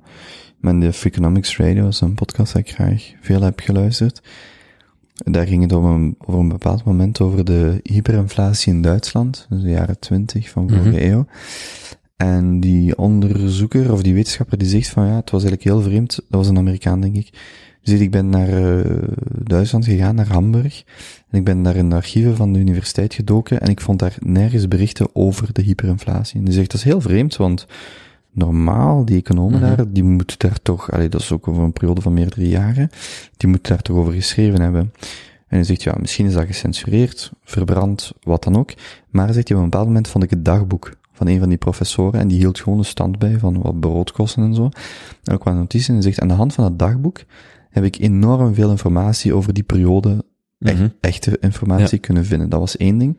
En het andere is The Undoing Project. Dat is een boek van eh, Michael Lewis over eh, twee psychologen, over Daniel Kahneman en Amos Tversky. En op een bepaald moment is hij met ehm, Malcolm Gladwell, dus Michael Lewis en Malcolm Gladwell, ze gaan in gesprek over dat boek dat hij net geschreven heeft. En hij, hij, hij vertelt hoe dat hij ergens toevallig ehm, eh, een interview vindt van meerdere uren, vier of vijf uur, met die twee op het moment dat een relatie, een professionele relatie, echt op, op ontploffen stond. En die zegt ook, ja, dat, is een of ander op, dat was een of ander obscuur interview van een Mhm. reeks waar dat ze met duo's gingen babbelen, dus mensen die samen onderzoek deden, waar dat dan één een prijs had gewonnen, dat was zo nooit uitgezonden, dat lag gewoon Ja. ergens in archief. Mhm. En op het moment dat Michael Lewis zei van, ja, dat heeft mij zo geholpen natuurlijk om dat verhaal te vertellen, want dat is een, dat is een goudmijn aan informatie, want je kunt Mhm. er enorm mee verder. Dat zijn zo, dat zijn twee voorbeelden die bij mij zo echt blijven van, je weet op het moment zelf niet wat iets waard is, en haal daaruit, voor mij, doe het gewoon, Mhm. want het enige wat je weet, als ik het niet doe, dan gaat het niks waard zijn, want het is er niet. Voilà. En als ik het gedaan heb, misschien is het inderdaad waardeloos, maar Mhm. misschien, ik bedoel, er zijn mensen, dat is heel, dat is een beetje luguber, maar ik ben zeker dat er zijn mensen die, als je je verhaal komt vertellen en de dag erop zou overlijden, verdoor, ik zou als familielid heel blij zijn dat ik nog eens gewoon, allee, dat zei, nu romantiseer ik het, maar er zijn, er zijn echt legitieme redenen om Maar- gewoon te maar- zeggen, ik doe dat. Als, ja, ik zeg het als, als, eh, mijn moeder verloren te hebben toen, dat ze, toen ik veertien was en eigenlijk haar nooit echt gekend te hebben, want daarvoor was zij ziek. Ik kan mij haar niet meer herinneren toen dat ze gezond was. Hm. En ja, toen was ik een kind. Toen, dus ik moet nu een zoektocht doen. Eh, de waarde die iets als dit zou hebben. Ze- En daarmee ook dat, ik weet niet meer, een van uw vorige gasten zei ook van, ja, ik praat niet graag over de dood. En hoewel dat ik dat snap, vind ik dat, vind ik dat soms heel erg jammer. Omdat, dat kan, dat kan heel veel meerwaarde hebben als je daar soms over praat en bij stilstaat voor, voor anderen. Hm. Soms ook omdat het heel dichtbij komt, hè. En net dan kan het ook helpen van... Nee, wacht. Ik, ik weet over wie het gaat en ik weet ook de reden waarom. Ik ga daar geen, voor de rest geen assumpties over maken, Mhm. maar het komt terug op het punt van... ehm als het er niet is, gaat je het nooit weten. Als het Ja. er is, heb je de keuze om er al dan niets mee te doen. En dat vind ik wel waardevol. Mhm. Zonder ook weer a priori die waarde eraan toe, van wij moeten dit opnemen, want het zou ooit waardevol. Dat is ook niet de juiste redenering, maar het is wel van, en dat is niet enkel in dit, dat is een creatieve ding in het algemeen. Mhm. Er zit een waarde, en de moeilijkheid in creatief werk is dat die waarde niet één op één of niet direct zichtbaar is. In, het beste, Mhm. in sommige gevallen is die nooit in uw leven zichtbaar. Ja. Wie weet. Mm, Maar als ik dan kijk, bijvoorbeeld in mijn boekenkast, de mensen die me inspireren, er zitten er genoeg tussen die nooit de publicatie van een boek hebben gezien. Mhm. En toch ben ik verdorie blij dat ze het ooit geschreven hebben. Ja. En dat is zo... Ja, ik denk dat mensen die soms kritiek hebben, zeker op creatief werk, dat die dat niet... Ik denk echt, want ik weet dat je al eens tegen iemand hebt gezegd van... Want ik wist dat dat een fan was van 1984, van het Mhm. boek van George Orwell. Ik zeg, Mhm. dat is gepubliceerd na zijn dood, hè. Die heeft daar nooit, die heeft daar nooit de, de, de krediet voor gezien of gekregen Mhm. voor dat boek. Had hem het dan niet moeten doen. Had hem gewoon moeten zeggen, nee, ik ga het niet publiceren, ik pak het in mijn graf mee. Je weet dat niet op voorhand, dus maak het. En dan ziet je wel. En dat is wel, ik vind dat toch een, een aangenamere manier om over je werk te denken. Mhm. Als zo wat cynisch of zo, het maakt allemaal niet uit, of dat zo kapot relativeren, zo, nee. Maak het en als het goed voelt, voelt goed. Exact. En ik ben blij dat wij deze podcast gemaakt hebben. Goed, dan, eh is ook officieel de langste ooit. Yes, Weer een record. yes. Dat kun je op je cv zetten. Weer een eh, award die bij op mijn eh, Instagram-page kan komen. Eh, jee. Mooi zo. Goed, dan ehm heb je al op mijn, op mijn stoel geplast? Nee, Oké, het is nog wel gelukt, maar tijd om af te ronden. Ja. exact. Goed, dan eh Frederik, eh, wacht, zeg nog snel, waar kunnen mensen u vinden, meer over u ontdekken? Ehm, op Instagram, at Frederik met CKVG. Eh, en mijn website www.frederikvangrootel.com. Ik denk dat we die ergens gaan moeten. In de show notes. ja, Dat kan ik. top. Goed, dan... Super. Nog eens bedankt en tot de volgende. ja, tot de volgende. Top.